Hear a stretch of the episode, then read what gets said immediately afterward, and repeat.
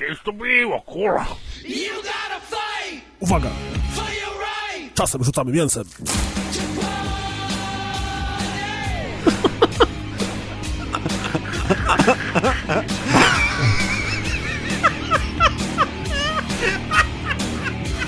Nie no panowie, no przestańmy, bo już to, to jest mało zabawne.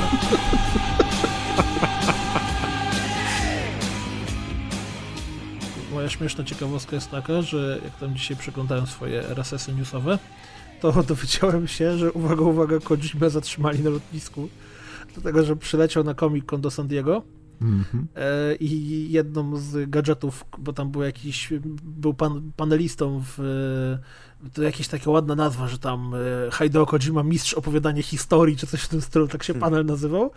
No i e, Hideo, jak to Hideo, przyleciał z gadżetem z Death Stranding, czyli z tym takim noworodkiem w kapsule. I zatrzymali go na Wow. lotnisku z tym. Ojej. Masz szczęście, że nikt się o tym nie dowiedział, bo jeszcze by go deportowali od razu, bo tyle było z kampanii promocyjnej Death Stranding, więc... Teraz Tak, pre prezydent. Stanów apeluje, żeby Asapa wy wypuścić ze Szwecji, a prezydent Japonii będzie apelował, żeby wy- wypuścić Hideo z Ameryki. Ale nie, to jakiś zespół by musiał z Japonii. Tak jak Kanye West rozmawia sobie z Trumpem o wypuszczeniu Asapa, to tak samo jakaś gwiazd, celebryta z Japonii by musiał rozmawiać o wypuszczeniu Hideo Kojimy. Że, nie wiem, chyba nie znamy żadnego celebryty z Japonii, tak naprawdę. Cesarz. Niezły celeb. Cesarz. Teraz jest nowy, to będzie mi się chciał popisać. A jeszcze teraz w, w Anglii też jest nowy pan, jak zobaczyłem to zdjęcie, jak on Nowy leci, kurde, cesarz. na balonie, czy znaczy nie na balonie, na spadochronie z tymi flagami, to w ogóle jakaś masakra, no, czy tam na linach, dobrze, nieważne. Dzień dobry, y, rozgrywka 188, y, Ziemia 88, pozdrawiam was. Y, ja się nazywam Piotr Kuldanek, czyli Kuldan. Ze mną jest Maciek Czepliński, czyli Razer. To jestem ja. Jest ze mną również y, Grzegorz Wojewoda, czyli Pres Perez. Nine, nine, nine! I jest ze mną również Amadeusz Łaszcz, czyli Deusz. No i niestety jestem też ja na dokładkę. Jest z nami też 30-lecie Batmana dzisiaj. Dokładnie, ja nawet nie wiedziałem. Przed chwilą zauważyłem tego newsa. 30 lat, 23 lipca 1989, premierę w Stanach miał film Batman Tima Bartona. Pamiętacie? Najlepszy Batman. Premiery nie pamiętam. Ja pamiętam, że byłem z ojcem w kinie na tym filmie, ale to na pewno nie mógł być 89, tylko kilka lat później. I w ogóle, że ojciec mnie przemycił do kina, to też trochę Pod świadczy o... Batmana A on był e, jakoś e, dla, tylko dla dorosłych? No oczywiście, że tak. Czy, gdyż Em. ja, ja tego Batmana pamiętam z, oglądając z telewizji na Polsacie jakoś tak, jako taki... Nie, no to ja jeszcze z, ten z wypożyczalni Znaczy, ja wideo pamiętam, że, że ten Batman leciał w, w takiej serii filmów na ferie zimowe chyba, czy coś takiego i tam były, był taki film Czarownice z Angeliką Houston między innymi, też na nim byłem, też był straszny i No zupełnie on był nie gorszy tak naprawdę od Ojej, Batmana. Właśnie- to był straszny I to był, film. no i to było puszczane dla dzieciaków i też był Batman i byłem z ojcem razem na tym Batmanie, czyli w sumie to nie jest wina mojego ojca, że ja jestem porąbany, tylko wina dystrybutora kinowego na początku lat 90 w Polsce. Piszemy Okej. pozew, dawaj. Czyli wszystko już wiemy. Natomiast powiem wam, że parę lat temu byłem na e, takim maratonie Jokerów e, w, w kinie. No i tam był właśnie Batman Bartona, potem był oczywiście Nolanowski Batman z Jokerem i na końcu było Suicide Squad. Przemilczymy ten film. Ojej. E, I powiem wam, że obejrzałem na tego... koniec puścili. Tak, na koniec puścili, Żeby jak już ludzie przysypiali, żeby się nie spali, wiesz. E, W każdym razie powiem wam, że obejrzałem tego Batmana po tych wszystkich latach i trochę się postarzał już. I to tak, jak spojrzysz na Predatora, czy na Die Hard, to te filmy się nie starzeją w taki sposób, nie wiem, e, Szklana Pułapka, aha, powiedziałem, Die Hard, Szklana Pułapka, no. Chodziło mi o zabójczą broń, że jakby okej, widzisz, że to są filmy z, z, przed epok, ale one dalej się bronią, a Batman, przez to, że Barton miał Ale ten Batman swój jest taki... mega stylizowany. No właśnie, i ta Właśnie. stylizacja powoduje, że ten film się szybciej starzeje. Tak? Ale zobacz, Tak. wymieniłeś, wymieniłeś, że e, Szklana Pułapka i Zabójcza Broń, czyli tak naprawdę filmy akcji się nie zestarzały, bo w sumie w filmach akcji nic się nie zmieniło. Jak, jak się nawet patrzy na remake'i No filmów, tak, noszą tylko inne ubrania, słuchają innej dokładnie, muzyki, jeżdżą innymi samochodami. ale w gruncie rzeczy filmy akcji są robione według dokładnie tego samego schematu, Schemat, a, a, tak. a jednak e, kino superbohaterskie jako takie poszło do przodu. Jeżeli spojrzysz na przykład na tego Batmana, ja nie mam pojęcia, czyj to jest, ten, ten znany, że tak powiem, z gifów i z memów z chyba lat 60. czy 70. z tego serialu. No, no. Alan, e, Westa, tak? Z Adamem Westem, znaczy tak. to on grał Batmana. Tak, on grał Batmana, no to to, to, to dopiero się postarzało. To teraz wygląda jak generalnie komedia i to taka parodia bardziej, nie? A wtedy przecież najprawdopodobniej było to odbierane jako całkiem spoko, superbohaterskie kino o Batmanie. No, oczywiście, dlatego, no nie wiesz, no, nic dziwnego, minęło 30 lat, ale właśnie te wizualia powodują, że ten Batman y, postarzał się i że on na ekranie, zwłaszcza na dużym ekranie w kinie, nie zrobił już takiego wrażenia na mnie jak kiedyś.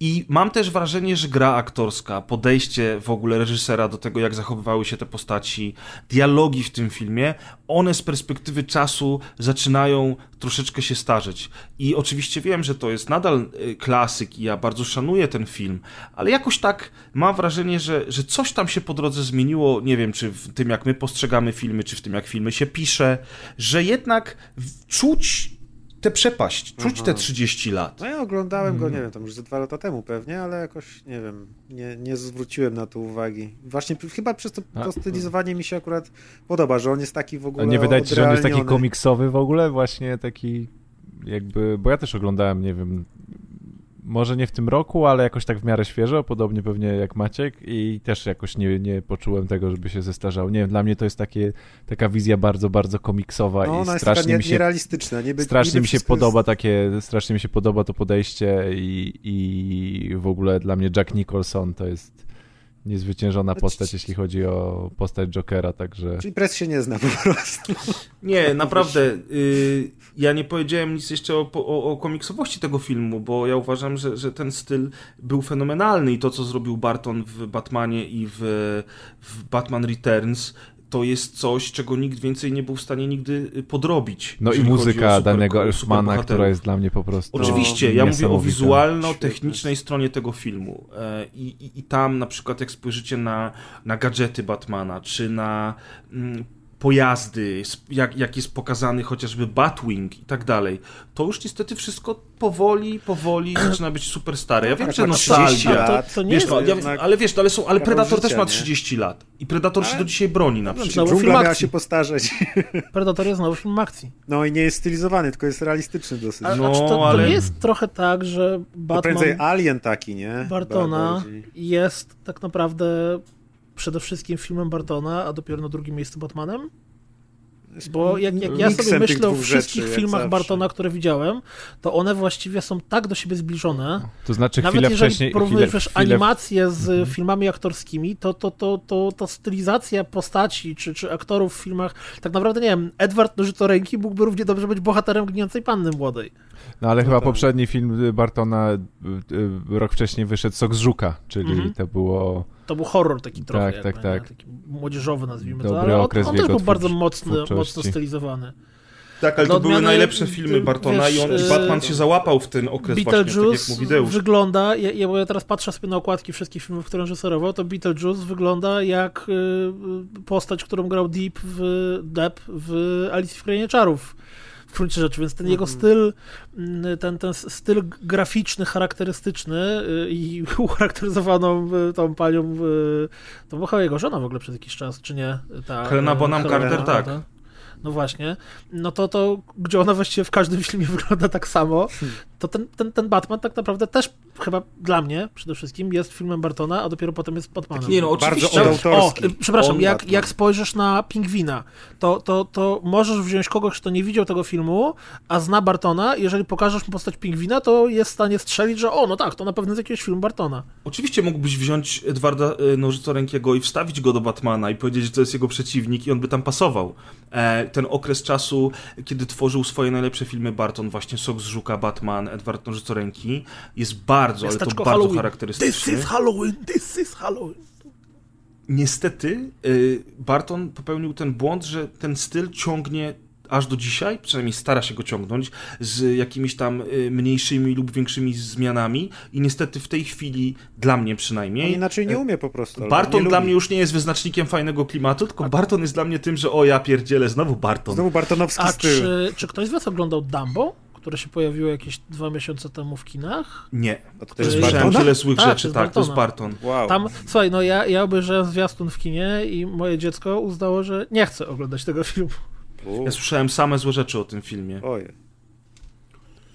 No, ale to nie zachęca. wyjdzie Ale jeszcze, jesteśmy przy nie, jeszcze, jeszcze tylko wspomnijmy, że ten Batman w ogóle dał popkulturze co, y, coś więcej niż tylko samego siebie jako dzieło, tylko on w ogóle jakby sukces jego popchnął e, Warner Brosa do zrobienia jednego z najwybitniejszych dzieł popkultury, czyli Batman The Animated Series, które powstało właśnie na fali filmu Batmana, tego, tego bartonowskiego sukcesu. Także dzięki temu mieliśmy potem tą serię animowaną o Batmanie, tą taką najbardziej chyba znaną i ikoniczną. Tam z, z kwadratowymi szczękami. Tak, Tak. i to ciekawostka, od razu w zeszłym roku wyszło z wydanie zbiorcze na Blu-ray wszystkich tych e, odcinków, wszystkich sezonów, plus e, The Mask of the Phantasm i jeszcze ten drugi I film najpiękniejszy pełnometrażowy. film animowany w historii kina. Czyli? U, Uwielbiam Mask of Phantasm. No, no to Mask of the Phantasm jest w tym zestawie, ale jest, jest jeszcze ta druga e, fabularna wersja z, chyba z Mr. Freezem. Ja to mam zresztą, więc możesz kiedyś do mnie przyjechać, obejrzymy sobie razem. A teraz wychodzi taki sam zestaw, tylko że Batman Beyond. I też wszystkie odcinki będą na Blu-rayu, także taka ciekawostka, jak Beyond to się był zbiera. Super. Znaczy, y, nastoletni Piotr już pamięta, że Batman Beyond był super. No To już zastanawiam wiem, co się- dostaniesz y, na następne urodziny. Totalnie zastanawiam się, jak się teraz to sprawdza. W ogóle mam ten problem, że ostatnio trafiłem na YouTubie na mm, Spidermana animowanego, którego absolutnie uwielbiałem i kurde, nie wiem, czy bym go uwielbiał teraz. A miałeś też kasety z Elgazu? Te pirackie, z taką żółtą nie, nie, nie. naklejką Ja go oglądałem, dla mnie, dla mnie Spider-Man to jest charakterystyczne, bo on leciał w poniedziałki o 15 chyba, czy 14. Wracało się ze szkoły y, i dokładnie tak kończyłem lekcję, że właśnie tu, tuż po tym, jak wracałem ze szkoły, to rzucałem plecak, odpalałem, chyba chyba na TVP2 bodajże i wiesz, i to charakterystyczne intro muzyczne dum, dum, dum, dum, dum, dum, to, to były czasy. To, to, To było, to mi z kolei tata, który jak już ustaliliśmy, skrzywił psychikę razem z dystrybutorem filmowym lat 90., przynosił do domu kasety Elgazu właśnie i e, głównie to były paj pająki, ale też było dużo G.I. Joe. Ja tu nie chcę nic mówić, ale z tego co pamiętam z jakichś grubych rozmów, to y, tak naprawdę to tata z wujkiem byli odpowiedzialni za oglądanie Predatora przez ciebie w wieku lat kurde kilku, więc... Nie, nie, to są dwie osobne historie. Pierwsza z nich to, tak w dużym skrócie, to po prostu byliśmy u kuzyna mojego ojca i ponieważ wtedy, wiadomo, e, ludzie mieszkali na początku, jak mieli małe dzieci w kawalerkach, albo jak mieli dwa pokoje, to już był luksus i, a, i faktycznie żona wujka razem z, z, z dzieciakami, e, o ile dobrze pamiętam, e, spali w jednym pokoju, natomiast ja z ojcem spaliśmy gościnnie na kanapie w salonie, a ponieważ tata z wujkiem siedzieli jeszcze i oglądali sobie film, to kazali mi iść spać, ja zasnąłem, ale obudziłem się w, środku nocy, jak oglądali lepiej niż Predatora, oni oglądali Koszmar z ulicy Wiązów i obudziłem się O. centralnie, żeby zobaczyć Frediego Krugera. Dobrze, to było że dobre nic dla przeżycie. dorosłych nie oglądali. Myślę, że się wiesz co, to jeszcze bym chyba, wiesz, przeżył lepiej niż tego Frediego Krugera w środku nocy, uwierz mi.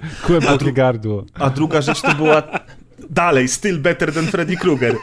A, a, a druga rzecz to było jak żeśmy, to już było z mojej własnej winy, bo byliśmy u sąsiadów i e, rodzice razem z sąsiadami oglądali Predatora, a myśmy byli w pokoju dzieciaków, mieliśmy jedzenie, przygotowane kanapki, zabawki i wszystko, no ale ja byłem e, ciekawski, bo byłem najstarszy z dzieciaków i zakradłem się do, e, pr- przez korytarz do, do tego salonu, uchyliłem lekko drzwi i e, otworzyłem akurat w momencie, kiedy Predator ściągnął maskę, więc Oj, wiesz, mam za swoje, nie? Idealnie. Także takie wspomnienia Sam ja piękne. chyba nie ma żadnej takiej traumy z oglądaniem filmu y, dla dorosłych, jak mi nie wolno było. Znaczy dla dorosłych, no. Ja tylko z takich Twardy rzeczy to, to Ja- w ogromnym szoku byłem jak, y, bo nie oglądałem jego przy okazji premiery, tylko wróciłem do niego jakiś czas później i w ogromnym szoku było, bo pamiętałem z lat w cudzysłowie dziecięcych y, Terminatora drugiego i uważam, że to był bardzo fajny film. Natomiast jak ostatnio oglądałem fragmenty Terminatora drugiego i przede wszystkim Terminatora pierwszego, to one są tak No, absurdalnie brutalne. Nie, one są Aha. tak absurdalnie brutalne. No. Albo Robocop. Ja pamiętam, jak ja No. byłem dzieciakiem, oglądałem Robocopa i absolutnie nie widziałem tam nic złego, a teraz jak znowu widziałem fragmenty, to kurde, jak on tam rozwala ten, ten robot, taki jego przeciwnik Robocopa, masakruje ludzi, albo Robocop, który wali po jajach do No, gwałcicieli. Warchowen wspaniale Po- po- kręcił przemoc. coś się dzieje, coś się- się dzieje. Przecież scena egzekucji tego policjanta na początku filmu to też jest jakaś masakra. Powiem A- wam, że z oglądania strasznych filmów to ja mam tylko jedną anegdotę i sceny z tego filmu do dziś mi się śnią, mimo że jako później starsza osoba obejrzałem go kilka razy i to jest jeden z moich ulubionych filmów, ale pierwszy raz go Nie obejrzałem w wieku, nie, w wieku 6, O nie. 7 lub 8 może lat i to był film 7. O, ja pierdziu, a ja, myśl, to ja myślałem, że ja mam psychikę skrzywioną. I powiem wam, i powiem wam jeszcze, jeszcze anegdotę w anegdocie, że jednym z, z grzechów głównych była chciwość, o ile dobrze pamiętam. I e, albo zazdrość, już nie pamiętam. W każdym razie e, w wieku 7 lat jeszcze nie bardzo wiedziałem, e, jak wygląda akt prokreacji po, po, pomiędzy kobietą i mężczyzną nie bardzo rozumiałem e, tej kary, którą wymierza przestępca. To było e, pożądanie. A, to było pożądanie, To była tak? masakra przecież. Tak, tak, Jezu, tak. i ty miałeś 7 lat? I ogólnie No to jak nie, tytuł filmu? nie wiedziałem o co chodzi i dopiero po, po to latach, jak niego. obejrzałem drugi, słuchajcie, po latach, jak sobie przypomniałem w ogóle cały film i mi sceny stanęły przed oczami, to, to się zorientowałem, o co w tym całym, o co w tej całej karze chodziło, jeśli chodzi o ten grzech. Tak, ale to jest film, który przez to pamiętam wiele scen z tego filmu i mówię, to jeszcze we wczesnej podstawie, to sied, między 7 a 9 lat, tak się ma od pierwszej do trzeciej szkoły Czekaj, dzwonię do ojca. Tato, wybaczam ci wszystko. Przyjedź. Obejrzymy 7. Obejrzymy 7. Nie no, to powiem ci, że 7 w wieku 7 lat, no to hardcore jest. Bo tam Predator to jeszcze No Predator. znaczy wiesz, to no to, to dużo się nie rozumie, bo ja teraz już nie pamiętam ile wtedy wiedziałem, a ile potem jak po latach to oglądałem. Y, Ale Ale już już pamiętam z przynajmniej- tego drugiego oglądania, a no ale pamiętam, że to taki najstraszniejszy film, jaki oglądałem. Ale przynajmniej wiedziałeś, że nie należy jeść za dużo spaghetti. O nie, Dlatego nie jesteś taki szczupły i elegancki. Dlatego jest taki szczupły, tak? No i wszystko jasne, wszystko jasne. Co ukształtowało naszego drogiego pana doktora? Siedem. Stary, jak pada, to ja nie wychodzę z domu w ogóle. Pamiętam, że po 7 był jeszcze taki e, hardkorowy film, bo później to te thrillery to się już zrobiły takie wszystkie na jedno kopyto i wszyscy żeśmy dostali znieczulicy. E, ale 7 było jednym z pierwszych takich mocnych thrillerów. Pamiętam, że 8 mm z Nicolasem Cage'em też było hardkorowe. O, no to był też. 8 mm było hardkorowe, dlatego ja, ja do tej pory pamiętam 8 mm, bo tam wydźwięk tego filmu y, na temat tego, kto jest mordercą, był taki bardzo... I dlaczego? y, Tak, tak, prosto w twarz. Swoją drogą, jak, jak mówimy o brutalności w kinie, to mm, y, zwróciliście uwagę na to, że kompletnie wymarła moda na torture porn? Był przecież, ja nie wiem, czy to było Nie, nie wymarła, 2000 tylko jest w klasie B. Ja Nie, nigdy ale- nie oglądałem Nie, Torture nie, Porn. ale zobacz, przecież był, był moment, kiedy tego była cała masa, jakiś tam hotel, y, hostel. y, Nie, Cały czas jest cooldown, tylko że wychodzi na, wiesz, Tylko wtedy to VOD było prosto do kina i to było big thing, że właśnie przecież te, te Piła, hostele nie? to tam Piła było... zrobiła to- to taką raczej- akcję, że potem strasznie dużo tego kręcono i było w mainstreamie. Ja pamiętam, że pierwszą piłę obejrzałem i byłem przerażony tym, co się działo na ekranie, natomiast sam twist i pomysł na, pomysł na całość bardzo mi się spodobał. No, pierwsza była super. Ale potem wyszło chyba jeszcze siedem części No coś w tym stylu. i ja już nie obejrzałem żadnej. I Jak Nie, słyszałem od ludzi, słabo. jak oglądałem trailery, to stwierdziłem, że absolutnie w ogóle nie ma szans. Znaczy ona- Hostelu ta- nigdy nie oglądałem Ta też. seria Pił jest o tyle fajna, że oni kontynuują tą historię i to nie jest tak jak powiedzmy te y, jakieś tam... To był filmy, Escape co Room, tak- zanim, Escape Roomy były modne. Tak, to nie jest tak, że tam wszystko jest inaczej, tylko nagle się okazuje, że ten, wiesz, cały czas się przewija motyw tego głównego bohatera, potem jego żony czy coś i niby te filmy są oddzielne, ale jednak mają ten metaplot wiążący je w całość, więc jak ktoś to lubi, to ma fajne, bo ma taką sagę, która jest niby tam spójna, powiedzmy. Ja nie oglądałem nigdy żadnych z tych filmów, bo mnie to nigdy nie bawiło, natomiast doskonale odnajdywałem motywy z tych filmów w strasznym filmie, które one tam przecież parodiowały, yy, bo to mniej więcej te same lata chyba były. To co No prawda tak. główny motyw ze strasznego filmu to nawiązuje do krzyku. I w ogóle do slasherów, nie? Do Bo pamiętaj, że najpierw były takich. slashery w latach Tak, 90. tak. Faktycznie, w latach wcześniej. 90. były slashery, było to wiem, co zrobiłeś poprzedniego lata. Tak, i tak. tam, Znaczy, to już była druga fala slasherów, bo pamiętajcie, że pierwsza fala slasherów to było piątek 13 Halloween i e, Tylko to, to było trzecie. bardziej horrory, bo, bo, bo tej Nie, to są slashery, kuldan wszystko. Ale tam, czy to nie jest tak, że w piątku 13 masz Teksańska Jasona, gdzie, który jest, masakra. jest y, nieśmiertelny prawie, że No i tak. jest tam tajnym duchem, a jednak w tej, tej fali slasherów, gdzie jest Scary Movie, czy wiem, co zrobiłem, zrobiłeś poprzedniego lata, to zawsze był jakiś psychopatyczny morderca. tak, To tak. właśnie bo nie był mutant, taki- wiesz, tam był wzgórza taki- mają ale to, ale oczy. to chodzi o to, dla, jakie to było pokolenie, nie? Bo właśnie te slashery my kojarzymy z lat 90., a te, o których mówi Press, to są właśnie taki przełom To są 70., slashery naszych 80.. rodziców, nie? No. No, ale kurde, przecież jakiś tam Hannibal Holo Holocaust 180 lat. A nie, to już co Ale to już jest co innego, to jest To jeszcze to, inny to, te, gatunek. te filmy, To które są jest- zabronione i tak dalej. Ale właśnie, ale trochę jest w tym właśnie, że lata 70. miały slashery, potem lata 80. miały takie okropne horrory w stylu Hannibal Holocaust, lata 90. miały z kolei powrót do slasherów i tak jak Kuldan mówi, trochę mniej takiego, e, takiego fantazy było w tym, bo, bo to byli zazwyczaj psychopaci, prawdziwi ludzie byli tymi, tymi mordercami i tak dalej, a potem w latach 2000 znowu mamy powrót do tego horroru hardkorowego właśnie, Hostel, e, ten... Znaczy, to, był już, to, to był już nawet nie, nie horror hardkorowy, tylko tam było e, exploitation movie, tak? Że to No było, właśnie, było te, te, te, te, był jakiś taki film. Gore takie trochę. Takie gore, takie wiesz, że, że, że, przez to, że nie wiem, technika poszła do przodu i można lepiej pokazywać, jak komuś się wyrywa flaki. Bo z drugiej strony w latach 70. była przecież masa y, gore filmów mm. bardzo, tylko że teraz na nie się patrzy tak trochę z przymrożeniem oka. Nie wiem, y, filmy y, z Evil Dead, tak? Przecież w Evil Dead się dzieją potworne rzeczy. Lata 80. To, nie, ale no mhm. właśnie, te, te, te, nazwijmy to rzeczy, które dzieją się z ludzkim ciałem w tym filmie. w, ogóle, ale... w ogóle te filmy horrorowe zawsze były, pamiętacie, Martwice Mózgu przecież, y, Petera Jacksona, no, no przecież to jest fajna. Ta scena z tą, z kosiarką? Super, z kosiarką, no. to samo chciałem powiedzieć do tego robiłem kiedyś. Ojej.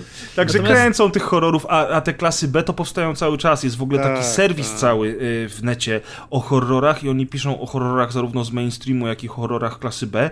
To nawet byście bylibyście w szoku, gdybyście zobaczyli, ile horrorów powstaje dzisiaj, no. a dużo z tych horrorów takich, klasy gdzie, B... Gdzie żadnej twarzy nie poznasz, to wszystko są jacyś półamatorzy i tak dalej. Ale jest dużo horrorów z klasy B, o których czytam zazwyczaj na tym serwisie. E, Bloody Disgusting się nazywa. Mhm. O. E, I one z opisu, z trailerów, z obrazków wyglądają bardzo dobrze. Problem w tym, że bardzo często nie, nie, nie są tak łatwo dostępne, ale powstaje dużo ciekawych takich jest filmów. Jest to jakaś trylogia tych filmów, to, to mówię, to dla mnie wszystkiego bojący się Kuldan to jest poza jego absolutnie sferą zainteresowań, mm. ale to, to, to chyba właśnie trylogia filmów e, tego muzyka e, Rob Zombie. E, Rob, Rob Zombie. Zombie. Tam jest, nie wiem, e, tak, dom, tysiąca, tysiąca trupów, coś tam, coś tam, a teraz psychopatycznej jest... rodzince, która chyba tak, zabija tak. wszystkich, nie? Ten, ten najnowszy teraz ma wyjść, nazywa się Trójka z piekła chyba, nie? Three from Hell. O, super. On ma charakterystyczny no. styl, mi się podoba. On robił chyba Halloween, jakąś wersję, czy tam... On czy robił czegoś? jakąś wersję Halloween, tak. I fajne, podobała mi się, taka stylowa była. Natomiast nasze wspominki e, filmów e, z lat 90. i nie tylko mają o tyle sensu, że jeżeli się spojrzy na to, co się dzieje aktualnie, jeśli chodzi o nowości kinowe, zarówno te, które są już w kinach, jak i te, które są zapowiadane, to właściwie przeżywamy lata 90. od zera i znowu, no bo co, Top Gun wraca? Tak jest. Czy zabierzecie mnie do Danger Zone? Jak ja się cieszę.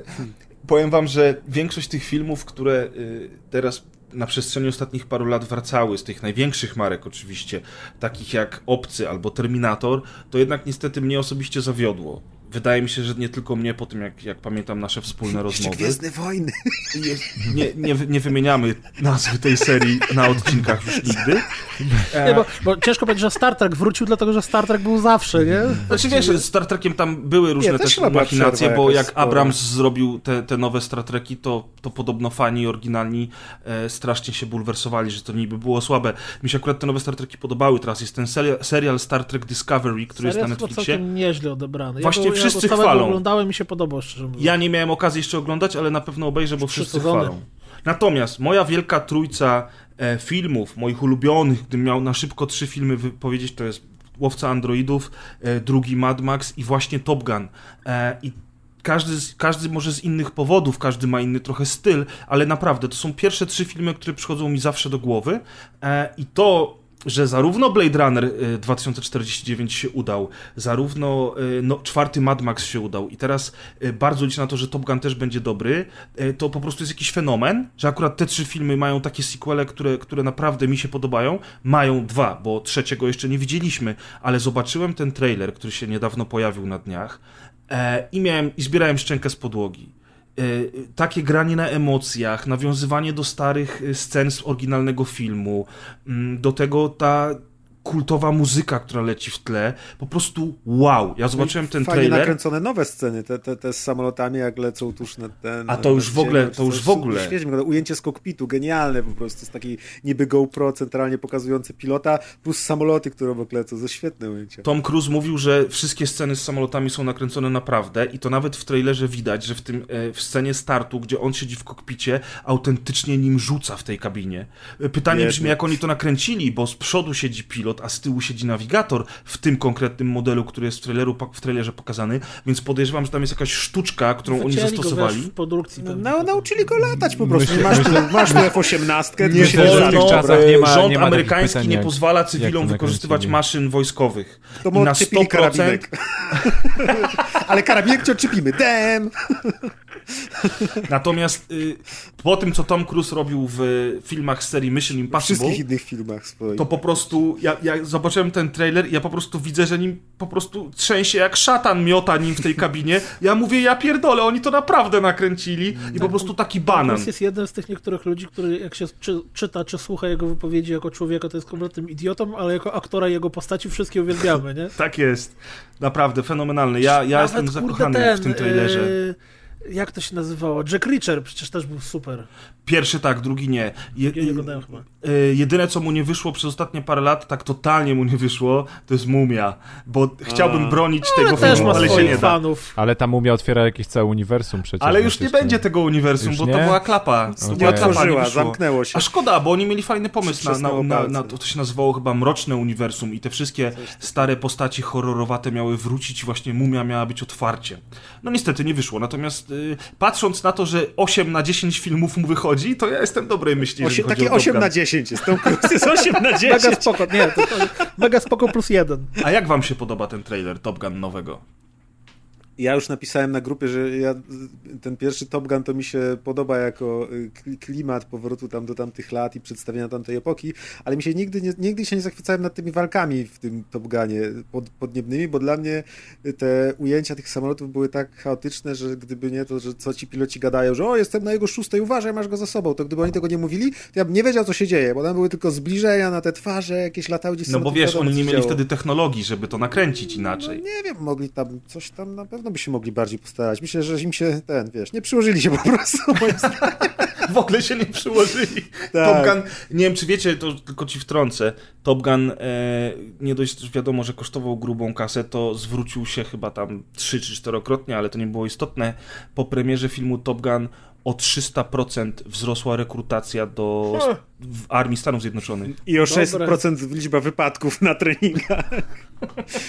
Ale na pewno, na pewno z Top Gunem jest to, co mi się podoba, że kiedy, wracają, gra, kiedy wraca się do jakiejś serii po latach, to nie robi się powiedzmy rebootu, tak jak to zrobili, zrobiono z żeńskimi Ghostbustersami, tylko się robi kontynuację tej historii sprzed lat, gdzie wracają właśnie te same twarze, ci sami aktorzy, widać, że jak oni wracają do tych samych postaci, to jest po prostu najbardziej wierna kontynuacja, jaka tylko może powstać. Nawet tak było z tymi Gwiezdnymi Wojnami, nie? czy tam z większą czy mniejszą y, sk- skutecznością, ale jednak jak widzisz starego Harrisona Forda, to nie jest jakiś inny aktor, który udaje, że jest starym Hanem Solo, tylko to jest on, więc tutaj to jest super, że właśnie wraca Tom, że y, ciekawe jak będzie wyglądać ten y, Val Kilmer tutaj. No właśnie, nie e, pokazali go. Val Kilmer miał wrócić, to jest smutna historia, bo No chyba się średnio nadaje. Val. Kilmer jakiś czas temu miał raka krtani, raka gardła i on miał poważną operację i on w ogóle przez tą chorobę całą strasznie się, że tak powiem, podupadł na zdrowiu e, i on, wygl- on, to był piękny facet, był piękny, on był takim mega przystojnym gościem, że to się w pale nie mieści i miał tą serię właśnie takich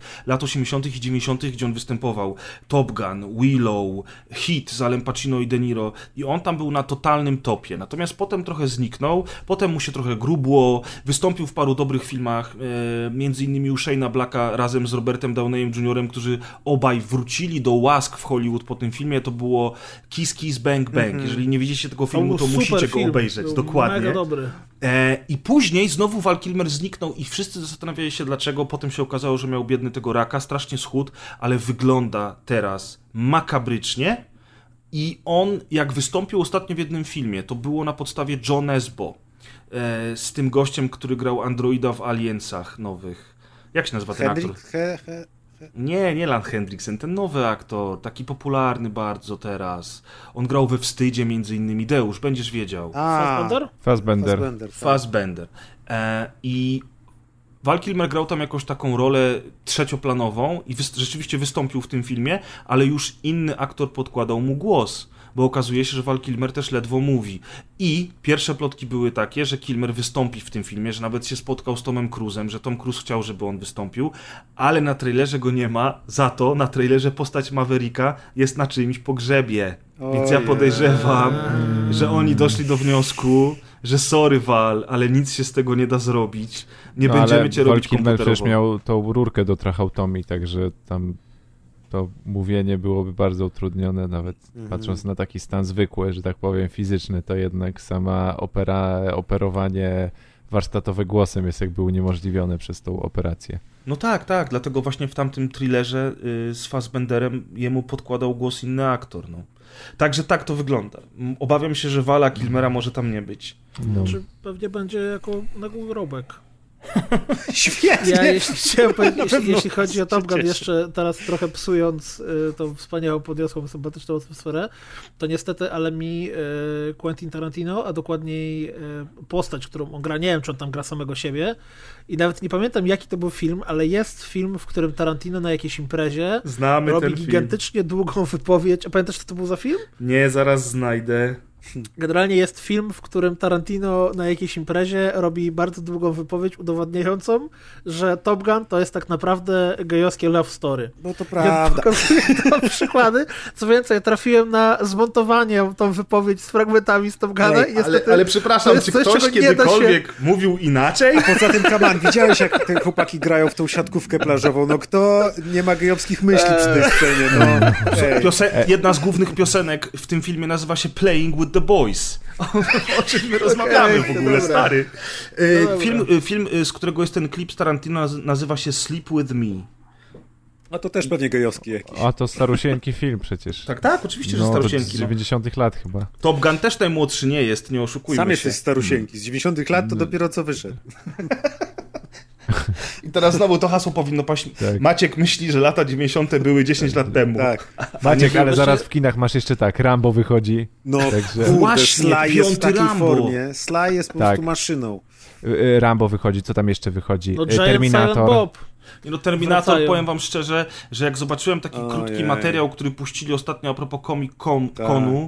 To troszeczkę jakby wróciła mi nadzieja, ale tylko troszeczkę i jeśli mam być szczery, to jakoś nie napawa mnie optymizmem to, co się dzieje wokół tej serii.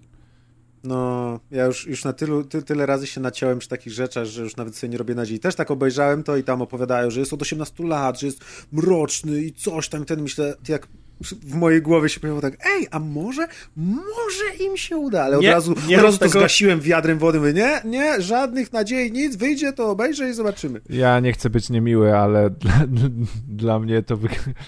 ten Seria film z powinna się trailera, skończyć. nie wiem czy to będzie miłe, może to będzie bardzo niemiłe, ale to wygląda jak by wcisnęli Lindę Hamilton jako Sarah Connor do tego filmu po prostu tak bardzo na siłę i ona jest, nie wiem, tak jakoś tak odklejona i to jest jako ostatnia szansa zagrania w filmie i kompletnie jakoś tak mi nie pasuje i nawet na tym trailerze aktorsko to wszystko kuleje, że A, a No John nie Connor wiem. też ma podobno wrócić. Przy czym widziałem, jak teraz ten aktor wygląda, to nie wiem. On nie nadaje się na przywódcę za bardzo buntu przeciwko maszynom. Nie przejmuj na... się, przecież na samym początku filmu go zabiją. A, to dobrze, bo wygląda jak ten, co smaży burgery w burgerowni bardziej niż... Maćku, ja cię pocieszę, powiem ci tak. Zanim zaczęli kręcić nowe y, epizody Gwiezdnych Wojen, Oho, to Luke, e, czyli Mark Hamill, Brace yourself. Mark Hamill e, wyglądał fatalnie, e, natomiast e, podpisali z nim kontrakt i on miał dużo czasu, żeby się odmłodzić, żeby, żeby się Ale mm, nie zdążył wyćwiczyć. przed końcówką pierwszej po- części nowej trylogii, więc go owinęli bandażami na ostatnie sceny. I teraz Maciek, zobacz jak dobrze wyszło w The Last Jedi. Widzisz? Ojej, już mi lepiej, dziękuję. Ja tylko chciałem powiedzieć, że... Także jak będziesz miał problem, Absolutnie. to na rozgrywka party niech cię Ewelina owinie wcześniej dobrze bandażami. Doktor Wojewoda zawsze mnie pocieszy. Ja chciałem tylko powiedzieć, że może absolutnie to tylko mi się wydaje, czy coś, ale e, na tym zwiastunie tego, tego Dark Fate mam wrażenie, że efekty specjalne są jakieś takie super słabe jakości. To jest To najmniej akurat ważne. jeszcze oni dopracują, wiesz, to jeszcze mają na to czas. Wiesz co, ale jeżeli mówimy o filmie, który efektami specjalnymi stoi i nawet połowa tego zwiastunu to są różnej jakości efekty W specjalne, to ostatnich częściach trochę... były dobre efekty specjalne i co z tego? No ja już mam dosyć efektów specjalnych. Chciałbym dobry film chociaż dla raz, dla odmiany. Dla odmiany, nie? No, A widzisz Maciek, kur- dać ci palec, to rękę chcesz od razu. Sorry, mam wymagania z kosmosu jak Konsument kobieta. XX wieku, pierdzielony milenials na samozatrudnieniu. tak. Lewak jeszcze do tego pewnie. Kuldan wspomniał o nowym Jayu i Cichym Bobie, Jay i Cichy Bob Reboots bodajże to się nazywa. E, I tak w skrócie tylko chciałem was zapytać, czy wy w ogóle e, dobrze wspominacie sobie twórczość e, Kevina Smitha i No come on, co to za pytanie to? w ogóle? No, to jest, to jest takie pytanie, że jak teraz się pojawił ten reboot, to bardzo dużo ludzi u nas na grupie powiedziało, że kompletnie nie kojarzy tych To typków. bardzo dużo ludzi na Ja grupie otarło się o zbana z grupy. Albo mają dziewiątkę w PESEL-u gdzieś tam z przodu. Albo mają dziewiątkę. Albo i zero w ogóle już czytam. O wiem, są tacy ludzie na grupie. Nie, dla mnie, dla mnie e, filmy Kevina Smitha i to właściwie chyba wszystkie starsze, bo przyznaję się, że nie widziałem tego o tym, jak to podcaster zostaje zamieniony w tego. Jezu, ja też nie. Z ja tymi tego zębami, tak? Coś tam, Husk tak? chyba to się. Ha, e, Nie, Husk, Tusk. Tusk, Tusk. Tusk, przepraszam, Od Tusk. kła, tak? To mm, pomijając to, to ja wszystkie filmy jego widziałem i wszystkie je mniej lub bardziej uwielbiam. Y, Szczerze mówiąc, te, te początkowe kino, czy nie wiem, Clerks pierwszy, czy, czy W pogoni za Amy, to są jedne z moich ogólnie ulubionych filmów, więc y, mimo, że akurat Jay and Cichy Bob w tym takim zestawie, w którym oni byli w pierwszym filmie, to nie jest mój ulubiony jego film, to i tak z przyjemnością i dla, dla tych bohaterów i dla powrotu do, nazwijmy to, tego uniwersum, które on budował, Mm. bo przecież to wszystko się, się mm, przewplatało, to z przyjemnością e, e, to obejrzę. No i też, y, jeżeli ktoś się interesuje historią, y, y, że tak powiem, poza filmową, to to, że Jay wraca, to tak naprawdę jest y, przy tym masa, ale to absolutnie, w sumie to było od początku mm, ich przyjaźni, ale to, że on teraz wraca, wraca przed y, y, kamerę, to jest masa pracy Smitha i tego, że go właściwie wyciągnął z, z dna tak naprawdę. Z nałogu jakiegoś tam. Tak, tak, tak. On zawsze miał straszne problemy i tak w ogóle było, że właśnie między, między filmami oni tam, kurde, jakieś terapie, nie terapie, to tam, to podnoszenie Kto? się, ale no ten aktor, który gra Jaya, zawsze zapominam, jak on się nazywa. No, y, Jason Mewes. On w Jason ogóle Mewes. tak, on w ogóle tak troszeczkę słabo wygląda na tym trailerze. No. Tak jakby y, wracał właśnie do zdrowia po bardzo długim okresie ostrego chlania. Ćpanie E, bardziej niż chlanie, Albo wiesz. ćpania. Zresztą on też, słuchajcie, wydaje w tym roku swój debiut reżyserski Tak. i nie pamiętam kompletnie, jak ten film się nazywa. A, już oczywiście, że pamiętam. The Acting Method, czy coś takiego. Czy, czy, czy, czy, czy, czy, czy, czy, no coś, w każdym razie to jest, to jest no. coś z aktorstwem. I to jest jego debiut reżyserski. Ja obejrzałem ten trailer po tym trailerze Nowego Jaya i Cichego Boba i powiem wam, jeśli mam być szczery, że bardziej czekam na ten jego debiut reżyserski niż na ten nowy film Kevina Smitha. Madness in the Method to się nazywa. O, No. Y, Ja y, ten, pamiętam, że podobały mi się strasznie te filmy y, Smitha. Pamiętam Szczury z supermarketu. Dogma mi się bardzo podobała, no i J.T. chyba kontratakują, ale kurde, ja te filmy oglądałem. Wtedy. J.T. J, tak, wtedy. J.T. chyba to jest 2001. Dogma 9.9, Szczury z supermarketu 9.5, więc ja je wszystkie dziś oglądałem właśnie w okolicach liceum i, i tak dalej. I od tamtego czasu ja w ogóle nie, za cholerę nie pamiętam, co było w Jayu i Cichym Bobie. Trochę pamiętam z Dogmy, więc... W Jayu Cichym Bobie był Mark Hamill przede wszystkim. był, był. You don't fuck with the Jedi Master, son. Jakiś tam Ball Crusher czy tam coś, tak? Ale chętnie sobie do nich wrócę, bo właśnie mimo, Mm. Ale że to jest w ogóle później też ciekawe- oglądałem, to... Ja się obawiam, Dobrze że, że. Jay i Cichy Bob albo Dogma to już wtedy były trochę obciachowe. I o ile Wiesz na co? przykład Y, sprzedawcy one- albo w pogoni Poczekaj, za Amy zobacz, one nie były super. obciachowe, one były dosyć hardkorowe, jeśli chodzi o humor. I tak naprawdę ja sobie myślę, że humor, który był w dowolnym jego filmie, w latach aktualnych, to będzie dosyć oburzający. Tak jak wtedy my na to patrzyliśmy przez, no nie wiem, kurde, scenę z drugich Clerksów, gdzie jest e, facet dymający osła jako y, gwiazda Numer z wieczoru. osłem. Czekam aż Kas będzie miał kawalerski.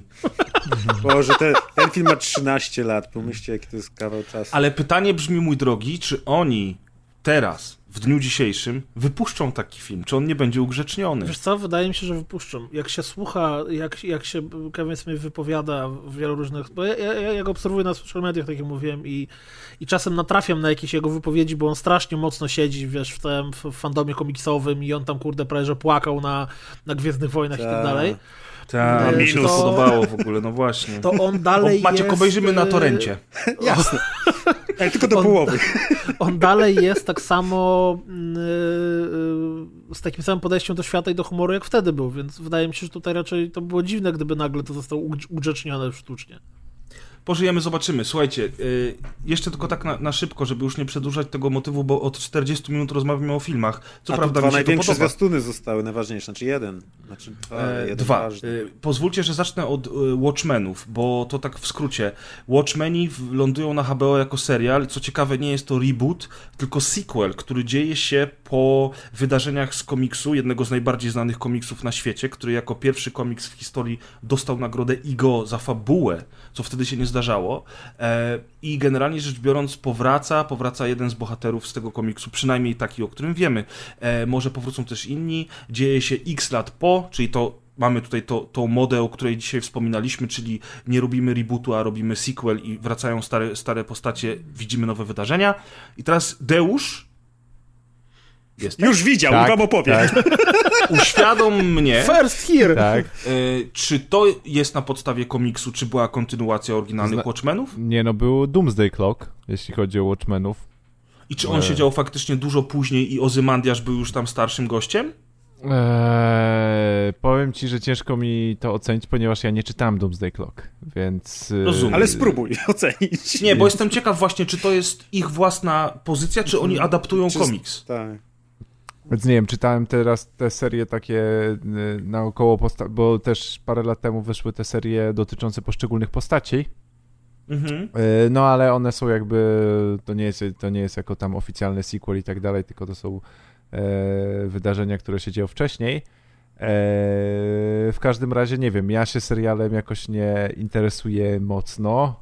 I... Przepraszam, ale z tego co ja widzę, to Doomsday Clock to jest komiks, który w ogóle jest e, umiejscowiony, no bo Watchmeni nie byli wprost w DC, znaczy w sensie w, w świecie. To nie jest tak, że w Watchmenach pojawiał się, nie wiem, super, e, Superman czy, czy, czy Batman, albo jakoś nie, nie przypominam sobie rozmów o nich. A ten Doomsday Clock jest normalnie e, umiejscowiony, nawet na okładce jest Superman. O. Może się wtrącił w końcu. E, pff, Nikt nie nie, wie. mam pojęcia. Zagiąłeś nam gwoździa. Nie, co to się mówi? Zagiąłeś Parola. Parola. Nie wiem, znam takiego pana, który się nazywa Parol. Ja po prostu, bo ja po prostu, bo ja powiem wam, że ja szukałem w Google'ach tego, i bo jestem ciekaw, czy to jest na podstawie. e, a, Ciekawość to pierwszy stopień do piekła, wiesz? a, a Proszę, ogóle a ten czy ty sprawdziłeś... to jest zakończenie New 52. A, E, czyli tego- to nie może tego- być to samo, bo, bo, bo przecież y, Watchmeni nie są częścią tego Tylko uniwersum. się wkopujecie w coraz większe... Właśnie, właśnie, bo potem będzie trzeba robić jakieś bajopy czy inne. E, Trademark. W każdym Ja razie tylko jedną fajna chciałem, obsada jest. przepraszam, ja chciałem dorzucić jedną rzecz, jak mówimy o Watchmenach, że ja znałem to uniwersum tylko i wyłącznie z filmu, który oglądałem w kinie na premierę i potem jeszcze nie tylko. I w przeciągu ostatnich dwóch tygodni miałem okazję przeczytać komiks po raz pierwszy w życiu. O, I jeżeli ktoś nie czytał tego komiksu, a widział film, To jest e, głupi. to koniecznie powinien przeczytać ten komiks, bo jest absolutnie, absolutnie rewelacyjny. Co więcej, on na tyle, e, że tak powiem, film nie jest e, scena do sceny e, od, odpowiednikiem komiksu i tam jest dużo, dużo innych wątków i nawet jeżeli niektóre rzeczy się, się pokrywają, to, to w żaden sposób to nie przeszkadza tobie w e, odkrywaniu tego, co jest w komiksie i czyta się go absolutnie rewelacyjnie, jest, jest całkiem fajnie narysowany i jak ktoś nie czytał Strażników y, albo mu szkoda kasy, to niech nie będzie mu szkoda kasy, bo koniecznie warto Strażników Tak, to jest w ogóle przeczytać. pozycja obowiązkowa. Ale to Tak, ogóle, miałem też- to nie, jest- wiem, to nie jest wiem jak kawał teraz, ale lektury. Parę lat temu to nie było w ogóle drogie, w sensie... Wiesz Co, jak ja chciałem kupić, to około stówy kosztował, więc... y, Ale on jest wart stówę, Jest duży, jest jest, spokojnie wart stówę, to jest A, duży, to- to jest, to jest Ja kurde mam, lektura na ja, mam, kilka d- dobrych ja wieczorów. mam dwa wydania i z czego za żadne nie zapłaciłem, nie wiem, więcej jak może z 8 funtów, bo to jeszcze Okej. było Jo, z on funtach etapu... płacił W funtach, Kasto o. pół, pół funta rzucał ostatnią grajką, a ten se 8 na komiksy wydaje. O, panie. Musiał dużo Słuchajcie, grać, jak miał 8 do, do. Tak jak myślałem, bo szukałem, nigdzie nie mogłem znaleźć wiadomości, więc to nie jest na podstawie żadnego innego dzieła. Piszę tylko tak, że um, y, serial ma przywoływać atmosferę oryginalnej, przełomowej powieści graficznej, tworząc jednocześnie nową jakość. Następnie serial Watchmen produkowany jest dla HBO przez White Rabbit we współpracy z Warner Bros. Television na bazie postaci z komiksów DC, czyli oni sami tworzą y, ten sequel. Może być ciekawe. Wygląda, wygląda bardzo interesująco. Mnie pierwszy zwiastun, ten tiktokowaty jakoś w ogóle nie porwał, a ten już wygląda ciekawiej. Same here, baby, same here. Czyli y, y, warto się zainteresować serialem i koniecznie trzeba przeczytać komiks, jeśli go wcześniej Tak. nie A ja w, ogóle, ja w ogóle trailera specjalnie nie oglądałem, żeby w ogóle Ale kompletnie nic jesteś- nie wiedzieć. Ty to jesteś jednak edgy. Ja już nawet nie obejrzy tego serialu, Serialu specjalnie. przeczyta. Nie, Jeszcze ale raz jestem, wyślę 8 funtów ja wydawnictwu jestem, ja jestem wielkim, ja jestem wielkim antyfanem filmowej adaptacji, także Tak, dlatego Naprawdę? się boję serialowej bardzo.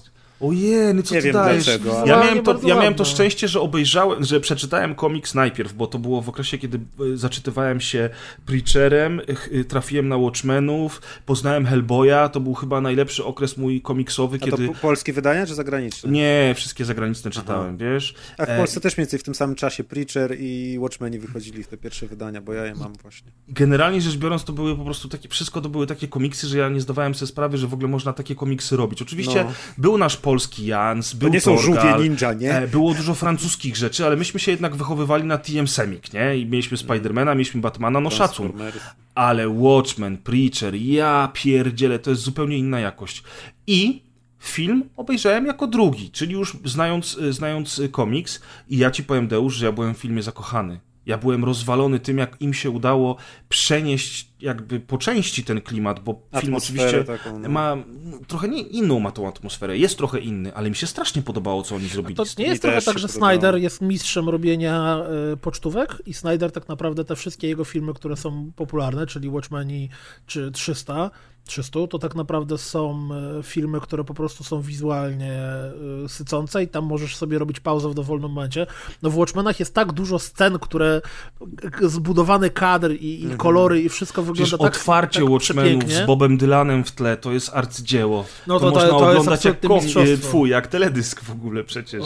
E, fabuła Watchmenów oddana jeden do jeden jest według mnie nieadaptowalna do filmu po prostu, ponieważ nie da się tego przedstawić w przeciągu określonego czasu. No tak. Snyder spróbował przez i zrobił z tego nie? zrobił z tego mega długi film, yy, gdzie próbował zintensyfikować to wszystko, co jest najlepsze w komiksie, jednocześnie nie dając yy, odpowiednio dużej ekspozycji dla poszczególnych relacji, które w komiksie są dużo bardziej rozwinięte, a w filmie nie są. Tu pełna jest- zgoda. I to jest próba jeden do jeden kondensacji całego, całego, całych Watchmenów do i tak rozciągniętego filmu i to jest to, czego nie lubię bardzo. To zresztą ostatnio No. mieliśmy nawet taką rozmowę prywatnie, to jest to, czego nie lubię w adaptacjach. E, czyli ta adaptacja jest praktycznie jeden do jeden. Próbowano, jest próbuje się przenieść me, jedno medium do drugiego, jeden do jeden, nie patrząc na ograniczenia innego medium. Ograniczeniem medium filmowego jest między innymi czas. Tylko, wiesz co, ale właśnie dowcip polega na tym, że ja znając najpierw film, a potem komiks, to dla mnie ono nie jest jeden do jeden, bo komiks jest dużo pełniejszy. No a to Komiks dokładnie jest, tak. Jest, jest mili, milion razy O to bardziej... No i nie chodzi mi o to, czy jest lepszy, czy, czy gorszy, tylko chodzi o to, że, że Głębszy, znając film głębszy. nie znasz... A, głębszy. Że znając film nie znasz komiksu tak naprawdę. To, to ja w tej kolejności, znając komiks, obejrzałem film i zobaczyłem kolejną adaptację, która jest y, y, pocztówką wizualną, ale próbą przeniesienia jeden do jeden czegoś, co się nie da przenieść w tak okreś określonym klimacie i ja po prostu nie lubię przenoszenia y, z jednego medium do drugiego wszystkiego, czego się da, nie patrząc na ograniczenia po prostu jednego i drugiego medium, więc I dlatego pięknie przejdziemy teraz do ostatniego trailera dzisiejszego naszego spotkania, czyli do zapowiedzi serialu Wiedźmin, o którym dyskutowaliśmy już prywatnie i o którym Amadeusz powiedział właśnie to, że spodziewa się e, nie bezpośredniej adaptacji, czyli nie przeniesienia opowiadań bezpośrednio na ekran, co zresztą widać już na trailerze, że są tam wątki, których w książkach nie mieliśmy. I pytanie moje brzmi, jak podoba Wam się The Witcher od Netflixa na pierwszej krótkiej zapowiedzi? to wy się wypowiedzcie, bo ja już się wypowiedziałem słowo w ustach Grzegorza, moja wypowiedź została sformułowana, więc... Ale cwaniak. Ja nie Czy wiem. ja nie mam z tym żadnego problemu, szczerze mówiąc. Ja, y, Czyli widać, widać brak entuzjazmu, można to od razu zauważyć. Skoro tak Znaczy, mówimy, to znaczy, nie, że nie co? mówimy, ale jaki, jak się, co to w ogóle ja? Nie, nie, y, bo to właśnie, żebyśmy nie zrozumieli. Absolutnie to nie jest kwestia braku entuzjazmu. Y, Żaden Kuldan jest po prostu stary. serialu Kuldan- Netflixowego nie nie wzbud... Tak, o, dokładnie tak. To jest tak, że, że właściwie żaden zwiastun filmu Netflixowego, czy nie wiem, Am- Amazon, czy, czy, czy tam HBO, generalnie nie budzi we mnie e, jakichkolwiek emocji i e, wyjątkowego, kurde, jaranie się. Nie... wiem, To, to, o czym Grzegorz mówił, jak miał łzę w okach widząc e, tego, nowe zwiastun Top Guna. Że to, no, okej, no fajnie wygląda, spoko, widać, że tam jakieś pieniądze w, w te, te. Jedyne, co mi troszeczkę nie pasuje, to y, pan główny bohater jakoś tak mi się tak jakby wybije spo, pomiędzy pozostałych postaci, ale w dwuminutowym zwiastunie to tak naprawdę nie ma żadnego znaczenia i jak, jak to się pojawi, to, to po prostu sobie obejrzę i tyle. Więc spoko. Zero oczekiwań, tak jest najlepiej generalnie. No, ja e, też nie wiem specjalnie. Po, wi- pojawiła się potem ta wersja taka z muzyką zaczerpniętą z Wiedźmina, z gry. I ona, no oczywiście robi o wiele większe wrażenie, szczególnie jak się właśnie w grę Dlatego, grało. że muzykę pamiętasz. Tak, tak i od razu się kojarzy, nie? Bo to w nocy o północy obudzony skojarzysz tą muzykę i ci się, i ci się dobrze jeszcze skojarzy, bo to też ważne, żeby było dobre skojarzenie pozytywne. E, Ale też nie wiem, jakoś tak nie, nie zrobiło to jakiegoś super wrażenia, chociaż myślałem, że Henry wypadnie gorzej w roli Wiedźmina. Na kilku ujęciach wyglądał gorzej, na kilku ujęciach wyglądał całkiem fajnie. Jest więc takie ujęcie, gdzie on jest półnagi, znaczy w te, tak bez koszulki. Siedzi ze spuszczoną głową i, ma te włosy, tak jak ma Tina te Turner. włosy tak? i w ogóle te mięśnie jakieś takie napompowane jakoś niesamowicie, to trochę dziwnie wygląda.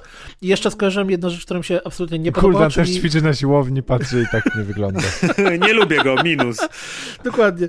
E, Nie, e, te, te potwór, który się na końcu pojawia, wygląda jakoś tak mega słabo, mówiąc. Ale to, no, No. to akurat Znaczy, to jest CGI. mignięcie, żeby pokazać, okej, będą sceny walki z Będą dużymi potwory, potworami, tak. będą potwory, to o to Nie chodzi. bójcie się. No, czyli, czyli wiem, tak... no.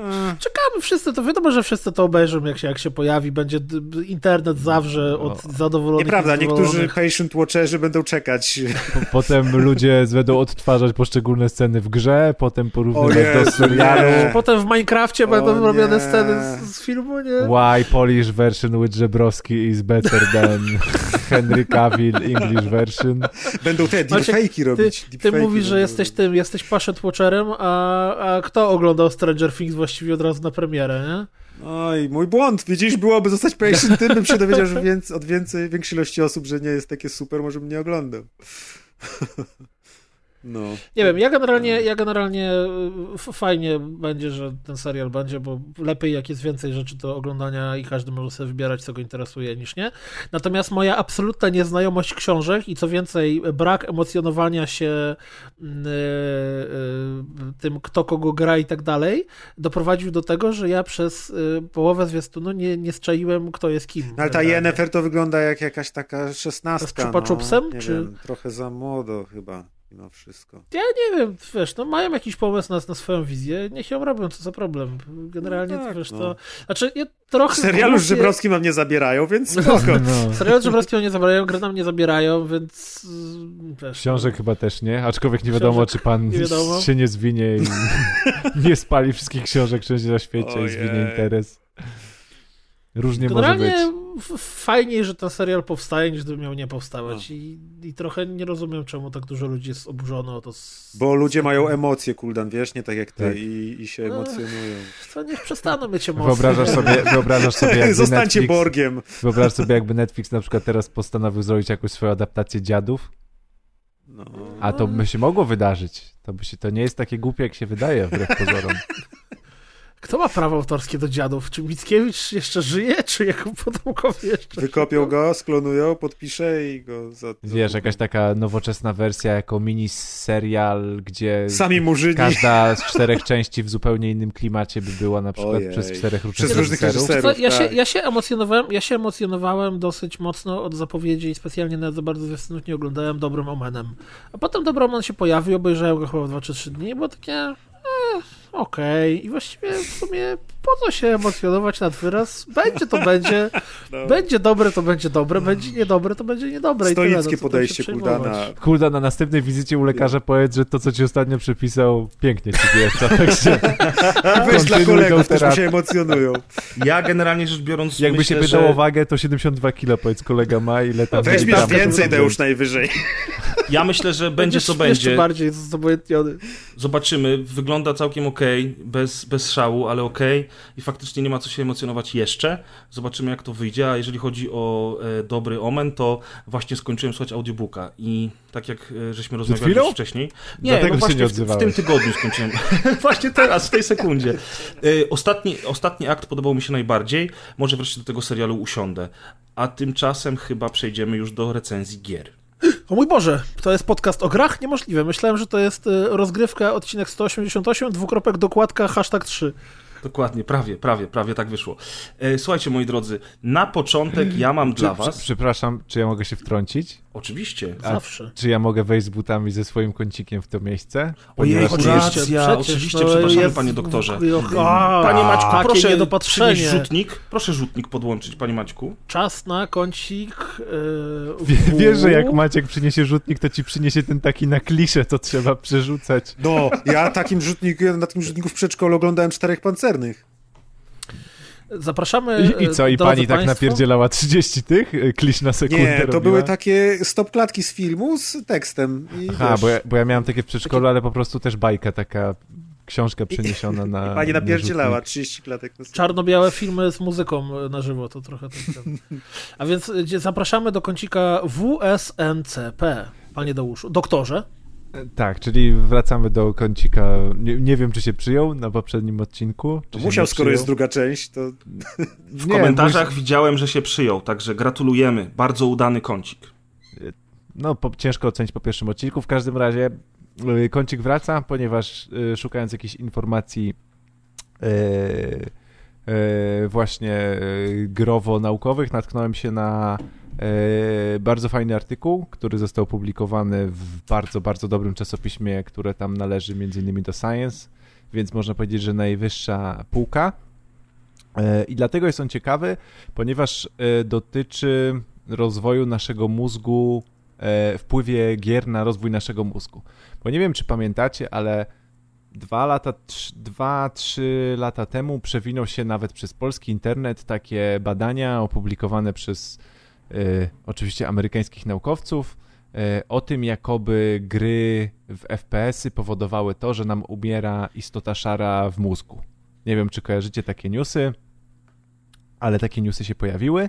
Eee, oczywiście portale, jak to portale, pan codziennik tutaj obecny na podcaście wie, że wystarczy, że jeden portal napisze o jednych badaniach, to wszystkie portale piszą o tych samych badaniach, mimo że tych badań w roku powstaje 200. Eee, Tak jest. Dokładnie tak, więc, to, więc tak był został podany news. I rzeczywiście, o, o, na czym sprawa polega? Sprawa polega na tym, że, przez, że w ostatnich latach e, gry, ogół, jako ogół gier wideo oraz gry na poszczególne gatunki, czyli nie wiem, e, gry akcji, platformery, strategie, gry RPG i tak dalej, i tak są rozdzielane na czynniki pierwsze i jest sprawdzany po prostu wpływ w gier na rozwój e, psychofizyczny i nastolatków, i dzieci, i osób dorosłych. No już jest bardzo wiele, w ostatnich latach było bardzo wiele badań, które pokazały między innymi to, że y, gry poprawiają naszą uwagę wizualną, atencję na, na właśnie na, na, na, to, co się dzieje przed naszymi oczami, poprawiają nam pamięć krótkotrwałą, e, zdolność uczenia się i tak dalej, i tak dalej, czyli mają bardzo wiele takich pozytywnych skutków, które wpływają na nasze procesy poznawcze. Nie wiem, czy istnieje polskie słówko na kognitywne, nie wiem, czy jest, czy to Wow. jest anglicyzm, czy jest takie słówko, bo możliwe, że nie ma takiego słówka Jest. po polsku, a jest, czyli na procesy kognitywne. E, W każdym razie jakieś właśnie od dwóch, trzech lat zaczęły się pojawiać e, badania, które pokazały to, że granie w gry, głównie granie w FPS-y, może powodować istot, e, obumieranie istoty szarej w naszym mózgu. E, O co chodzi? Nasz mózg funkcjonuje tak, że mamy różne rodzaje pamięci. E, Jednymi z dwóch rodzajów pamięci w naszym mózgu jest pamięć, taka pamięć przestrzenna, czyli pamięć o tym, gdzie się znajdowaliśmy. E, Ta pamięć przestrzenna jest również pamięcią deklaratywną, czyli taką pamięcią, którą my potrafimy opisać słowami, tak? Czyli na przykład, o, wczoraj byłem gdzieś tam, gdzieś tam, robiłem to i to, czyli taka pamięć, jakby, którą my potrafimy opisywać do zapamiętania zdarzeń i miejsc. E, Z tą pamięcią jest oczywiście związana również orientacja przestrzenna i Za tą pamięć odpowiada u nas e, taka część mózgu, która się nazywa hipokamp. To pewnie jak ktoś uważał na biologii, to, to, to pamięta taki wyraz. Zawsze mi się z Znaczy, hipopotamem Czy kojarzyło. to jest cokolwiek wspólnego z tym tak zwaną pamięcią krótkotrwałą i długotrwałą? Dokładnie Czy tam tak, on, przy, To on na co pomaga, a na co przeszkadza marihuana? to jest e, e, w dużym uproszczeniu, to jest ta część mózgu, w której z pamięci krótkotrwałej przerzucasz do pamięci długotrwałej. Okej. Czyli ona ci... Taki bufor dysku. E, Tak, czyli ona to ci buforuje, czy jak masz dużo ramu, to taki ram jest. Taki, taki, no, na E, dysku. Tam. E, o, oczywiście hipokamp też odpowiada za różne inne funkcje, między innymi e, regulację stresu. W każdym razie no, e, odpowiada, tak jak, tak jak sam dobrze wspomniałeś, za przenoszenie rzeczy z pamięci krótkotrwałej do pamięci długotrwałej. To się pięknie nazywa konsolidacja naukowo. E, I drugim, między innymi drugim, e, drugą częścią naszego mózgu jest również jądro ogoniaste. I to jądro ogoniaste odpowiada za tak zwaną pamięć genetyczną, Przepraszam, mogę, bo Atka nie ma dzisiaj z nami. Mhm. He, jądro. Aha, a ja się chciałem zapytać, że jak ktoś nie ma ogona, to wtedy co? E, To A, mam cię! Nie przygotowałeś się. Rozgrywka, skutecznie zaniżamy poziom intelektualny. Bang! dobrze. Na czyichś plecach. Bang. Tak, tak, tak. E, Kontynuując, jest takie jądro ogniaste i one o, odpowiada wprost przeciwnie, ono odpowiada za pamięć genetyczną i za instynktowne formy naszego zachowania, tak? Czyli takie, których nie opisujemy, które umiemy, uczymy się, ale to są nasze Instynkt, nazwijmy instynkty, odruchy. E, często tak, nie Ale wiem. odruchy wyuczone? Czy Tak, odruchy- odruchy Czyli, że nie wiem, jak dzie- dziecko dotknąłeś kaloryfera, oparzyłeś się, od tego czasu wiesz, że jak coś jest Tak, albo jak do ciebie leci piłka i nie chcesz, żeby cię trafiła, to się schylisz, nie myśląc o tym, Okej. że się schyliłeś, okej? To jest przydatna Z umiejętność. pominięciem paru części mózgu to leci właśnie przez jądro ogoniaste, ale tak naprawdę póki nie dostałeś piłką, to nigdy nie wiedziałeś, że masz uniknąć tego, tak? Czyli się jakby No tak, nauczyłeś czyli to jest poprzez... z pamięci, okej, no tak, to ma tak, sens. no, czyli się nauczyłeś. E, I teraz problem polega na tym, że te badania, które się zaczęły pojawiać, to na konkretny była, zwykle było tak, że była wzięta konkretna gra, typu Call of Duty, była wzięta grupa osób badawczych, no i były po prostu na konkretnej grze e, sprawdzane ilość e, jak, jak aktywność naszego mózgu i to, jak się zmienia ilość istoty szarej w hipokampie, bo istotne jest, że, czyli mamy ten hipokamp i to jądro ogoniaste e, i w tym hipokampie e, jedną z tkanek jest właśnie istota szara w naszym mózgu, no i jej ilość odpowiada za jakby zdolność tego hipokampu do pracy, czyli na za tą zdolność do naszej orientacji przestrzennej i przerzucania z pamięci krótkotrwałej do długotrwałej i tak dalej. I między innymi osoby e, starsze mają coraz mniej tej istoty szarej w hipokampie, tak, stąd się zaczynają problemy z pamięcią.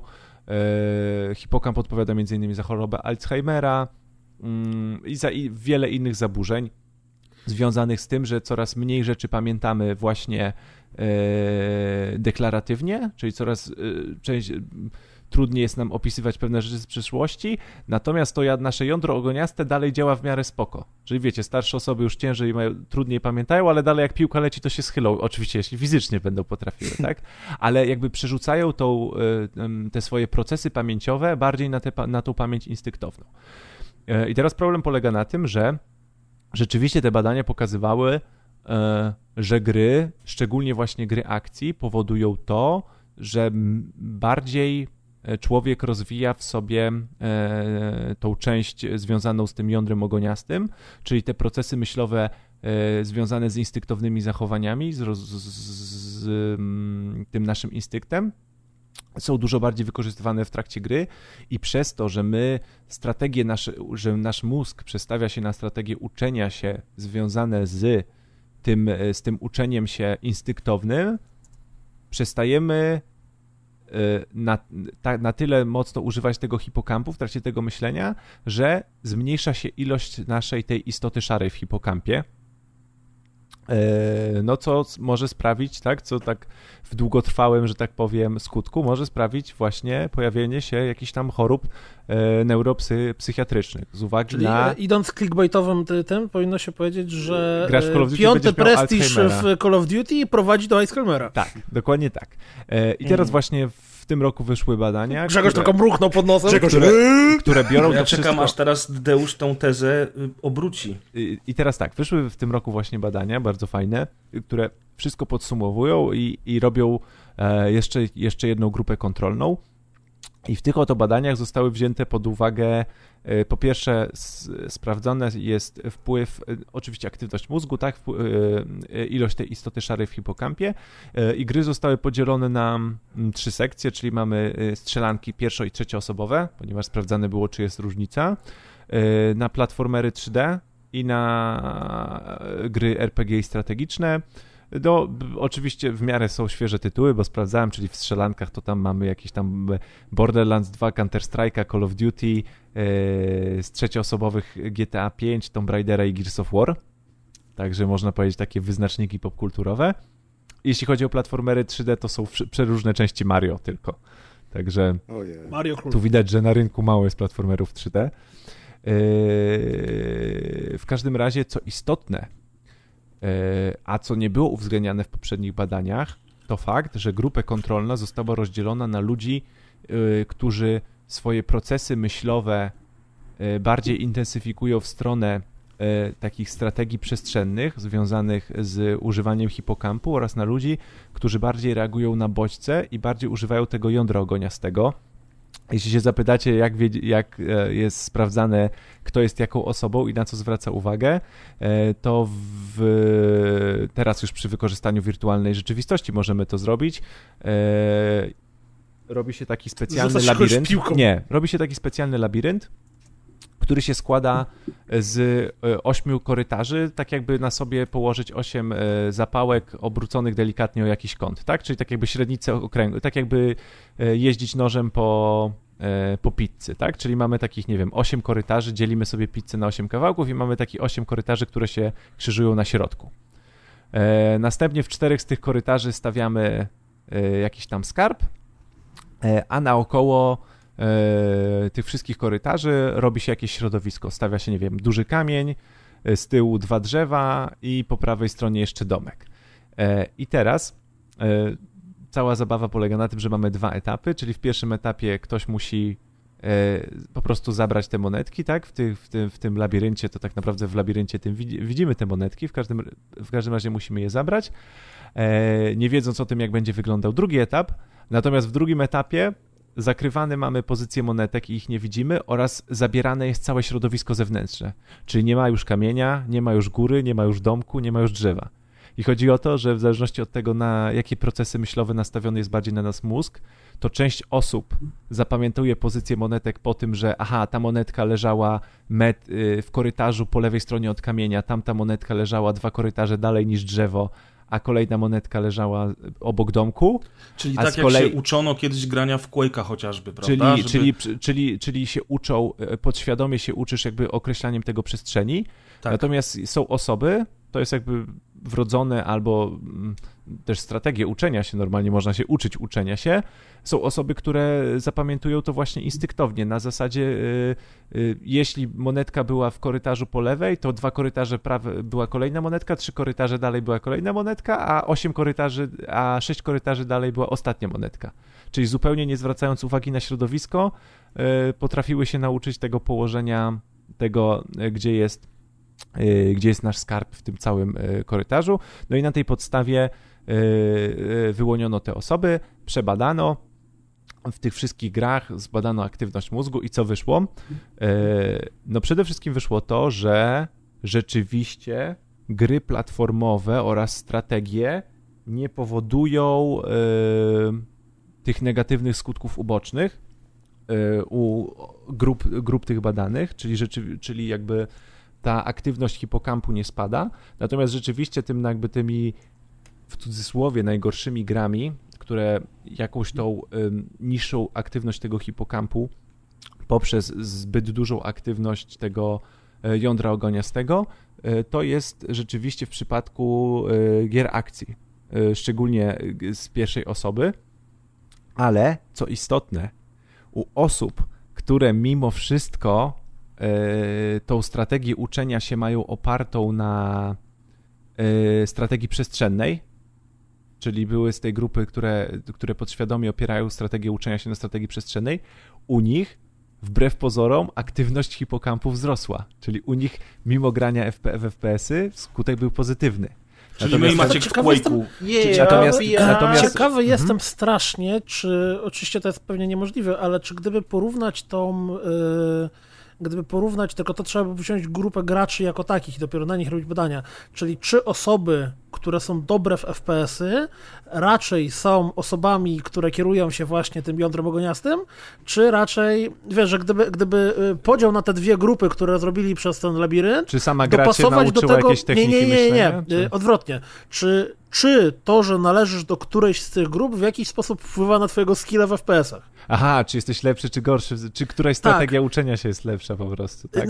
Nawet nie tyle, że czy któraś strategia uczenia jest lepsza, tylko czy właśnie, y, bo, bo jeśli dobrze zrozumiałem, osoby, które y, korzystają z jądra, ogoniastego, jeśli chodzi o tą strategię uczenia się, tak w cudzysłowie instynktownie działają, to u nich granie w FPS-y Ma negatywny nie wpł- skutek. Nie, A, właśnie. ma negatywny. Ma Aha, negatywny, okej. ponieważ u nich się jakby pogłębia to, że się wycisza ten hipokamp, tak?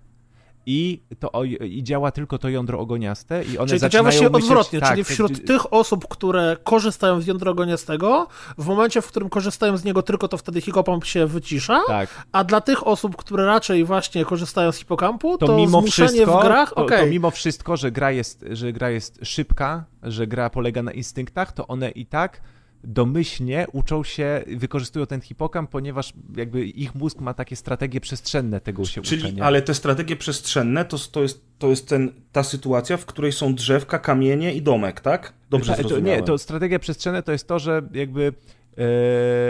Mm, bo to nie jest tak łatwo wyjaśnić, ale tak, to jest dokładnie ta, te- ta możliwość, że, że orientujesz się, że bardziej skupiasz się na tym, e, że próbujesz odnosić pewne elementy do innych elementów przestrzeni, próbujesz orientować się, gdzie jesteś i na, na tej podstawie analizować coś. Czyli to jest na ta pierwsza grupa, bodźców. którą Tak, wymieniłeś.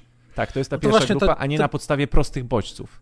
Czyli reasumując, ciekawy jestem, czy mm, ludzie, którzy są dobrzy w FPS-y, należą do grupy, której granie w FPS-y pomaga, czy przeszkadza? Tak. W każdym razie bardzo fajne są jakby, yy, no to tak jak powiedziałem, czyli jakby u osób, które działają tak, uczą się w oparciu na bodźce i u nich bardzo mocno jest ta taka pamięć instynktowna i ba- bardzo mocno są pamięciowo, yy, u nich działa ten instynkt yy, tak mocno, no to niestety rzeczywiście spada ta ilość istoty szarej w hipokampie.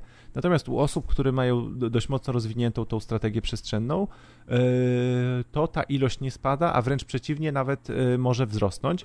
W każdym razie bardzo fajnie jest powiedziane, bardzo fajne są wnioski, które mówią nie o tym, że takim razie zbanujmy gry, bo wszyscy będziemy mieli Alzheimera na wszelki wypadek, tylko o tym, że e, twórcy gier mogliby, może, mogą przemyśleć, że te badania mogą e, być dobre dla twórców gier z, z tego względu, że na przykład w takich FPS-ach e, bardzo łatwo graczy delikatnie zmusić ich mózgi, pod, żeby gdzieś tam korzystały z tych tra- strategii przestrzennych. To znaczy, na przykład ograniczyć ilość e, HADA, czyli całego interfejsu e, w grze, Zmusić, na przykład zabrać kompas, osoby- e, zabrać na przykład kompas w grze, tylko żeby te osoby zobaczyły, nie patrzyły się na kompas albo na czerwoną kropkę i a, i, i myślały podświadomie, czerwona kropka biegnę prosto, tylko żeby musiały znaleźć przeciwnika na mapie. No to No, już czyli granie, dzieci, granie to w, na hardkorze w Czyli- Dudi to jest król, moż- nie? Tak, czyli prostymi mechanizmami designu można e, totalnie zmusić mózg, żeby się przestawił na inne myślenie, No ale inny zobacz. rodzaj strategii uczenia się. E, czyli ten chłód, e, czyli to, że mamy, że, że orientujemy dziwne rzeczy w przestrzeni, żeby ten mózg próbował się odnaleźć w tej przestrzeni i tak dalej, i tak dalej. E, więc, to, więc to są bardzo to, fajne to są wnioski, wszystko taktyczne. FPS-y, takie jak Rainbow Six Siege albo Insurgency. To jest właśnie y, ta orientacja przestrzenna bardziej i jakby uczenie się mapy, analizowanie sytuacji na podstawie położenia, bardziej niż właśnie kierowanie się hadem i prostymi instynktami w stylu wyskocz, uchyl się przed rakietą, skacząc już za rogu strzelaj. I Więc- dlatego te bardziej wymagające FPS-y, te bardziej taktyczne FPS-y są mniej popularne. Y, No i niestety, niestety jest też problem taki, że mm, funkcjonowanie hipokampu, a odpalenie się tego, mm, y, ograniczenie funkcjonowania, funkcjonowania hipokampu, a wzrost aktywności tego jądra ogoniastego y, jest również regulowany przez wydzielanie się kortyzolu i w ogóle przez to e, ciało migdałowate, to się chyba po polsku nazywa, które między innymi jest aktywowane stresem, tak? Tak samo wyrzuty kortyzolu to jest przede wszystkim wyrzuty stresu i tu niestety też w FPS-ach nie jest... E, niestety FPS-y temu nie pomagają. Bo są na, W finale dowolnego Battle Royale wie, co to znaczy na, kortyzol. Natomiast Natomiast to nie jest tak, że, mm, że jakikolwiek rodzaj stresu i cały czas jest jakby negatywny, tylko również jest zwrócona uwaga na design gier, że yy, potrzebne są na przykład momenty wyciszenia żeby gdzieś po prostu te poziomy uspokajać, żeby to nie na przykład nie działało, yy, że to nie jest tak, że będziesz miał wyrzut i już jest źle i, i gra jest do kitu, tylko chodzi o to, żeby ten poziom stresu nie był cały czas na maksymalnym poziomie, tylko żeby gdzieś były momenty wyciszenia. I to też już pomaga zredukować na tyle, żeby tak uciszyć ten obszar mózgu, żeby za bardzo nie aktywować tego, tego jądra agoniastego, no bo to wszystko, te wszystkie procesy muszą być w miarę w miarę równomiernie się kształtować. Tutaj akurat Proszę, Battle Royale dobrze... dobrze... wypadają, zwróćcie uwagę, jeśli... bo to 60-sekundowe lobby, ten czas lotu, ten moment zbierania y, elementów, a potem y, skaczący kortyzol podczas starć, które trwają tak naprawdę krótko, następnie znowu jest przerwa lobby, znowu jest lot, mogą faktycznie mieć taką popularność ze względu na to, że ostatecznie są mniej stresujące niż takie Gears of War w multi, w którym non-stop jest młódzka. No. Czyli jeśli dobrze Ciebie zrozumiałem, to dla określonej os grupy osób, czyli dla tych, którzy kierują się e, w e, tą strategią mhm. E, orientacji w przestrzeni, a nie tą, tą strategią jądra ogoniastego, w przypadku problemów z hipokampem, czyli właśnie Excalibur czy czegoś w tym stylu, to odpowiednio dopasowane do tego gry są w stanie działać e, może terapeutycznie, to rehabilitacyjnie, tak? Czyli dla e, osób starszych jest, oczywiście, nie mówię o tym, że posadzić ich przed Dudi, tylko jeżeli e, na podstawie tych badań zostałby stworzony program, gra, jak ją zwał, tak ją zwał, która by w odpowiedni sposób operowała tymi mechanikami, to dla tej określonej grupy ona miałaby działanie terapeutyczne. oj, takich badań jeszcze nie ma, natomiast podobne badania, tylko nie na poziomie konkretnej gry, są między innymi na szczurach. No to, jakie to badanie? Wiadomo, że szczur nie łapie pada. Chodzi bardziej o to, że dla szczurach z danymi problemami neuropsychiatrycznymi i neurofizjologicznymi w mózgu są odpowiednio stymulowane tak, żeby ten hipokamp się E, żeby te odpowiednie procesy myślowe u szczurów zachodziły. Jest patrzony rozwój tej, e, tej istoty szarej w mózgu i takie badania to jest to, to na razie ze względu na oczywiście to, że się nauka rozwija, jeśli chodzi o skanowanie mózgu, tak, i możliwości obserwacji w ogóle i pomiarów nie tylko jakościowych, ale też ilościowych naszych obszarów mózgowych, no to to się dopiero rozwija. Więc w każdym razie no fajna jest przyszłość przed tym, sensie ciekawa, bo te badania są w, w, w, dwie strony ciekawe, czyli w to, że jakby takimi procesami, e, czyli wykorzystaniem gier wideo tak naprawdę do rozwoju procesów kognitywnych, tak? Bo już teraz dla starszych osób są pewne, nie wiem, e, ćwiczenia, tak, na myślenie, na rozwijanie e, pewne aktywności mózgu mm, są zalecane, żeby odpowiednio stymulować ten mózg, więc jakby wykorzystanie gier jako multimedium to będzie po prostu wykorzystanie kolejnego ćwiczenia, tylko to wszystko musi być odpowiednio zaprojektowane pod konkretną Oczywiście, osobę. No, no tak. Ale bardzo mi się podobają po prostu y, w tym badaniu te wnioski, które delikatnie pokazują też, w, że y, nie wszystko jest złe i że można takie wnioski wykorzystać w designie gier. To jest też bardzo ciekawe i mam nadzieję, że to się będzie w jakąś y, ciekawą stronę rozwijało i że rzeczywiście ktoś może kiedyś pójdzie po rozum do głowy i może, nie wiem, za parę lat zareklamuje jakiś tytuł, że został stworzony we współpracy z jakimś, nie wiem, grupą badawczą. Wiesz co, czy przypadkiem tak nie było z, tylko ja nie pamiętam, czy to było tylko i wyłącznie hasło reklamowe, ale przecież za czasów popularności DS-a, i to chyba jeszcze było DS-a, była cała seria tych takich japońskich gier logicznych. Picross? Y nie, nie, właśnie nie Picrossy, to były tam, tam nawet w logosie był jakiś y, niby japoński y, naukowiec, czy tam, tam doktor, coś tam, Brain Logic Games, coś, coś, coś w tym stylu.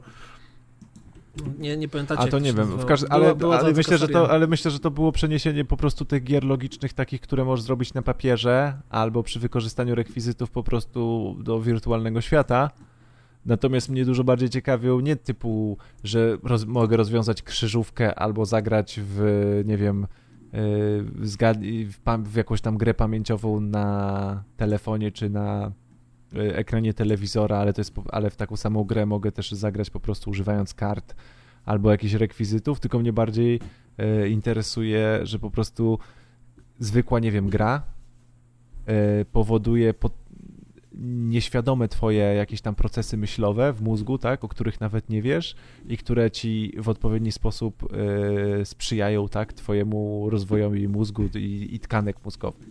Ale nie będzie to to gra właśnie Dr. Brain i musisz jakieś tam zagrać w karty i w zapamiętywanie albo połączyć dwa sznurki tego samego koloru, tylko będzie to kompletnie mm, w cudzysłowie oczywiście zwyczajna gra, która będzie tak zaprojektowana w swoich mechanizmach, że będzie pozytywnie oddziaływała właśnie na e, udział Twoich obszarów mózgowych w procesie Twojego myślenia e, w trakcie grania w nią, więc. To jest niesamowite. A przepraszam, jeszcze w międzyczasie sprawdziłem, to był dr Kawashima i on miał serię gier, która się nazywa Brain Age i on był japońskim neuro, y, neuronaukowcem, który się właśnie zajmował tym, w jaki sposób przez gry logiczne y, w cudzysłowie ćwiczyć mózg. Mhm. Ja jestem no, ale... ciekaw, czy czy całe to y, badanie, o którym opowiadasz teraz, Deusz, jesteśmy w stanie przenieść analogicznie na przykład na sport i na różne dyscypliny tego sportu bo przecież jakby ta, ten instynkt samozachowawczy i czas reakcji w sporcie są bardzo ważne, ale orientacja przestrzenna jest tak samo ważna. Dobrze, zapis, zapiszę sobie, jakbym zapomniał, to mi możesz przypomnieć i pomogę ci powiedzieć, sprawdzę to. Bardzo Nie ma problemu po posłucham. słowach kluczach, mogę ci sprawdzić i mogę ci powiedzieć, czy to jest adekwatne do sportu. Może opowiesz przy okazji na jakimś kolejnym odcinku. Chyba, że wszyscy napiszą, że spada już z tymi pierdołami. Nie, jak y, te komentarze były dokładnie odwrotnie po, po pierwszym odcinku. Mm. E, no dobrze, czy przechodzimy w takim razie do odmurzających gier e, typu e, propos, szybka a, reakcja a, a i umierającego hipo... Grzegorz, jak tam twoja pamięć, słuchaj, po weekendzie spędzonym z Gears 5? No właśnie, Gears 5 Tech Test właśnie się kończy. E, i miałem okazję w niego pograć całkiem dużo, bo wbiłem 22 poziomy, chociaż wbrew pozorom to nie jest tak dużo. Widziałem ludzi, którzy mieli 85 level po weekendzie. Ci już Alzheimer mają zapewnione. Dokładnie. E, co prawda teraz jak właśnie słuchałem Amadeusza, to, e, to uświadomiłem sobie, że w Gears of War tak jak w większości tego typu gier, ta orientacja przestrzenna i poruszanie się po mapie jest jedną z najważniejszych rzeczy. No ale teraz już jakby zakończyliśmy kącik mądrych rzeczy i opowiem wam... E, Jakie są szczelby? Jakie są szczelby. Dokładnie. Jak się szczela.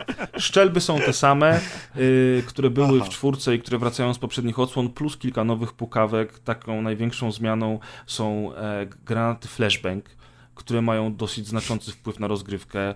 Jest jakaś taka broń, która zamiast ogniem to zieje e, mrozem i zamraża przeciwników. E, są też bronie do walki wręcz, jest maczuga, więc trochę tych, tych, tych tam nowych zabawek się pojawiło, natomiast sama rozgrywka pozostaje bez większych zmian. W trybie Escalation, takim najpopularniejszym trybie, który wprowadziło Gears of War 4, są nowości, natomiast gra się podobnie. W tym tech teście był również King of the Hill, absolutnie bez, ża bez żadnych zmian ale największą nowością jest tryb, który nazywa się Ar Arcade Deathmatch, co jest trochę mylące, bo dla mnie Deathmatch to zawsze była walka wszyscy na wszystkich, natomiast tutaj jest walka drużynowa, gdzie po pięciu graczy z każdej ze stron walczy ze sobą po prostu do 50 zabójstw, ale w trakcie zabawy za każde zabójstwo a nawet asyst, asysty liczone są jako zabójstwa. Dostajemy punkciki, które następnie możemy wykorzystać tak jak killstreaki w Call of Duty, ale te punkciki po śmierci nadal zostają z nami. E, I do tego mamy klasy postaci. Klas postaci obecnie jest 5, każda ma inne rzeczy, które może sobie kupić za te, e, za te zbierane punkciki. Rozgrywka jest szybsza, e, troszkę łatwiej się ginie, ale też szybciej się biega, szybciej się strzela, szybciej się przeładowywuje niż w standardowej rozgrywce, plus są headshoty które są bardzo ważne, bo tymi headshotami można naprawdę niezłe rzeczy robić. I tutaj bardzo ważna informacja, o którą na pewno e, fani serii zapytają. Wraca crossplay, więc owszem, na klawiaturze i myszce headshoty robi się łatwiej, co nie zmienia faktu, że ludzie grający na padach, grający na konsolach nie mają tak naprawdę gorszej sytuacji, e, bo e, że tak powiem, starcia są bardzo wyrównane i na padzie można być równie wielkim hardcorem jak na klawiaturze i myszce. Ogólnie, jeżeli znacie multiplayer w Gears of War, to wiecie czego się spodziewać. E, jest to bardzo trudne multi, bardzo wymagające, właśnie takie męczące i stresujące, w którym runda za rundą dzieje się dużo, ale fani serii wrócą. E, I, I, myślę, że nie ma tutaj co nakłaniać e, nowych graczy, bo ci, którzy się odbili od wcześniejszych odsłon, jeżeli chodzi o multiplayer, tak samo odbiją się tutaj. A jeżeli ktoś będzie chciał sprawdzić, albo już sobie sprawdził, grając po raz pierwszy, to być może się przekona. Natomiast jest też warstwa wizualna, i tutaj muszę powiedzieć, że bo to jest też ostatnia rzecz, którą jestem w stanie ocenić po tym weekendzie takim technicznym. E, do premiery jest niewiele czasu i obawiam się, że dużo zmian nie będzie. Owszem, tekstury są wyższej jakości, oświetlenie jest ładniejsze niż w czwórce, ale jeżeli ktoś się spodziewał rewolucji, to absolutnie może przestać tej rewolucji oczekiwać. Graficznie to jest poziom Gears of War 4 z minimalnymi zmianami. E, poruszanie się i większość elementów rozgrywki na tym etapie są bardzo, Wiesz, bardzo podobne pamiętaj, że ta gra musi działać też na tym biednym, zwykłym, starym Xboxie, nie? No właśnie, dobrze, dobrze, że o tym zwykłe, mówisz, nie? bo na moim Xboxie One, mieliśmy w weekend, grałem ja na PC, na, na konsoli grał mój brat i nasz znajomy, oni grali na podzielonym ekranie, co zresztą właśnie jest fenomenalne jeżeli ktoś pyta, po co PC-ty, po co PC-ty i Xboxy, skoro te same gry, to jest fenomenalne, że mogliśmy zagrać w trzech po prostu e, e, i, i wszystko fajnie, gramy jeden mecz, gramy po sieci z innymi graczami, natomiast tutaj już był ten sam problem, który jest w Black Ops 4, którego Amadeusz doświadczył grając na split screenie, a mianowicie na split screenie piątka ledwo chodzi w 30 FPS-ach i no jest kiepsko na tym poziomie, na tym etapie. Niestety. Więc dobrze, że mówisz o podstawowym Xboxie. No nie wiem, jak to będzie tam chodzić, zwłaszcza jeżeli zaoferują split screen, no, a 4, widać, 640 na 480 grafika, wiesz. Też się tak kiedyś grało i ludzie się zachwycali. No jasne, teraz jak podłączysz PlayStation 2 i spróbujesz zagrać w Ghost Recon 2, to się okaże, że na padzie nie da się celować, są takie skoki. Ale przecież idziemy do przodu, a nie do tyłu. No, ale ogólnie rzecz biorąc tak, yy, oczywiście ja jestem bardzo zadowolony, Zobaczymy jak reszta gry, ale po tym co oni zapowiadają, to poza kampanią i poza hordą i poza multi będzie jeszcze ten trzyosobowy tryb ucieczki, więc to może być całkiem fajna, rozbudowana produkcja, która oczywiście na premierę od razu będzie w Game Passie, więc warto spróbować. Ja się cieszę, że w końcu dodali te granaty gangbang, bo to jest bardzo ważne. Bardzo. Zawsze lubisz oślepiać ludzi, zanim im wiedziesz od lansera? Zawsze. Zawsze. Zawsze. Zawsze. Zawsze. No dobrze, a y, to jak jesteśmy przy szczelaniu się, y, to też się szczela w Blazing Chrome, które również zadebiutowało w Game Passie, ale i nie tylko, bo chyba gra dostępna jest również na inne sprzęty.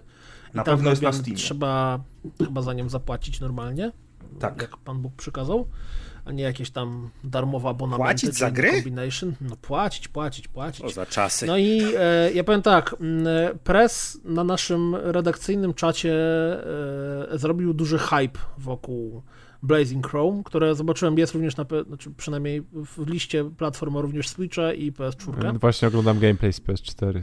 I Press zrobił mega hype, że to jest takie zajebiste w ogóle, o mój Boże, Kas mu nie najlepsza kontra, że Kas, czemu ty w to nie grasz? Kas powiedział, bo to kosztuje pieniądze, nie mam Xboxa.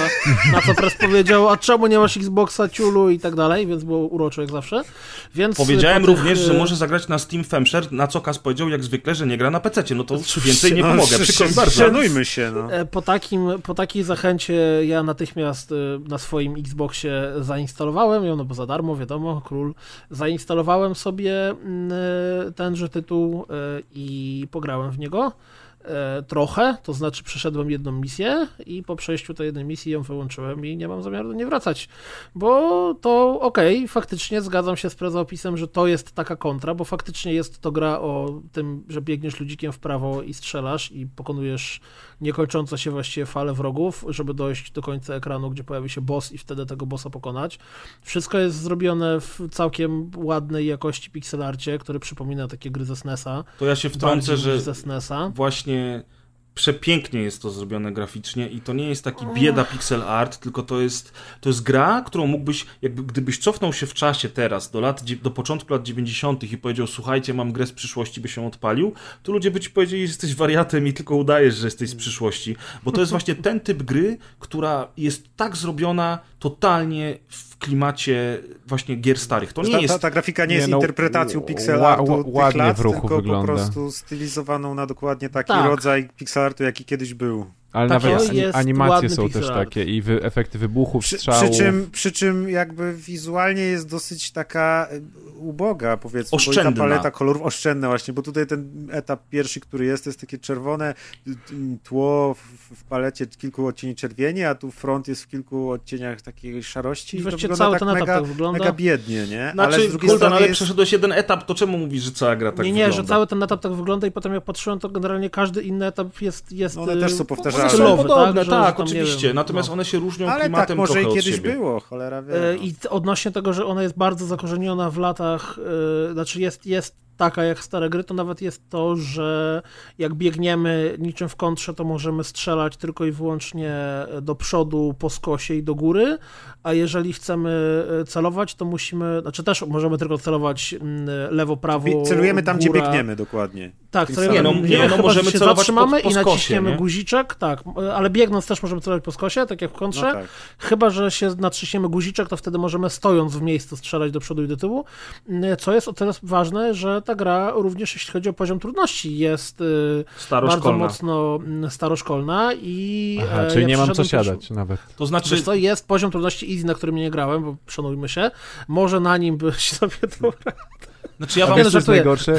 Bo ty teraz powiesz, że jest poziom easy, nawet się nie zbliżałem do tego, ja po sobie odpalę na easy i nawet I nie przejdę żadnego etapu. powiem wam tak, y, y, ja przeszedłem y, trzy lokacje z czterech i szczerze mówiąc y, nie wiem, czy to są tylko cztery lokacje w całej grze, czy później o- odblokowują Ja strzelam, się że jakaś piąta się kolejne, pojawia przecież dokładnie. Gra ma kooperację lokalną w tej chwili i to jest bardzo ważne, bo grałem przez chwilę w koopie z bratem i dużo lepiej się gra, jak masz to wsparcie. Gra jest rzeczywiście bardzo trudna, do tego stopnia, że jak mówię trudna, to chodzi mi o to, że jedno dotknięcie przeciwnika, jedna kulka, która cię dotknie, od razu cię zabija, a masz tylko kilka żyć. Pięć. E, I jedyne, co jest ułatwieniem, to jest to, że po zobaczeniu ekranu Game Over możesz bez żetonów, bez żadnych kombinacji wcisnąć Continue. E, po uruchomieniu Continue zaczynasz od początku etapu, na którym zginąłeś. Czyli Nie. to. Tak, no przecież to oczywiście, że tak. Zaczynasz od, znaczy może na późniejszych etapach. W pierwszym etapie, jak zginąłem na ostatnim bosie, to cofnęło mnie e, tak jakby e, inaczej. E, co to znaczy na, na etapie, na którym zginąłeś? To ja Bo ci jest powiem, Tak, że bo- jest pięć misji, czy tam cztery, i każda misja jest podzielona na etapy. Na segmenty, tak. Jeżeli na segmenty. zginiesz na I walce z bossem, jeżeli zginiesz na walce z bossem, to musisz zacząć od ostatniego segmentu przed bossem. Tak, Natomiast jeżeli zginiesz na drugim segmencie, zaczynasz na starcie drugiego segmentu. Jeżeli No tak, zginiesz tak, na trzecim, na to na starcie trzeciego tak. i tak dalej. Tak, no to nie od sposób. początku etapu samego w sobie, całe, całej misji, tak jakby, tylko właśnie tego segmentu. Gra jest o tyle trudna. są dosyć krótkie, nie? Tak, natomiast gra jest o tyle trudna, że rzeczywiście e, przeciwnicy są różnorodni, trzeba uważać, trzeba strzelać do tyłu, do przodu. Faktycznie to celowanie jest dosyć, jest dosyć utrudniające rozgrywkę, natomiast jeżeli chcemy faktycznie oddać honor tej grze, że ona totalnie chciała być taka jak stare gry, to ona totalnie jest taka jak stare gry. E, są takie sekwencje, na przykład, gdzie jedziesz na takim motorze i wtedy możesz podskakiwać, jechać do przodu, do tyłu, musisz uważać, bo są latający przeciwnicy, przeciwnicy na, na ziemi i tak dalej. Jest, są cztery rodzaje broni, które mechu, podnosisz. E, Jest mech, do którego możesz wskoczyć. Są takie boty, które Tylko też cztery podnosisz. są te bronie? Są cztery E, bronie. Aha, bo ja widziałem taki jakby beach, e, laser, e, wyrzutnia granatów. I to wszystko. Aha, I to wszystko. Tak? E, Plus są trzy boty. Jest bot y, strzelający. W momencie, jak ty strzelasz z karabinu, to on strzela dokładnie w to samo miejsce, w które ty strzelasz. Jest bot ochronny. To są dwie kulki, które wokół ciebie latają, więc jak trafi cię pocisk, no to jeden bot znika, potem drugi, dopiero trzeci pocisk zabija ciebie. I ostatni bot to jest bot, który przyspiesza ci prędkość poruszania się, co zwłaszcza mi się przydawało na etapie na motorze. Są bardzo, bardzo fajne walki z bossami, dlatego że bossowie są różnorodni i e, są wymagający, ale nie są przegięci. I dzięki temu ta gra daje ci szansę. Ja się, ja powiem szczerze, że ja w, w, po, po jakimś czasie zacząłem grać na easy i się tego nie wstydzę. I Deusz możesz mieć troszeczkę ra, racji w tym, że easy jest minimalnie łatwiejsze od normala. więc nawet na easy jest bardzo trudno. E, ja chętnie grę przejdę, ale już wiem na teraz, bo, bo próbowałem wczoraj z tym trzecim bossem walczyć kilkukrotnie i kilkukrotnie nie udało mi się go pokonać, już byłem przy samym końcu, wiecie jak to, jakie to jest uczucie, nie? Już rozwaliłem mu jedno oko, drugie, trzy z czterech wychodzących z jaskini macek i została ta jedna ostatnia macka i bem, zginąłem. No i w końcu stwierdziłem, że już na dzisiaj mam dosyć. Natomiast... Mogło być w Cupheada. Natomiast w no właśnie dzięki Bogu mamy tyle tych gier, że każdy znajdzie coś dla siebie. I dla mnie ta gra, to Blazing Chrome jest, jest, ta, jest taką grą, w którą ja chcę grać, Cuphead niekoniecznie. Yy, I teraz jakby ja po prostu, ja uważam, że to jest fajna zabawa, yy, bardzo mi się podoba graficznie, bardzo mi się podoba w ruchu. Yy, jest odpowiednie wyzwanie, czyli w sam raz tak trudno, jak powinno być. Dzięki temu trybowi easy jest trochę łatwiej. I mimo wszystko nie jestem w stanie każdemu tej gry polecić, bo to jest gra y, tylko i wyłącznie dla specyficznego typu odbiorcy. No nie każdy będzie się przy tym dobrze bawił. Ja, ja powiem ci szczerze, ja yy, nie widzę żadnego powodu, żeby do niej wrócić, bo yy, to jest gra, która stoi tylko i wyłącznie mechaniką, a ta jej mechanika jest oparta stuprocentowo o lata 90. To jest, ona, ta gra w każdym względzie jest kontrą, tak? To, że giniesz od jednego strzału, to, że masz kilka broni, to, że możesz strzelać tylko w kilku kierunkach, to, że jesteś zalewany cały czas masą niekończącą się przeciwników i tak naprawdę, bo, bo to jest jej największa trudność. To nie jest tak, że idziesz sobie do przodu i po prostu pokonujesz przeciwników i tyle, tylko tego, że cały czas leci na ciebie ich masa, więc ty cały czas musisz biec do siebie, przed siebie i strzelać do przodu, do tyłu, i w momencie, w którym ktoś cię dotknie, to giniesz i tak dalej. E, I ja powiedziałem o tym Cupheadzie, dlatego że Cuphead to jest trudna gra, która e, jest oparta o walki z bossami, która te tamy mechaniki posuwa trochę do przodu. Znaczy, tam jest coś więcej niż tylko i wyłącznie takie właśnie mm, biegnij przed siebie i strzelaj. E, I dlatego ja nie widzę żadnego powodu, żeby do tej gry wracać, niestety. No ale tak jak ja powiedziałem, no to jest specyficzna gra, bardzo specyficznie oddająca realia staroszkolnych produkcji. Cuphead jest grą, która jednak te mechaniki y, wprowadza, że tak powiem, we współczesne czasy. No dlatego no tak jak powiedziałem, to znaczy, nie jest ja dla dobrze, każdego. Ja dobrze no. pamiętam, że ty grałeś swego czasu chyba jak był u ciebie Marek Śledź E, to wy tak. mieliście taką fazę, że właśnie graliście w dużo takich gier. Jak tak te gry się nazywały, to było takie dobro. Biegaliście właśnie, no czy też tam generalnie komandosi biegną do strzodu. Nie, nie, to na Gogu mam. Y, natomiast Marek kiedyś jeszcze namówił mnie, żebym kupił to na Switcha, jak miałem Switcha pożyczonego i też to kupiłem najpierw na Switcha, graliśmy to na Switchu, a potem wyszło na Gogu i na Gogu też się w to zagrywałem. Fenomenalne to jest. Tak, i to jest dobre skojarzenie, to jest podobny rodzaj zabawy te gry się, zaraz już, już odpalam Goga, już wam powiem, jak te gry się nazywają. E, na pewno, gun, tak na pewno słuchacze, którzy, którzy znają te gry, jak tylko usłyszą tytuł, to od razu będą mówili, a wiadomo o co chodzi. Mam nadzieję, że część z was też rozpozna. Jeszcze chwila, jeszcze moment. A to w międzyczasie powiem, mam, że Mam Shock Troopers. O, Shock Troopers. Coś pięknego. Longplay pokazuje, że misji jest 6 e, w sumie. 6. No to na początku dostępne są 4. E... Które można wybrać sobie w dowolnej kolejności. Tak, właśnie, to jest bardzo ważne, że te, że te misje możesz sobie wybrać w dowolnej kolejności, dzięki czemu, jeżeli znudzicie powtarzanie tej samej lokacji po trzeciej śmierci, czy tam czwartej, to możesz sobie wybrać coś innego. No więc tak jak widzicie, Kuldan się boi, bo gra jest za trudna, a ja polecam. to za to Sekiro masz, kurwa. To powiedz, czy jest sens, bo mm, do Blazing Chrome nie wrócę, ale powiedz, czy jest jakikolwiek sens, żebym wracał do mm, State of Decay, bo się pojawił darmowy dodatek chyba. Tak, znaczy y, on jest darmowy, darmowy? dla posiadaczy Xbox Game Pass, e, zarówno na PC jak na, na Xboxie. E, zainteresowałem się nim dlatego, że wprowadza kampanię fabularną, czyli coś, co było e, podstawową kampanią w pierwszym State of Decay, a w drugim State of Decay postanowiono skoncentrować się na kooperacji i takiej zabawie w survival z rozbudową bazy. E, jeżeli mówimy o kampanii fabularnej, to proszę sobie nie myśleć przypadkiem o Days Gone, bo te kampanie, jeżeli chodzi o scenariusz, fabułę, dialogi czy cokolwiek, e, dzieli przepaść. Natomiast e, okazuje się, że State of Decay 2, mimo tego, że jest grą naprawdę przeciętną i pełną bugów, zyskało tak dużą społeczność chętnie grających w to ludzi, którzy zostawiali odpowiedni feedback i którzy w pewnym momencie zaczęli na, na, e, narzekać na to, że gra jest zbyt łatwa, że najpierw twórcy wprowadzili dwa dodatkowe poziomy trudności do gry podstawowej, a teraz właśnie e, na E3 ogłosili, że wchodzi Heartland, dodatek fabularny, który mi zajął jakiś, no 20 ponad godzin. Ja miałem, nieca, Wow. ja miałem niecałe 30 w podstawce. W tej chwili, jak przeszedłem e, Heartland, e, to po ostatniej misji mam 50,5 godziny na liczniku. Jestem w szoku, że poświęciłem tyle czasu na tę grę, bo z perspektywy czasu i po przejściu tego dodatku, jednak uważam, że ty, Kuldanie, nie musisz do tej gry wracać, bo Dziękuję. jest dużo poprawek. Poprawiono model jazdy, teraz pojazdami jeździ się e, inaczej, chociaż szału nie ma. E, dodano masę nowych elementów do rozwoju bazy, nowe specjalizacje postaci, jest cała masa nowych broni, strzelanie teraz działa dużo lepiej. Niestety, ta gra dalej jest kupą bugów, problemów technicznych. Y, Multiplayer działa już lepiej, ale jeżeli chodzi o lagi, to, to, to, to nadal się pojawiają. E, W ogóle pomysł na to, że tak samo jak w Far Cry'u 5 czy w Far Cry'u New Dawn, pomysł na to, że tylko host ma zapisywany postęp, natomiast koledzy, którzy do niego dołączają, a muszą dołączyć, bo dodatek jest tak trudny, że skończenie kampanii w pojedynkę wydaje się być niemożliwe i ci koledzy, którzy dołączają do ciebie, y, dostają tylko nagrody w postaci jakiejś dodatkowej amunicji, sprzętu i tak dalej, ale jakby tego zapisu w kampanii w ogóle nie mają. E, więc jeżeli ktoś chciałby zacząć grę od nowa i od razu wskoczyć do tego dodatku, to nie ma praktycznie szans, bo jego postaci, które bierze ze swojej głównej bazy, czyli z podstawowej kampanii, e, nie są w ogóle rozwinięte. Mają więc słabą staminę, małą ilość życia, słabo strzelają, słabo walczą. Dodatek jest absolutnie nastawiony na tych graczy, którzy przynajmniej jedną całą mapę wyczyścili e, w State of Decay 2. Jeżeli pamiętacie z naszego odcinka specjalnego, czy też z mojej recenzji, to map tam było trzy.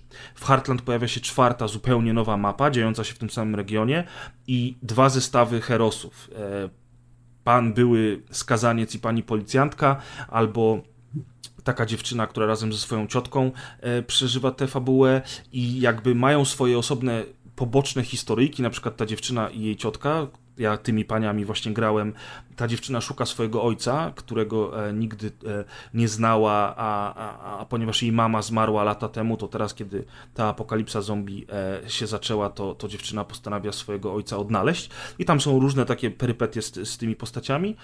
Natomiast niezależnie od tego, jaką parą gramy, to główny wątek jest taki sam dla obu. I polega on na tym, że pojawiła się jakaś nowa rzecz, która wydostała się z samolotu, który spadł w tym regionie, przez co. Zombie teraz są tylko i wyłącznie te świecące na czerwono, zainfekowane, najtrudniejsze zombie, które się pojawiały w grze. Wszystkie rodzaje zombie są właśnie takie, przez co tą, tą chorobą, któ- która powoduje, że możemy umrzeć i przez co musimy brać leki, zarażamy się praktycznie w każdej walce. Musimy strasznie uważać, musimy pilnować leków i tak dalej. E, I ogólnie rzecz biorąc, do tego są tak zwane ściany, e, które musimy zniszczyć. Tych ścian łącznie w grze napotkałem pięć, z czego jedna jest w trakcie połowy fabuły, a druga e, seria czterech ścian pod rząd jest w ostatniej misji. Bardzo, bardzo trudna, bardzo upierdliwa misja, gdzie gra spawnuje na nas naprawdę dziesiątki przeciwników, w tym bardzo dużo specjalnych rodzajów przeciwników, a tamci przeciwnicy w State of Decay 2 są cholernie trudni, jeżeli chodzi o specjale, specjale zombie. E, I tutaj po graniu, po tych prawie 20 godzinach grania, gdzie uznałem, no jest okej, nie, nie uważam, żeby żeby rozwiązania dotyczące koopa były rozsądne, ale ogólnie bawię się dobrze. Rozbudowa ba- bazy jest dużo fajniejsza, jest dużo więcej elementów zabawy, można między innymi sobie e, upgrade'ować swoje pojazdy. E, jeżeli ktoś grał, to wie jaka jest zabawa i tutaj ten core zabawy się mocno nie zmienia. A na koniec spędziliśmy dobre 3 godziny, jak nie więcej, jeżdżąc w tej nazad, żeby niszczyć te ściany takie, tej, tej narośli, którą trzeba było pokonać, e, przy których spawnują się dziesiątki wrogów i przy których absolutnie wszystkie bolączki gry wychodzą. Okazuje się, że gra totalnie nie jest stworzona po to, żeby walczyć z takimi ilościami zombie, bo walka wręcz jest fatalna. Do tego system y, y, psucia się broni, zarówno palnej, jak i broni białej, y, tutaj natychmiast powoduje, że każda broń się, każda broń się psuje e, i do tego po prostu całość jest bardzo mocno nieprzyjemna, bo ten poziom trudności podkręcony jest do takiego poziomu, e, który jest mocno przesadzony w połączeniu z, technik- z technikaliami powoduje, że to nie sprawia po prostu frajdy. E, I po kilkunastu godzinach zabawy, gdzie całkiem fajnie się bawiłem, to ostatnie parę godzin to była po prostu jakaś droga przez mękę. I uważam, że ten dodatek Heartland powinien pozostać tylko i wyłącznie czymś, co zainteresuje fanów State of Decay 2, którzy przez ten cały rok od premiery siedzieli, pisali na forach, e, robili feedback twórcom i żądali tych dodatkowych poziomów trudności, żeby sobie grać, grać i grać. Słuchaj, ale to Natomiast... dlaczego, dlaczego to kończyłeś? Bo to raczej masz taki styl, że jak coś cię nudzi, to po prostu to olewasz, czy, czy jednak chciałeś no, to... Ja mam ten problem ze State of Decay, że zarówno jedynka, jak i dwójka nie były grami wybitnymi, chociaż jedynkę uważam za dużo lepszą grę od dwójki, to jednak jest w tych grach coś, co mnie wciąga. I w sytuacji, w której grałem w kooperacji czteroosobową drużyną, gdzie te wszystkie fajne elementy gry są tutaj, czyli to, że trzeba się wspierać, że trzeba na podróż zabrać paliwo, zestaw naprawczy, że trzeba przeszukiwać budynki, żeby szukać jakiegoś tam... To jest taki survival, ale nie taki przesadny survival, jak na przykład w Rust, czy w Age of Conan, tylko taki survival kooperacyjny, gdzie faktycznie ta współpraca jest ważna, że jak na przykład ktoś wchodzi na wieżę, żeby obserwować dookoła, bo szukamy czegoś, to ktoś inny go ochrania, że musimy pilnować tego, że benzyna może nam się w każdej chwili skończyć, a jak skończy nam się benzyna w trakcie przejazdu przez miasteczko opanowane przez kilka hord zombie, to naprawdę jesteś w dużych tarapatach.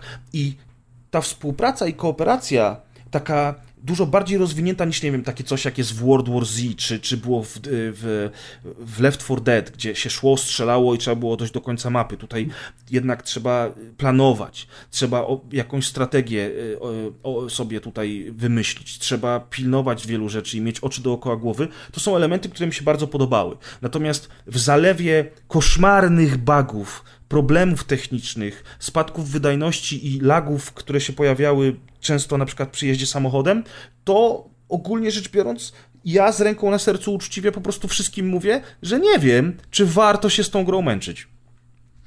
Trochę smuteczek, chociaż Chociaż nie wiem, może to faktycznie rzecz dla fanów, no bo niby nie warto się z tym męczyć, a jednak wtopiłeś to 30 godzin.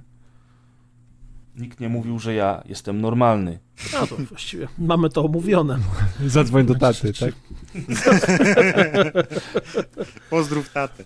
Mm, to jak jesteśmy przy dodatkach, e, nad którymi się spędza dużo czasu, to ja wróciłem do Asasyna dla odmiany i do Asasyna Odyssey, bowiem wyszły trzy części drugiego DLC The Fate mam, of ma, Atlantis. Mam pytanko, jak tak wracasz do, na przykład do Asasyna, to ich łapiesz pada, to masz pojęcie w ogóle co pod którym przyciskiem eee... się działa. Co? Gry Ubisoftu mają to do siebie, że oni e, nie zmieniają sterowania bardzo nienachalny, to po pierwsze, po drugie w bardzo nienachalny sposób e, wszędzie wrzucają tobie podpowiedzi i faktycznie było tak, że jak wróciłem po dłuższej przerwie, to e, jeśli chodzi o system walki, to wymagało to ode mnie odrobinki, e, żeby pamięć mięśniowa się uruchomiła i przypomniała sobie, co się robi e, którym guzikiem. Nie ma czegoś takiego jak pamięć mięśniowa prawdopodobnie, ale...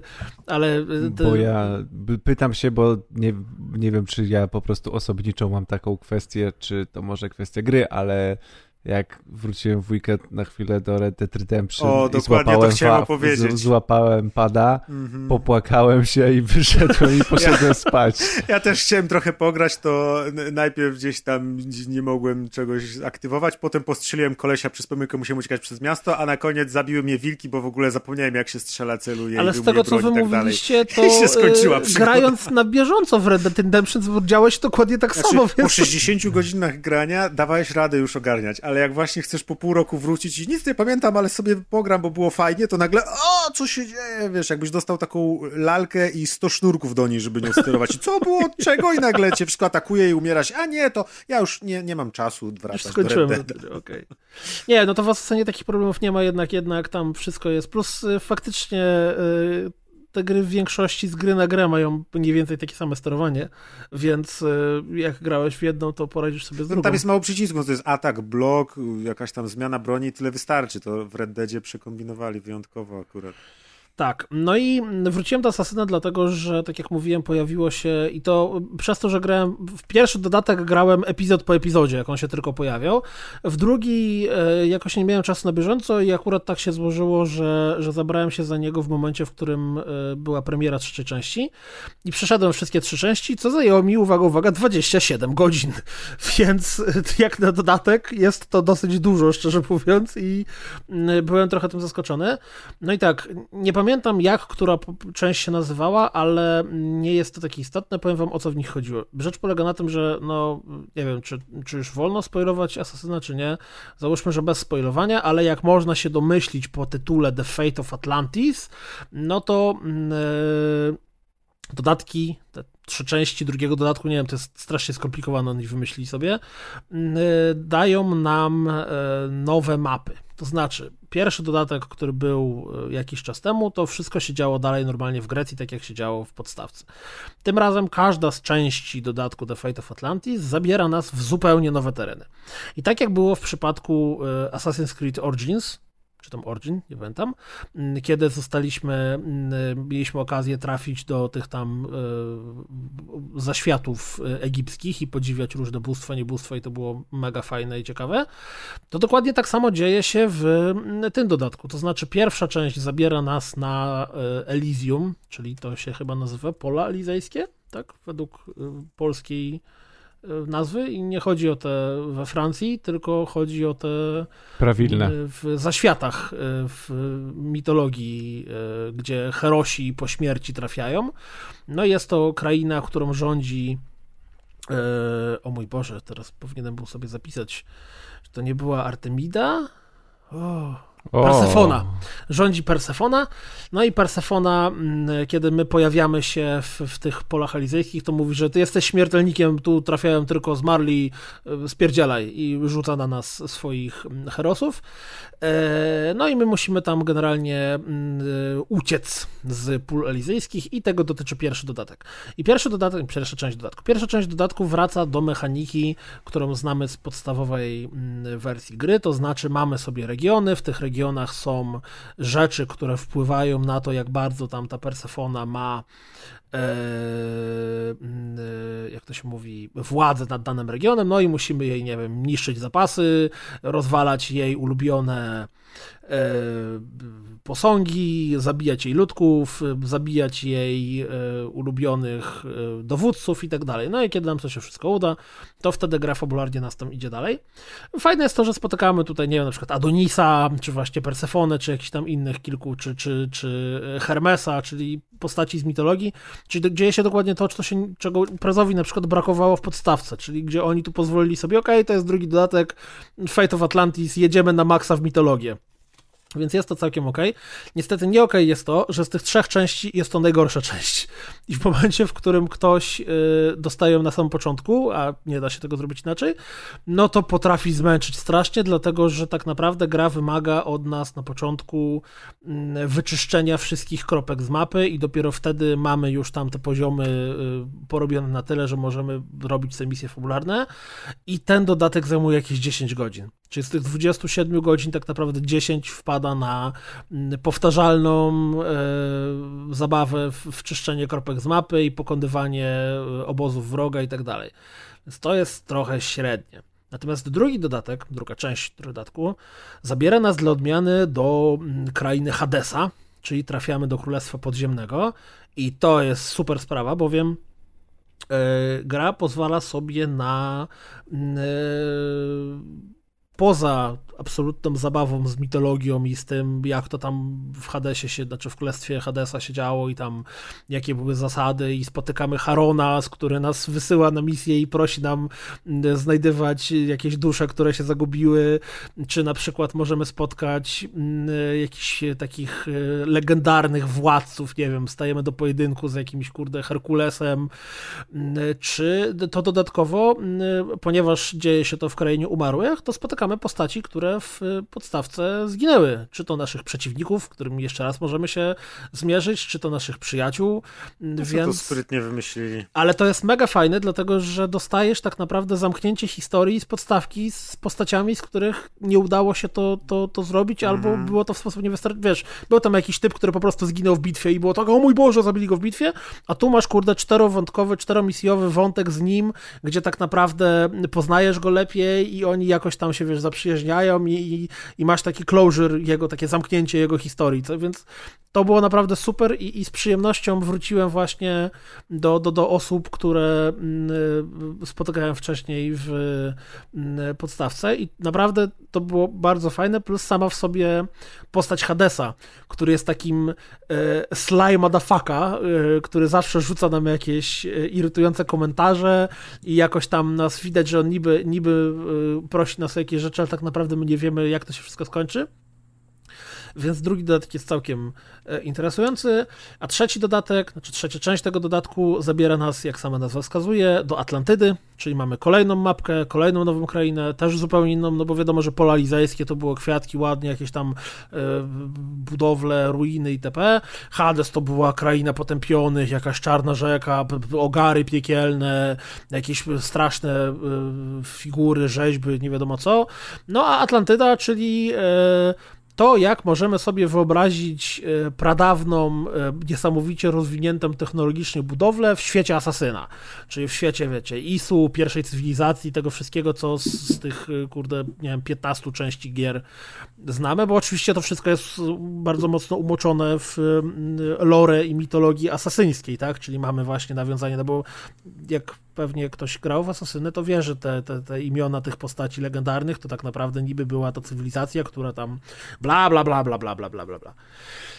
No i dodatek na Atlantydzie wydaje mi się, że jest dosyć krótki i jest, powiedziałbym, e, średni. To znaczy jest zdecydowanie ciekawszy od e, tego Elysium, bo mm, tutaj mamy właściwie tylko i wyłącznie misje fabularne i po prostu robimy misję fabularną za misję fabularną, główne, poboczne, jakieś tam interesujące wątki mm, i, i podejmujemy e, wybory pomiędzy tym, e, jakie należy decyzje podjąć w stosunku do tego, na przykład spotykamy dwie postaci, których jedna uważa, że żeby Atlantyda przetrwała, to potrzebna jest e, naturalna, naturalny rozwój natury i nie można w żaden sposób w to ingerować. I to, że kwiaty wyginają, wy, wygi, giną. giną, że kwiaty giną, no to tak najprawdopodobniej miało być, nie można w żaden sposób w to ingerować, a druga postać mówi, że nie, co za bzdura, jakaś głupi ekolog, my to musimy rozwić więcej światła za pomocą mojej technologii i dzięki temu one wspaniale się rozwiną. No i tam, e, Aleksjosie, co uważasz, kto z nas ma rację?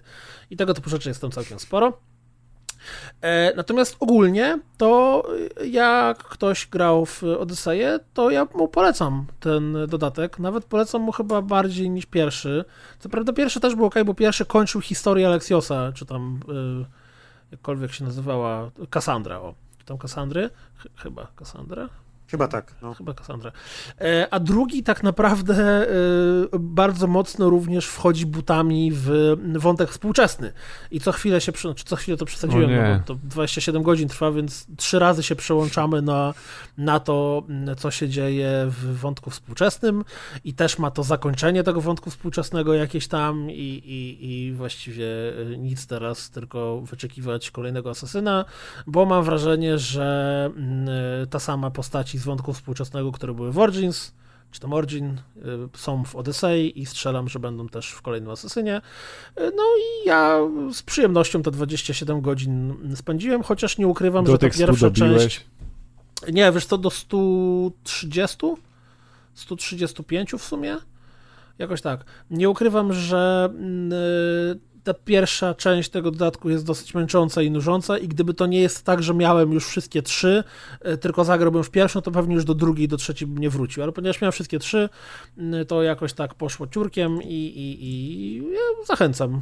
Nie jest to nic odkrywczego, ale, ale dla kogoś, kto grał w podstawkę, to, to przyjemnie będzie mu, zwłaszcza w tej drugiej części, wrócić do tych bohaterów i kurde, nie wiem, tam, nie spoilując wątków, się spotkać z niektórymi. A tymczasem Gra polecimy w kosmos. Gra odcinka, no, być może. Być Słuchałem może. o tej grze w takim innym podcaście i tam nie byli zachwyceni z tego, co pamiętam. Bo achievementy tak, nie takie ten... były. Haha, okej, okay, dobra. Możliwe. Wiesz, jak to niestety jest problem. Nałogi to jest straszna sprawa. Ona, ona mi trochę przypominała nie to trochę No Man's Sky'a, trochę Astronira, a mowa o grze... Outer, Outer Wilds. Wilds. I najważniejsze, co trzeba powiedzieć natychmiast w Outer Wilds, żeby ktoś nie miał żadnych wątpliwości na temat tego, co to jest za gra, że to jest tak, jakbyś wziął No z jego e, Eksploracją. potrzebą zwiedzenia kosmosu i odkrywania niewiadomego i kompletnie wyciął z niego jakiekolwiek wątki survivalowo-craftingowe. Czyli trzy plusy. Plus jeszcze tutaj eksploracja kosmosu jest trochę przygodówkowa. E, tutaj masz od razu postawiony przed sobą cel, który jest fabularnie rozwijany w postaci e, elementów, które odkrywasz, zaraz o tym powiemy i jakby sama historia e, tego, co się dzieje w Outer Wilds powoduje, że eksploracja tutaj jest czymś napędzana bo jak pamiętacie w No Man's Sky, zwłaszcza w tej wersji podstawowej, to jednak e, samym celem w sobie było dotarcie do środka wszechświata, e, plus e, po, potem jak gra została rozbudowana, to jakieś tam niby elementy fabularne się pojawiły, ale to nigdy nie było coś, co odgrywało jakąś ważną rolę w zabawie, natomiast tutaj jednak ta eksploracja jest najważniejsza i ta historia, którą poznajemy jest bardzo, bardzo ważna w całości. Ja bym powiedział w ogóle, że to jest gra eksploracyjna. Jeżeli, jeżeli miałbym określić, jaki to jest gatunek, to że to jest właśnie gra, która polega na tym, że zwiedzasz świat. Okej, okay, masz rację, że tam ta druga warstwa to jest właśnie historia i to, to, to, co tak jakby nadrzędny cel, jaki nam zwiedza, ale właściwie jeżeli zaczynamy grę, to budzimy się przy ognisku, patrzymy w niebo, no i siedzący po drugiej stronie ogniska y, kosmita z naszej rasy, czyli właściwie nie kosmita, tylko nasz krajan, mówi nam, że o, no widzisz, obudziłeś się, dziś jest twoja wielki, wielki dzień, dzisiaj zostajesz oficjalnie kosmonautą, czy oni tam chyba jakieś jakiegoś innego zwrotu używają. No i mm, lecisz w kosmos i będziesz należał do naszej e, wspaniałej grupy zwiedzających kosmos, ale najpierw pójdź tam do obserwatorium i zdobądź kody startowe. I to jest taki no i... tutorial, który totalnie jakby robi kiepskie wrażenie na początku, bo ta gra mechanicznie y, dupy nie urywa. Y, I ona na początku, przy tym bardzo krótkim tutorialu, ale jednak niezbędnym tutorialu, e, uczy nas niby podstaw zabawy, ale robi to w taki mało interesujący sposób i y, w połączeniu z grafiką, która e, tam e, się dzieje i z mechaniką gry, wydaje się mało atrakcyjna. Ale nie, Natomiast... nie podobała się ta grafika? Moim zdaniem ona jest urocza. Znaczy, właśnie chciałem powiedzieć, że to jest bardzo złe pierwsze wrażenie, bo potem, kiedy wyruszamy w ten kosmos, to okazuje się, że ten styl graficzny, pomysł na to wszystko i różnorodność, która w tej grze jest, jest fenomenalny. I ta urocza grafika, taka indycza grafika, bo to jest mała gra małego studia za małe pieniążki, e, absolutnie przestaje odgrywać jakąkolwiek rolę co, ale w momencie, poczekaj, w którym ta eksploracja następuje. Ja tu się nie zgodzę ze stwierdzeniem, że to jest e, mała gra małego studia za małe pieniążki, bo ona robi bardzo ładne wrażenie. Okay, ona może... robi fenomenalne wrażenie. Ja wręcz Właśnie. uważam, że jeżeli chodzi o eksplorację kosmosu, o pseudofizykę, o pseudo e, jakieś takie e, zależności, które się dzieją w kosmosie, to ona robi rzeczy, których nie było w stanie dać mi ani No Man's nawet, Sky, ani inna tego typu gra. Ale nawet wizualnie ona ma, ona ma bardzo, bardzo konkretnie określony styl graficzny i to jest takie trochę właśnie, nie wiem, pamiętacie kiedyś była taka przygodówka Sam and Max, takie, takie ni to komiksowe, te postaci są ni to rzeczywiste, trochę właśnie tego No Man's Sky'a, ale to wszystko jest w jednym bardzo konkretnym stylu i to wszystko trzyma się kupy i do siebie pasuje i to nie jest tak, że te rzeczy są jakoś wyrwane z siebie. No i akurat ja uważam, że ona wygląda też całkiem. Ja byłem właśnie zaskoczony tym, jak ona wygląda. Ja spodziewałem się, się a zwłaszcza jak mówisz, że o, to mała gra przez moje studio, to, to czegoś brzydkiego, a ona jest. Y, no, No Man's Sky było brzydsze, zdecydowanie. Znaczy, dobra, inaczej. Tak jak powiedziałem, bardzo mi się podoba wszystko, co widać na ekranie. Natomiast to też jest kwestia gustu. Jeżeli teraz ktoś odpali sobie screenshoty, czy zobaczy jakieś filmiki, to ta grafika nie, nie zachwyca, ale ona nie musi zachwycać, bo zachwyca wszystko inne w tej grze. Mamy bardzo mały układ słoneczny, na którym jest kilka planet, kilka księżyców, kilka jakichś takich e, kosmicznych rupieci i anomalii e, i musimy to wszystko zwiedzać, ponieważ naszym celem jest odkrycie tego, co tutaj robiła dawna kosmiczna cywilizacja, która w tej chwili już wymarła, ale my zbieramy jakby szczątki tej cywilizacji i próbujemy odkryć, co to się wydarzyło e, wcześniej i co tak naprawdę powoduje wszystko to, co teraz spotyka nasz mały układ słoneczny. Tutaj nie wiem, czy możemy spoilować to, bo znaczy, ja się dowiadujesz po pierwszym ranie. Jedną rzecz bym zaspoilował tym, że ta gra e, co 22 minuty, jeśli dobrze pamiętam, lub w momencie, w którym zginiemy, to wygląda w ten sposób, że to może, o, może ja opowiem, jak wyglądał mój pierwszy lot w kosmos. Okay. Mój pierwszy lot w kosmos wyglądał w ten sposób, że w końcu zdobyłem kody startowe, udało mi się pójść do mm, naszej e, sondy kosmicznej, czy też statku kosmicznego, co jest istotne, to to my, my żyjemy na planecie, gdzie, która się nazywa Drzewna Przystań i nasz statek kosmiczny jest zrobiony głównie z drewna i e, wszyscy podnoszą wątek, że no tak teraz loty są bezpieczniejsze, wcześniej przy starcie bardzo często platforma startowa płonęła i mieliśmy problem było trzeba ją jakoś gasić. Więc tutaj jest też trochę takiego le lekkiego humoru. No więc ja zadowolony z siebie w końcu odpaliłem mm, silniki, wyleciałem na orbitę, zobaczyłem kosmos, wziąłem, na horyzoncie pojawiła się jakaś pierwsza lepsza planeta, to kliknąłem na nią, że chcę do niej lecieć, odpaliłem autopilota, który radośnie wleciał prosto w słońce. I w momencie, w którym zginąłem, nagle y, słychać taki odgłos takiego bardzo mocnego zaczerpnięcia powietrza i otworzyłem oczy patrząc w kosmos, w którym to właśnie siedziałem przy ognisku i naprzeciwko mnie siedział mój kolega, który powiedział do mnie, o, obudziłeś się, super, dziś jest Wielka Noc, ruszasz w przestrzeń, będziesz naszym kosmonautą. I ta gra w momencie, w którym zginiemy, albo jeżeli stanie się coś we wszechświecie, co doprowadzi co do tego, że resetuje zginiemy, grę co 22 resetuje minuty. grę co 22 minuty, ale reset gry polega na tym, że jeżeli, yy, dajmy na to, w tutorialu musimy zdobyć kody startowe. Zajmie nam to jakiś czas. W momencie, w którym mamy te kody startowe, to później za każdym razem jak giniemy, już je znamy i wtedy po prostu tylko wsiadamy do statku i odlatujemy. Czyli jeżeli... Tak, bo tutaj poza tymi kodami startowymi y, jedynym progresem, który się w grze osiąga, to, to jest odkrywanie fabuły. Nasza to znaczy wiedza właściwie na wiedza, temat tego, na bo co my patrzymy, zbieramy nie? zapisy wszelkie kosmicznego języka, do którego mamy specjalne urządzenie, które nam to tłumaczy i, i w komputerze naszego, naszego statku wszystkie te progresy zostają zapisane w taki sposób, że my odkrywamy e, po kolei kolejne zagadki historii tego, co ta dawna cywilizacja tutaj e, kombinowała. I każdy przeczytany przez nas napis, każdy przeczytany przez nas e, e, zapis w komputerze, czy jakieś, jakiekolwiek inne punkty informacji ładują się do naszego komputera i dzięki temu jakby tworzy nam się taka mapa wydarzeń w różnych miejscach tego Układu Słonecznego, która informuje nas o tym, czego szukamy, po co tego szukamy, a jeżeli nie odkryliśmy jeszcze wszystkiego na danej planecie, asteroidzie czy księżycu, to komputer pokładowy informuje nas o tym, że tam są jeszcze informacje do odkrycia. I to jest o tyle, o tyle fajne, że yy, ponieważ my tak naprawdę poznajemy ten wszechświat, poznajemy ten kosmos, poznajemy tą historię, tą, tą naszą poprzednią rasę i tak dalej, to na początku to wszystko nie ma żadnego sensu i generalnie czujesz się jak takie małe dziecko, które stoi na środku jakiejś, kurde, centrum handlowego, nie ma twojej mamy, nie wiesz, czy zaraz tata cię wrzuci pod samochód jak w Heavy Rainie, generalnie nie wiesz, co się dzieje.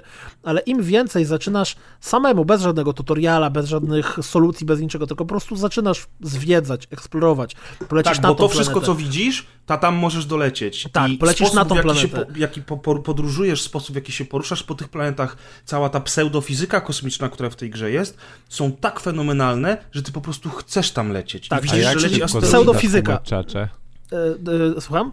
Jak szybko zaczynasz? W sensie, po, Wiesz jak co, da się Tak po dwóch z śmierciach. każdym, z każdym kolejnym przeczytanym tekstem tej cywilizacji, z każdą kolejną odwi- tak naprawdę z każdą minutą gry zaczynasz coraz bardziej rozumieć zasady, które rządzą tym światem, a z każdą kolejną godziną gry zaczynasz rozumieć właściwie, co tu się wszystko dzieje. I to, i to, to jest rzadkie uczucie w grach, nie? Bo to jest, to, jest, to jest właśnie gra o odkrywaniu. Gra o odkrywaniu i tej historii, i tego świata. Na przykład e, odnośnie tej fizyki, o której Press powiedział, to wylądowałem na nie pamiętam, czy to był księżyc, czy to była kometa, która tam lata. No i zacząłem sobie łazić, nie łazić, po czym nagle w którymś momencie, bo, bo zawsze jak, bo, bo to jest tak, że mamy nasz statek kosmiczny, którym latamy, jak e, lądujemy na planecie, gdzie nie ma atmosfery, to wtedy wychodzimy w stroju kosmonauta i mamy ograniczoną ilość tlenu i paliwa, dzięki któremu możemy sobie robić rocket jumpy, ale zawsze jak łazimy w tym stroju kosmonauta, to mamy znacznik, w jakiej odległości jesteśmy od naszego statku, żeby można było do niego wrócić. No i ja tam się generalnie zabrałem mocno za odkrywanie tego, co się dzieje i tam odlazłem kawałek. Po czym nagle w którymś momencie patrzę, że ten znacznik pokazuje mi, że mój statek jest ode mnie coraz dalej. Więc wylazłem, bo to w jakichś jaskiniach byłem, wylazłem w tej jaskini i nagle okazało się, że mój statek w którymś momencie po prostu zwiało z tej planety, czy tam komety, czy czegokolwiek to było i poleciał gdzieś tam w cholerę, a ja już tu zostałem samotnie. Tak już, jest, już... w ogóle niesamowite. nie Ja, ja wam powiem tak, przy pierwszym starcie wyleciałem, z, wyleciałem z, z planety i wiedziałem, że moim pierwszym celem, bo to mi akurat powiedziano na planecie w trakcie tutorialu, jest księżyc mojej planety. Natomiast po tym, jak wyleciałem już w kosmos i nie rozglądałem się za bardzo, że przy mnie jest Słońce, a tutaj e, te wszystkie orbity, po których poruszają się obiekty, przyciąganie tych mas działa, to włączyłem sobie minimapę po mojego pok- pokładowego komputera i zacząłem sobie szukać, jak tutaj polecieć, a w tym czasie mój statek wpadł w słońce, bo grawitacja go przyciągnęła i się spaliłem. To była moja pierwsza przygoda, także woo! Po czym mówię, okej, dobra, już wszystko wiem. Na początku wydaje się, że trudno się tym statkiem steruje. Na szczęście jest ten autopilot, o którym powiedział Kuldan. Poleciałem na, na ten mały księżyc. I teraz tak, pierwsze zaskoczenie. Malutka planeta, ona jest taka malutka, że dosłownie możesz ją sobie. Zresztą wszystkie planety w tej grze możesz przejść spacerem dookoła, ale wiecie, to są malutkie, ma, ma, ma, maciupeńkie obiekty. Jeżeli pomyślimy sobie, że to są prawdziwe obiekty w kosmosie, no to to są mikroobiekty. I na przykład księżyc mojej rodzimej planety jest tak mały, że przyciąganie na nim jest strasznie małe. W związku z czym, jak za bardzo się odbiłem jetpackiem, to wyleciałem w atmosferę. I mówię, what the fuck? I już teraz dobrze, że miałem jeszcze, miałem paliwo jeszcze w tym, miałem jeszcze paliwo w jetpacku, więc udało mi się wrócić z powrotem. Albo y, poleciałem na większą planetę i nagle się okazało, że ona jest na tyle duża, że przyciąganie jest na tyle mocne, że bez użycia jetpacka tak naprawdę nie podskoczę nawet kawałek wyżej. Zupełnie inna fizyka przyciągania nagle się, się zrobiła na tej drugiej planecie. Wspomniana przez nas asteroida. Za pierwszym razem, jak próbowałem na niej wylądować, to spróbowałem bardzo mądrze podlecieć do niej y, twarzą w twarz. Czyli ona leciała w moim kierunku, ja w jej kierunku. Skończyło się to tak, że oczywiście koło niej przeleciałem, bo nie było szans, żebym na niej wylądował. Za drugim razem podleciałem do niej od tyłu, włączyłem autopilota, udało mi się wylądować. Fenomenalny widok, ta asteroida, zauważyłem już po wcześniejszych podejściach do zabawy, lata wokół Słońca. W pewnym momencie tam orbituje, potem leci dalej. I mówię, o, to teraz sobie obejrzę ten przelot nad Słońcem. Tylko, że ona leci taką wąską orbitą przy Słońcu, że faktycznie stałem sobie na tej asteroidzie, miałem jeszcze tlen, piękne widoki, e, Interstellar może się schować w ogóle i w tym momencie patrzę, że ona tak silnie wchodzi w tą orbitę, że lecąc wokół Słońca, nagle statek, który był kilometr za mną, odbił się od tej asteroidy i przeleciał mi nad głową i poleciał w pizdu gdzieś tam w kosmos, nie? Za chwilę już był 8 km dalej, a ja mam połowę paliwa, połowę tlenu i stoję na asteroidzie, która jest cała zamarznięta i nic na niej nie ma. I takie, eee, okej. I takich sytuacji w tej grze jest cała masa. I to są najfajniejsze momenty w tej grze. Co jest jeszcze fajne, to to, że mm, mówię o tym, że ten świat się resetuje co 22 minuty i to ma o tyle sensu, że ten świat żyje. To jest tak, możemy zacząć sobie, nazwijmy to bez y, lepszego słowa, zaczynamy run i nie wiem, i spędzimy cały czas na swojej rodzinnej planecie łażąc. To niezależnie od tego, że my jesteśmy na naszej rodzimej planecie, to we wszechświecie cały czas się dzieją rzeczy, które dzieci się mają. Czyli na przykład w którymś momencie poleciałem na jakieś takie dwie malutkie planety, które krążą wokół siebie. No i kurde, ląduje na jednej, ona jest cała zasypana piaskiem. I generalnie nic na niej nie ma, na drugiej też nic nie ma, więc uznałem, że okej, nie wiem o co tu chodzi, ale może nie ten. Przy innym ranie poleciałem na te planety bardzo szybko, na, prawie że na samym początku swojego ranu. I okazało się, że ponieważ te planety zbliżyły się tak bardzo do siebie, to piasek z jednej przesypuje się na drugą i tak naprawdę ją zasypuje, więc jeżeli chcemy, nie wiem, tam zwiedzić jakieś jaskinie, czy, czy, czy zobaczyć, co tam się działo, to musimy pójść na tyle szybko, zanim ta, ta, ta planeta zostanie To zasypana. pozwól, że ja opowiem anegdotkę o tej planecie, e, którą przeżywałem ja, ponieważ to była jedna z w ogóle najciekawszych e, rzeczy, których doświadczyłem w grach wideo od dawna. E, I była to też jedna z najbardziej przejmujących śmierci, jakich doświadczyłem w grze wideo.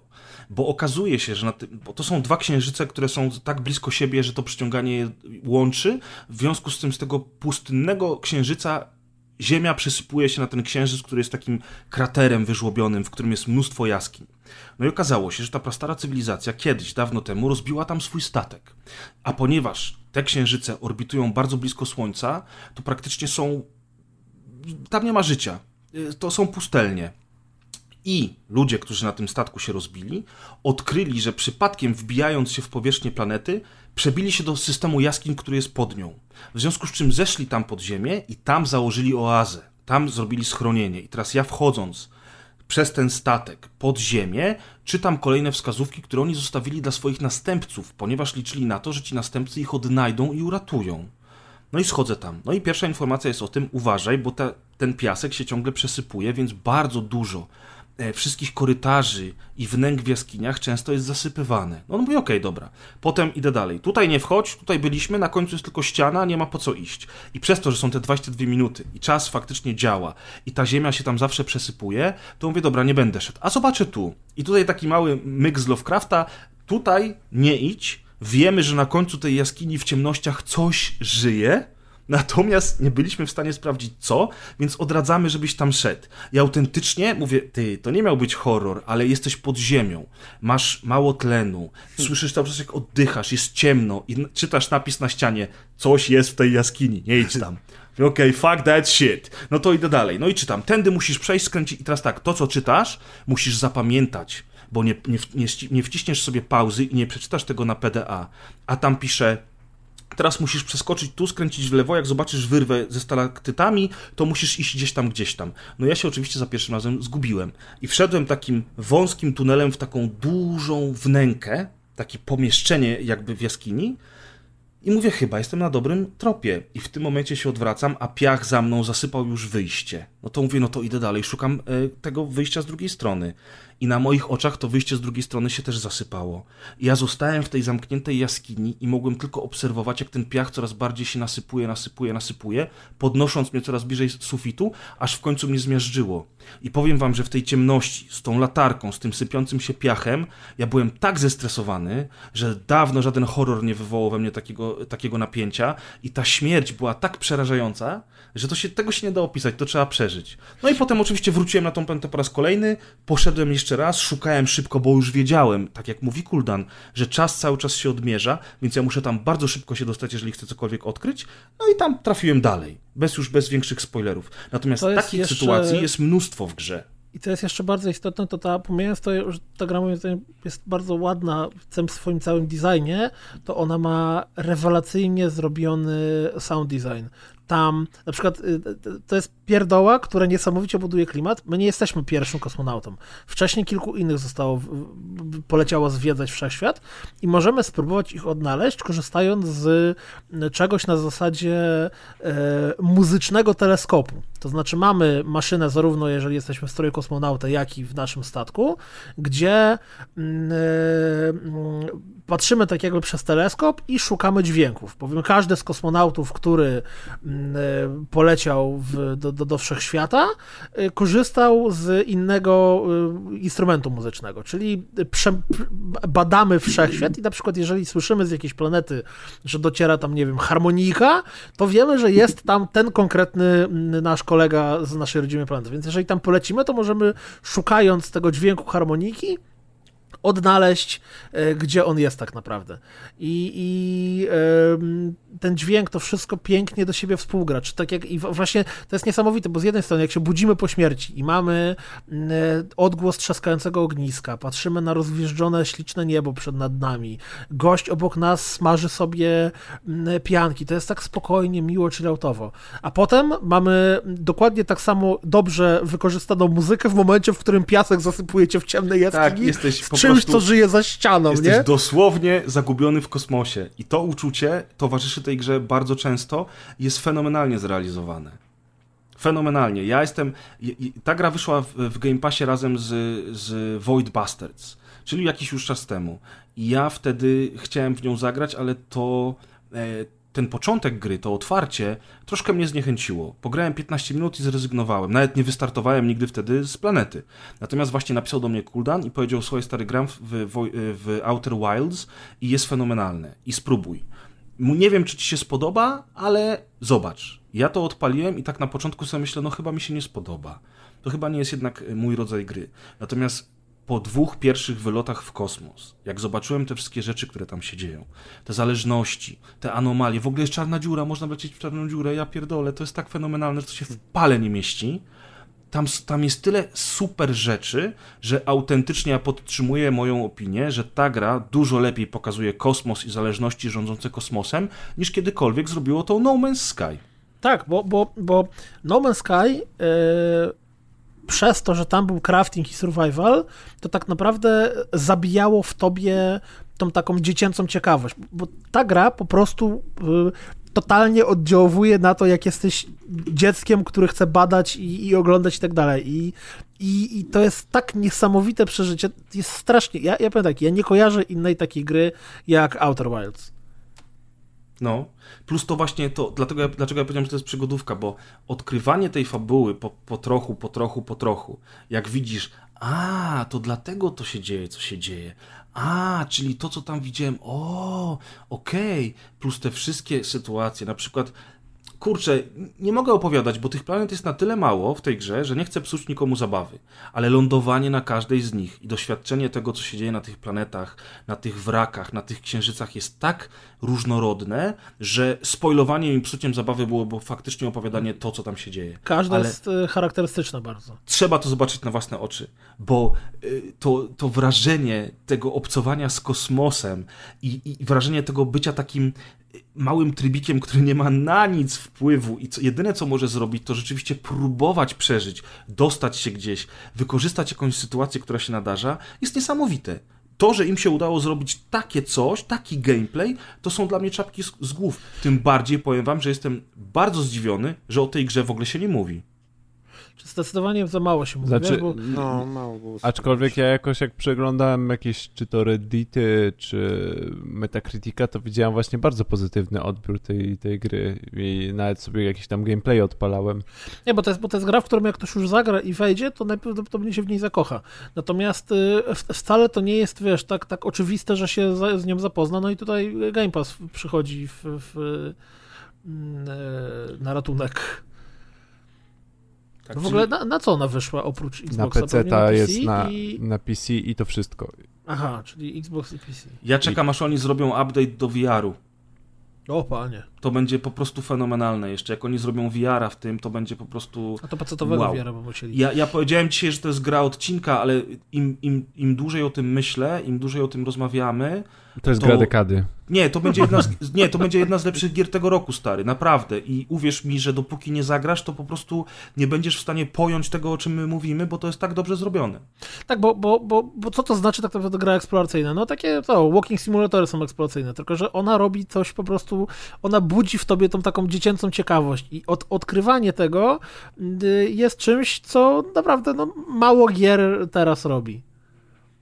Więc ja polecam rękami i nogami. Ja również. A teraz, y, czy polecasz rękami i nogami y, Kill Squad, czymkolwiek by był?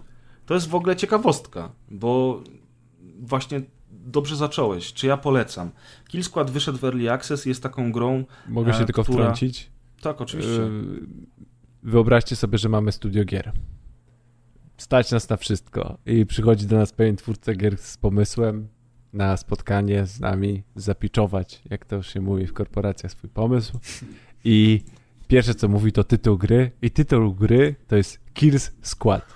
Czy jakby można wymyślić bardziej generyczny tytuł gry, który będzie się gorzej pozycjonował w każdej jakiejkolwiek przeglądarce internetowej? Chyba nie. Można, można. Zapomniałem dzisiaj na y, newsach powiedzieć o Iron Maiden, które zmieniło nazwę na Iron Fury, bo zespół Iron Maiden y, podał do sądu y, twórców i właśnie jak wpisywało się kiedykolwiek Iron Maiden, które się pisze bez R do Google, to wszystkie pozycje przez pierwsze przynajmniej pięć stron Google były o zespole Iron Maiden, a nie o grze Iron Maiden.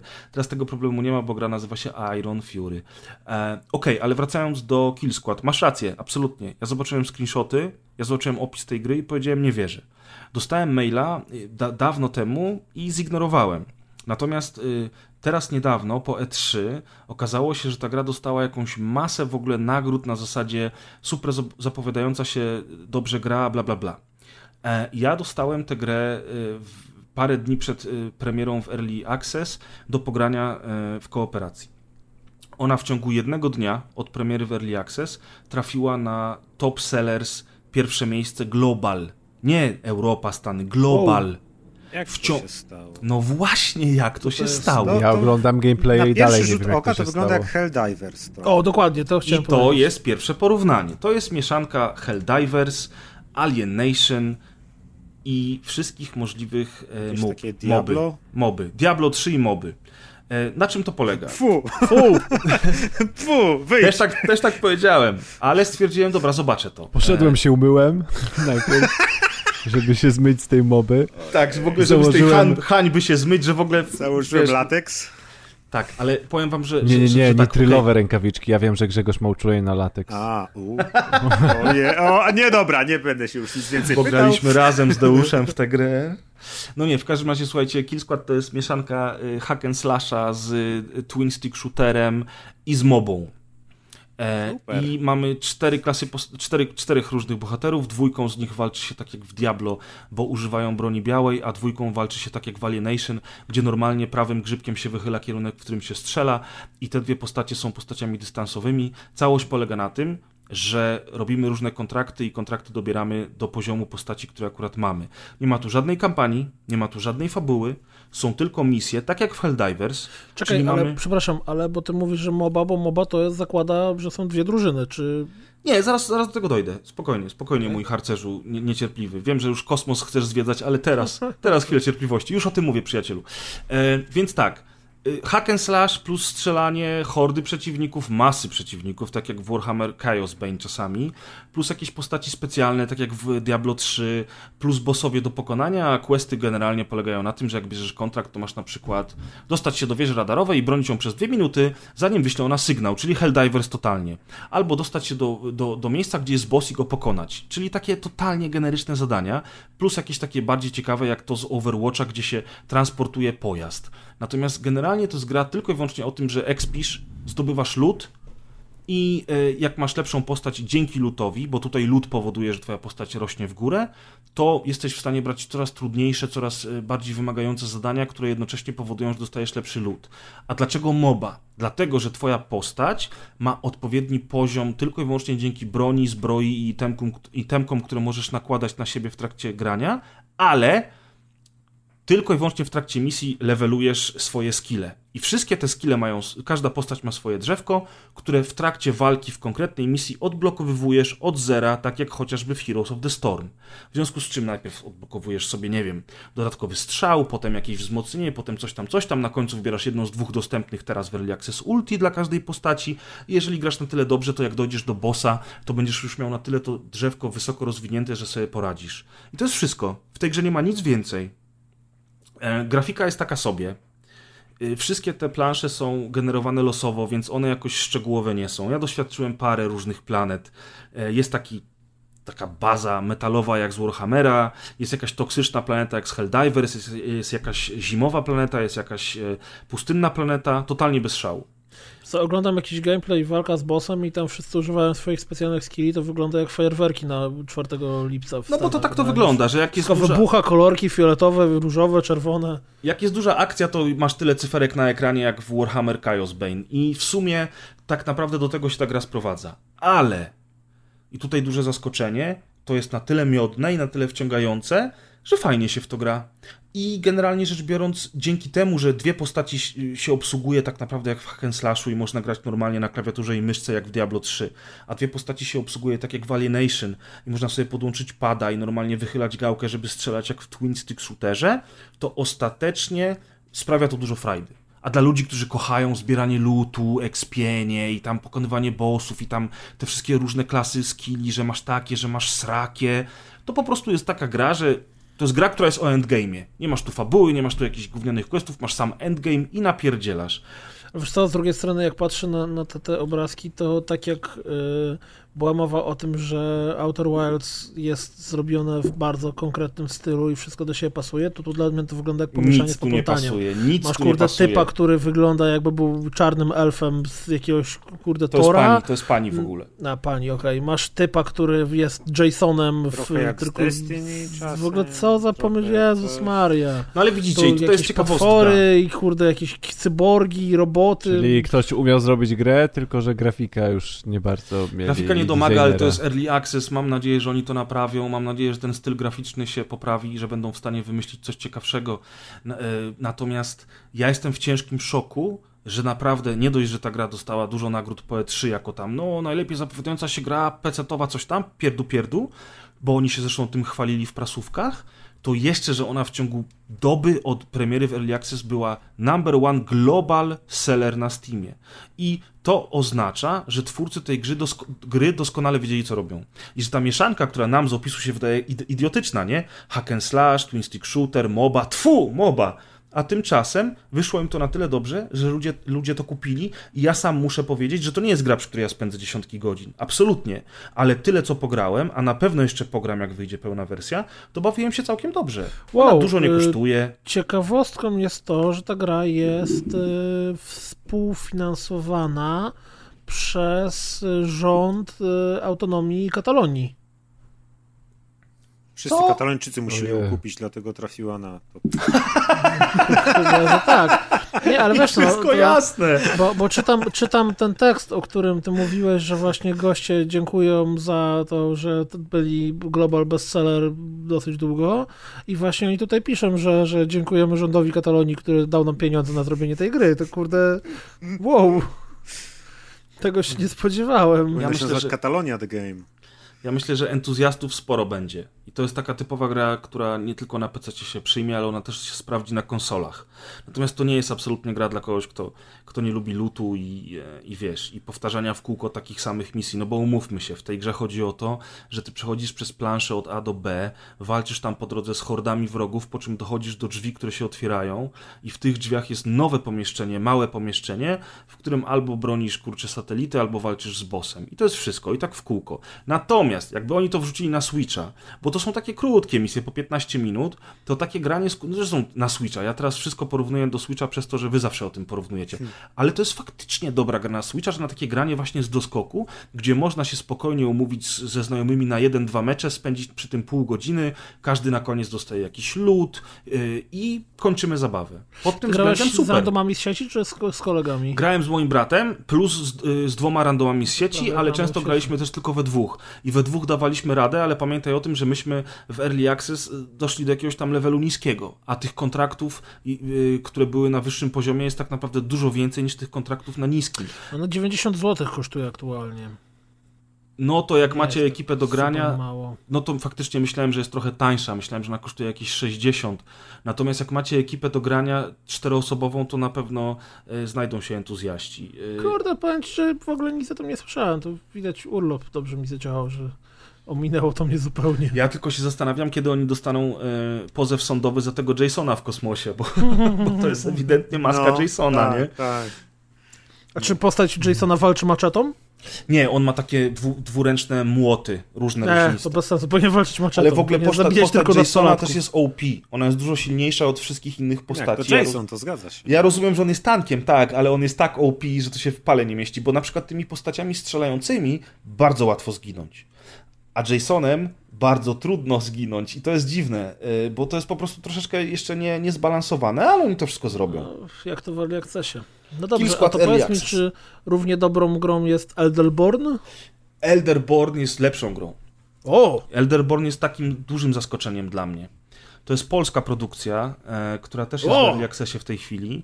Ja dostałem do ogrania e, pierwszy akt, który trwa od dwóch do trzech godzin E, drugi akt się robi, trzeci akt będzie i ogólnie twórcy zapowiadają, że łącznie takie podstawowe przejście gry to będzie jakieś 10 godzin grania, natomiast jakieś kolejne tam e, atrakcje szykują. I to jest taka gra, którą twórcy reklamują jako Dark Souls. Więc oczywiście mówię, nie, nie, ja nie chcę. Dark Souls? Nara. Ale zobaczyłem tam jakieś materiały w internecie i e, drugą rzeczą, którą twórcy reklamują tę grę, to jest klasyczny shooter FPS lat 90., czyli lampka się zielona zapaliła u wojewody w głowie, mówię, hmm, okej, okay, zobaczymy. Co jest na tyle dziwne, że jeżeli się zastanowimy teraz nad grami lat 90., to nie ma FPS-ów, które są slasherami, bo to jest slasher. Oni, to w ogóle nie, znaczy, przepraszam, oni nie mówią shooter, oni mówią FPS lat 90., co zresztą jest błędnym zapisem, powinni napisać FPP, bo to jest First Person Perspective, a nie First Person Shooter. Heretic no i nie był... Nie był e... Hexen i Heretic nie były grami... W sumie. Tam się strzelało, właśnie o to chodzi. Nie było takiego hack and slasha z, z perspektywy pierwszoosobowej. Dopiero, dopiero Dark Messiah, Dark Messiah of Might właśnie. and Magic wprowadził coś takiego. I tak naprawdę mało jest gier tego typu. Dishonored Może troszeczkę, Arx Fatalis i tak dalej, ale mało jest tego typu gier. Była ta taka gra z takim pochrzanionym designem, dwie części tego wyszły. Tam biblioteka była. A e, o Salvadora Dali oparte sztukę, tak? Czy... Możliwe, możliwe. Pasowałoby. To Xenoclash? Tak, Xenoclash, Xenoclash. tak. Xenoclash, o, o, o, o, to już prędzej. Natomiast w Xenoclash pamiętam, że bardzo dużo walki to była walka wręcz, a tutaj jednak walczy się bronią białą. E, mamy więc tam parę różnych rodzajów broni. E, jest, jest, są bronie dwuręczne, jednoręczne, etc. I, generalnie rzecz biorąc, mamy taki klasyczny, e, staroszkolny e, build mapy, gdzie mamy jakieś sekrety, jakieś znajdźki, jest trochę Metroidvanii, więc Adek z Kazem by się ucieszyli, gdyby dzisiaj z nami byli na nagraniu, e, bo na przykład do niektórych miejsc dostaniemy się dopiero po odblokowaniu odpowiedniej broni dwuręcznej, takiego młota, który niszczy takie ściany na przykład. Um, ale jest też właśnie Dark Souls. I ten Dark Souls polega na tym, że z każdego zabitego wroga wypada na nas energia. Jedna energia to jest życie. Nam się ładują takie trzy fiolki życia i każdą naładowaną fiolkę życia możemy użyć jak apteczkę, a druga energia, która na nas leci, to jest po prostu experience. I ten experience musimy dojść, donieść do checkpointów. Tutaj tymi checkpointami są takie małe źródełka z wodą. Jak do nich podchodzimy, to nie dość, że ładuje nam się życie do maksa, to jeszcze jesteśmy w stanie wydać te punkty doświadczenia na różne skille. I te skille są fajne, bo na przykład jest skill, który powoduje, że lecimy takim taranem do przodu na przeciwnika i go prze, przewracamy. Albo jakieś pasywne skille, albo taki skill, że jak przytrzymamy klawisz odpowiedzialny za ładowanie życia, to nie dość, że sobie to życie ładujemy, to jeszcze przez chwilę silniej y, atakujemy wrogów. To jest fajne rozmaicenie. Plus, przy użyciu y, tego źródełka, wszyscy przeciwnicy na mapie, wszyscy, jak w Metroidvanii, się odradzają. Więc ryzykujesz. No dobra, naładuję sobie życie i po, po, podładuję sobie powera, a właśnie, bo poza skillami jeszcze sobie za te punkciki ładujemy trzy, trzy podstawowe statystyki, czyli moc, z którą uderzamy, szybkość, z którą uderzamy i ilość życia, którą mamy. Więc no, to jest takie fajne, trochę taktyczne decydowanie, czy ja pójdę dalej, poszukam, zaryzykuję, czy może jednak zresetuję wszystkich przeciwników i będę z nimi walczył, ale, ale, ale będę już silniejszy. Jest też dużo takich elementów właśnie staroszkolnych, FPP, dlatego że na przykład są klucze, które musimy znaleźć, żeby gdzieś się dostać, są jakieś ukryte przejścia i nie ma tu jakichś super znajdziek, ale są takie urny z tym experiencem, który możemy zbierać. Walka jest dosyć prosta. Mamy blok, atak, silny atak, uskoki, kopnięcie. I to jest wszystko. Ale to jest na tyle rozbudowane, że walczy się bardzo fajnie, bo przeciwnicy są różni. Są zwykłe zombie, które są bardzo słabe, są takie zombie, które rzucają oszczepami i one są strasznie irytujące, bo one mają super cela. I naprawdę trzeba mocno uskakiwać, żeby, żeby nie dostać, tym bardziej, że one zawsze zostają z tyłu. Jak z przodu atakują nas rycerze, a one z tyłu rzucają, to trzeba bardzo mieć na uwadze otoczenie gry i to, co się dzieje, żeby nie zginąć. Bo ginie się dosyć szybko, zwłaszcza na początku. Rycerze to są takie kościotrupy, które mają tarczę i, um, i to i mieczyk, są takie mumie, które walczą dwoma takimi sierpami, są e, skorpiony, bardzo trudne, są takie ludki jak z Lovecrafta, w ogóle takie, nie wiem, ryboludzie, małpoludzie, które w jaskiniach nas atakują i one zazwyczaj atakują grupami, więc y, przeciwników jest sporo, trzeba mieć na, na, nie inną taktykę, gra jest dosyć wymagająca, rozbudowana taka, e, jak to się mówi, wertykalnie, bo my cały czas pchniemy się do przodu i tam są różne przejścia, dojścia, można na przykład spaść i tutaj nie ma fall damage, więc można w trakcie rozgrywki, będąc już w połowie etapu, spaść na sam dół i trzeba iść od nowa, więc trzeba uważać. E, ale nie jest to Dark Souls. To nie jest takie trudne jak Dark Souls e, i jest dużo bardziej wybaczające niż Dark Souls. No i na końcu tego całego early access buildu y, jest boss, który jest oczywiście zajebiście trudny, fajnie zrobiony, fajnie pomyślany, natomiast można z nim spokojnie walczyć, y, robiąc odpowiednie uniki, atakując i tak dalej. Z dystansu tutaj walki nie ma, więc naprawdę trzeba zawsze podejść, więc trzeba mieć na, na uwadze każdy cios, który on wykona. Trzeba pamiętać, jakie on w ogóle ciosy wykonuje i to trochę jest znowu nauczenie się przeciwnika na pamięć jak w Dark Soulsach, ale ogólnie ta mieszanka znowu, tak jak w Kill Składzie, świetnie tutaj działa na korzyść tytułu. Bo pomieszanie tego właśnie staroszkolnego budowania planszy, plus ta walka trochę z Dark Messiah, plus te takie utrudnienia z, Dar z, z Dark Soulsów, powodują, że to jest bardzo świeży tytuł. Ja na, niego, ja na niego naprawdę czekam, bo po tym, co zobaczyłem, jestem naprawdę zadowolony. Aczkolwiek graficznie i dźwiękowo no jest tak sobie, nie będę oszukiwał. No, mogłoby być dużo lepiej. Ale w tego typu grach jednak gameplay jest najważniejszy i, i ten gameplay dostarcza. Także ja polecam. Ile polecajek dzisiaj było? Ho, ho, ho. widzisz, taki niby okres ogórkowy, a tymczasem całkiem fajne gry. E, teraz nie ma okresów ogórkowych. W każdym miesiącu nawet jakieś, oczywiście nie same AAA, ale jakieś tam mniejsze tytuły co chwilę wychodzą i są e, i są interesujące. A co jest jeszcze interesujące? Rozgrywka party jest interesująca. 100 lat. A nie, to nie. Rozgrywka party już w ten najbliższy weekend. Już dzień jutro. potem, już jutro Albo tak dzisiaj, naprawdę. wczoraj się zaspaliście. widzimy. Aha. Jak zaspaliście albo słuchacie tego na kacu, To to. za rok jest kolejna szansa, może. Tak, Albo właśnie już tak. nigdy. Bo to była ostatnia. Kto wie, kto wie. Nie, ostatnio nie będzie. Może za rok gdzieś indziej, kto to wie. Oby.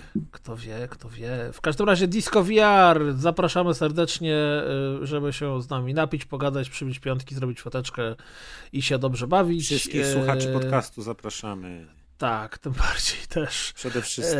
E, Przede to wszystkim. myślę, że te słowa do kogokolwiek, kto już Tylko- nie słucha podcastu, raczej nie trafią. To niech nie przychodzą. Tak mi się wydaje.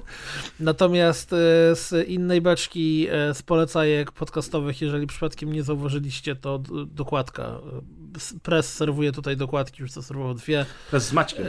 Press z Maćkiem, tak. Jezus, myślałem, że to będzie tylko jednorazowa i mu się znudzi, ale A ja, dwie. a ja słuchałem obu i na ostatniej nawet jestem cytowany. Jesteś, Ja. owszem. I, Ja jestem cytowany jako bus z Warszawy, ktoś- którego nigdy nie zaprosimy, więc... jak ktoś słuchał i zastanawia się, czy Grzegorz jak zwykle kłamie, czy mówi prawdę, to tym razem mówi prawdę. O, widzisz. I rzeczywiście taka rozmowa miała miejsce. Ja wiem za to, że y, ktoś w komentarzu napisał i to jest tak absolutnie super trafne, że to jest Pierdoloro Remastered, tak naprawdę. Więc To nie jest pierdololo. Ktoś napisał To jest inny, że to jest podcast. pierdololo połączone z rozgrywką i z grubymi rozmowami, także Nie, to jest dużo Maciek, lepsza nie pamiętasz, ale pierwsze Pierdoloro było dokładnie takim właśnie gadu-gadu. Dopiero potem Adek przyszedł i zabił Zabił na w ogóle drugi. całą serię. Nie, nie, on ją ukierował na dobre tory i wtedy wszyscy uciekliście.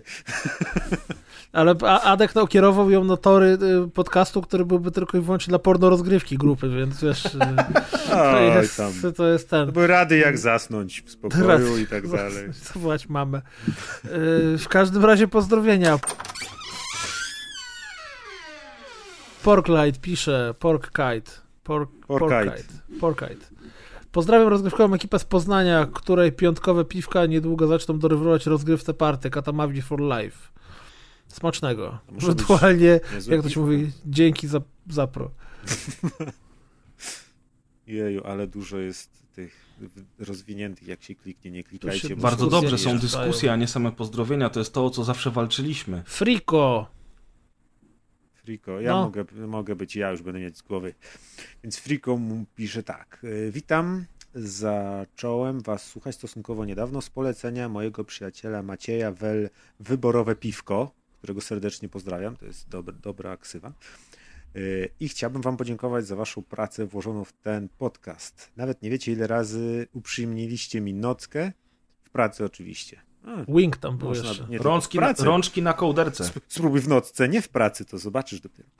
E, Robicie świetną robotę, oby jak, tak dalej, jak najdłużej. Także pozdrawiam całą redakcję i wracam słuchać archiwalnych odcinków Piąteczka. O, za No. archiwalne odcinki lajeczek. Proszę. Piąteczka. Archiwalne odcinki były lepsze, bo kiedyś było Tak. lepiej, to wiadomo. Odpal sobie pierwszy odcinek i rozmowa o Kinekcie. Pierwszy jest najlepszy. Tak ja sobie to- ostatnio odpaliłem i tam Kaz wieszczy w ogóle, że Kinect p- ten spowoduje, że już konsol, konsol nie będzie, jak widać. Ja pamiętam... nie ma kaza dzisiaj. Nie, nie. Ja e, jakiś czas temu puściłem sobie Lorem Ipsum, bo pamiętam, że ktoś tam mówił, że to O, jest jeden ulubiony odcinek i rzeczywiście słuchałem chyba pół godziny czy godzinę i płakałem ze śmiechu. Taki był dobry. To był odcinek tam, gdzie nagrody przyznawaliśmy grom A, To było najlepsze. i Dobre. był wspaniały, a poza tym właśnie już nam zostały tylko 22 odcinki do dwusetki. To też już, tfu, 12 odcinków do dwusetki. To jest Czyli w pół ogóle... roku. Wow. No. I ileś odcinków do 10 lat. Do 10 już? No najpierw będzie 9, a potem będzie 10. Aha, a, to do, set, do, do 100 lat podcastu już na parę odcinków zostało. Ale dopiero co było 6, czyli tak samo jak dopiero Osiem co było. lata było. 90. Nie? Osiem No, było w no, tym no roku. właśnie. Nieźle, nieźle. 8 było w tym roku. 100 lat, teraz mówisz Kuldan, 100 lat, 100 O lat. lat, o lat. Dobra. No. Teraz ja czytam. Pozdrowienia Paweł Kuzia. Pisze tak. Ptysia moje misiaczki kolorowe. Pozdrawiam was serdecznie i nie mogę się doczekać, aż uderzymy w melanżyk na RP6. Wow. Zawczasu przepraszam wszystkich, no bo kaman, wy mnie nie znacie, ale ja się znam. Będzie za co przepraszać. Jak będziecie mnie wyrzucać na zbity pysk, to po prostu wskażcie mi w którym kierunku do Radomia. A tak serio, to słucham was od roku i ani godziny nie uważam za zmarnowaną. Dostarczacie mnóstwo rozgrywki podczas chodzenia, leżenia, zmywania, jeżdżenia, sprzątania. Tylko takich podcastów, szanowni, piękni panowie. Ja, ja Pawła kojarzę z, lo- że tak powiem, y, uniwersum masy kultury. No taki podlist to na lajeczka też zasługuje. Pyk. I A co Deusz tam? czyta Marcin Mena 11. Tak. O, O, ale farciarz najlepszego trafił. Marcin Men 11. Jak co dwa tygodnie nadchodzi czas, by popodziwiać moje kartki wyszukane z najróżniejszych zakątków internetu. Oj, Ku waszej uciechy i słuchaczy, kt- którzy słuchają, jakie mądrości one mają z lat 2000. Pozdrawiam Preza i Kuldana za to, że namówili nagranie w Elder Scrolls Online. Rzeczywiste to jest jednoosobowe MMO, w którym nie trzeba absolutnie zajmować się tym wszystkim, co w innych MMO jest wow, Jak, WoW, jak WoW. WoW, a jak WoW, jak WoW jest konieczne. I kiedy następna rozgryszamka i tudzież lub grube rozmowy. Grube z małej napisał. Świetna Nie seria, będzie Nie będzie lajeczka. Tylko, że mało o nich sły- ostatnio słychać. I tu są, pod spodem są rysunki z ponczusiami i są wierszyki, które za chwilę zdeklamuję. Jestem no, nie ponczuś musisz. malutki, słodziutki, taki chrupiący i bardzo tłuściutki. Dzisiaj tłusty czwartek, więc już nie czekaj. Zjedz mnie ze smakiem, więcej nie zwlekaj. Jak Deusz mówi, że jest tłuściutki poczuć, to po prostu... I jeszcze jeden to wierszyczek. ja powinienem czytać chyba. Był sobie mały, pachnący pączek. Był okrąglutki i nie miał rączek. Miał za to smaczną brązową skórkę, a w środku dziurkę na konfiturkę. Ale to zdjęcie tego pączka jest co najmniej dziwne.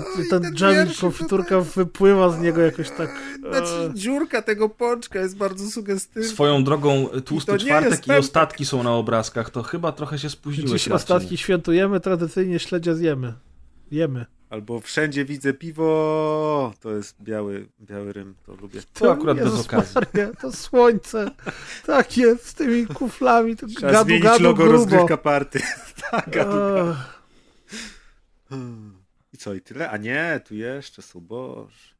Jezu, Kuldan. znowu do mnie wróciło. Nie czytaj Dave'a. Ech, Dave tu pisze rzeczy. Domagam się, wróć. Żądam, kurwa, aby Prez wrócił na stanowisko stażysty. Ma dostać krapy do recenzji. Przesłuchałem już prawie wszystkie zaległe odcinki, krapy do łapy tak zwane. Przesłuchałem już prawie wszystkie zaległe odcinki, zostało mi 20 i jedno mogę powiedzieć na pewno. W tej chwili jesteście bardziej poważni. Maciek stracił ochotę do życia, Ostatnio Prez przestał śmieszkować, a jego rant na DSKP is The Walking Dead, czy później jak pocisnął Halo Masterchef Collection, o Masterchef, dobre, płakałem w tych momentach. P- Prez pocisnął Halo Masterchef Collection? No, Przecież tam Prez była jest trochę beka. fanboyem Halo. Ale trochę beki było, faktycznie. Wydaje mi się, że regularność trochę przegasiła te wybuchy trollizmu w was samych. O. Ja doskonale, no a teraz jeszcze co tydzień jest coś, to już w O. ogóle, to Maciek już w ogóle. Maciek już umarł generalnie nie? i to jeszcze był na obu dokładkach. Stracił ochotę do życia. Ja was doskonale rozumiem, czemu nagrywacie regularnie, ale mam wrażenie, że przez to macie już tej euforii przed nagraniem euforii, to mamy, wiesz, Kiedyś Mnie. było lepiej, Dave. w, w nocy mamy euforię. Tylko podchodzicie do tego machinalnie. Może się mylę, w sumie to mam nadzieję i dacie radę rozniecić sobie ten ogień ponownie. Ja nie chcę rozniecać ognia z chłopakami. Przykro mi. Dzięki, Ku, Kuli. kuli, połączenia szyfrujące, jak nie wiesz jak, to zapytaj się na antenie. Nie wiem jak, mój dostawca y, serwera nic o tym temat nie wie. Jak ktoś wie jak A, połączenie szyfrujące, to niech powie. Jeśli jesteście zainteresowani, to nie ma, mamy wyłączone połączenia szyfrujące na serwerze, więc możecie się włamywać. Nie, nie na serwerze, chodzi o to, że na, na serwerze chyba są, ale na stronie jak się wchodzi, to wyświetla Aha, czasem, że dobra, ja nie wiem jak to zmienić, jak ktoś wie, to niech mi Póki powie. co to działa, to nie dotykamy. No właśnie, bo to jest ryzyko, że jak za domek każdym razem z kart, jak to- dotkniesz i się zawali, tak. wszystko wtedy. Mocniej wiatr zawieje i Tak. chuj po, po stronie będzie. Dementuję pomówienia, nikt nie kazał mi napisać tego wpisu jako pozdrowienia, nikt nie zabronił mi mówić o tym, że mi nie kazał, bo nie kazał, nikt nie kazał, zrobiłem to z własnej woli, wcale to nie była partia radykalnych ekstremistów Zimbabwe. Press. Procenty historii pozdrawiają. Nie wiem, No bo- to. To ja wam wytłumaczę, co to jest Partia Radykalnych Ekstremistów Zimbabwe, czyli PREZ. Bo David napisał do mnie to na Messengerze, podobnie, a ja mu napisałem, stary, ale wyślij to na komentarzu na stronie, nabijaj nam wejścia. No kurczę, po co mi to pisze prywatnie, jak wszyscy Dokładnie, bez przeczytać. sens. Ale bardzo mi się podoba partia radykalnych Ja ekstremistów już sobie to Zimbabwe. dopiszę do mojej listy y, naklejek. Zażaleń. Tak, będzie. Dobra. Y, Co? Kto teraz? Ja Teraz, teraz? chyba ja. Nie, ja, tak? Nie. Ja Kto- muszę teraz, nie, bo Maciek, potem Maciek ktoś teraz. musi o mnie Dobra, przepisać. Maciek, bo ja jestem trzeci. Tak, no to 486DX2 66 MHz. Pozdrawiam przycisk turbo, a to śmieszne, że 486 pozdrawia turbo. Jebane, zaraz będą ramy pozdrawiać te zasilacze z czarnej listy i tak się zacznie, nie? Potem Saturn pozdrawia tam tego, N64, dobra. Y, 486DX266 pozdrawia przycisk turbo, który całe życie, Całe całe, dzieciństwo? dzieciństwo oszukiwał mnie, że przyspiesza komputer, a okazało się, że jednak zwalnia. Czyli przycisk turbo zwalniał 486 DX2. Ale to fajnie było, jak były komputery, który miał przycisk turbo. To właściwie to lepsze od wymiany karty graficznej. Ale- Teraz by się przydało. A propos głupich przycisków, to dzisiaj używałem, y, są takie dwa momenty w roku, kiedy używa się przycisku insert na klawiaturze. Tak. I potem zawsze zapominasz wyłączyć, nie wiesz co się dzieje. I, i też, jest, to, też jest dla mnie to fascynujące, że taka funkcja ma swój własny klawisz na klawiaturze. I że ona wciąż jest jeszcze tak, używana. tak, tak, że wiesz, Znaczy, że te klawiatury ergonomie są, jakby ergonom, ergonomicznie są rozkłady i tak dalej, i tak dalej, a zawsze ten jednak insert jest, a Ale widzisz, potrzebowałeś dwa razy do roku, ale potrzebujesz. Jakby go wywalili, to teraz byś potrzebował i byś nie miał. Tak masz. Ja nie lubię, jak przypadkiem nacisnę insert i się zastanawiam, czemu mi literki No zjada. właśnie, no, to jest ten efekt. efekt Albo zastanawiałem się, czy taki standardowy użytkownik na przykład używa tych klawiszy typu page up, page down. Nie wiem, A co czy... to jest Ja na przykład używam. break pod pauzą? Ja nigdy nie wiem. Breakdance, jak klikasz, to zaczynasz tańczyć breaka. Dobrze, że nie Spróbuj, dotykałem. Nie, nie, nie. Nie, ja mam chory kręgosłup. jest page break, ty. Nie, to jest piszesz też- break, a nie page break. No bo to jest pause i break. Aha, w sumie no to tak, no to też jest po prostu przerwa. A, Dobra. bo to jest taki pause. Hammer Ja tam, się zawsze, potem ja tam się zawsze na laptopach boję nie, tych guzików funkcyjnych. Don't break my heart. Na, na, na, na, na, na. Ostatnie Tak jak- dzisiaj. A sys RQ też mam taki przycisk, ale ja mam starą klawiaturę z 92 roku, więc inne Aha, a propos ergonomicznych, nowoczesnych klawiatur, to Maciek jest. zacytował z 92. No. Ostatnie pozdrowienia dzisiaj faktycznie są głównie skierowane do Maćka, więc dobrze, że nie czyta ich Maciek, tylko ja.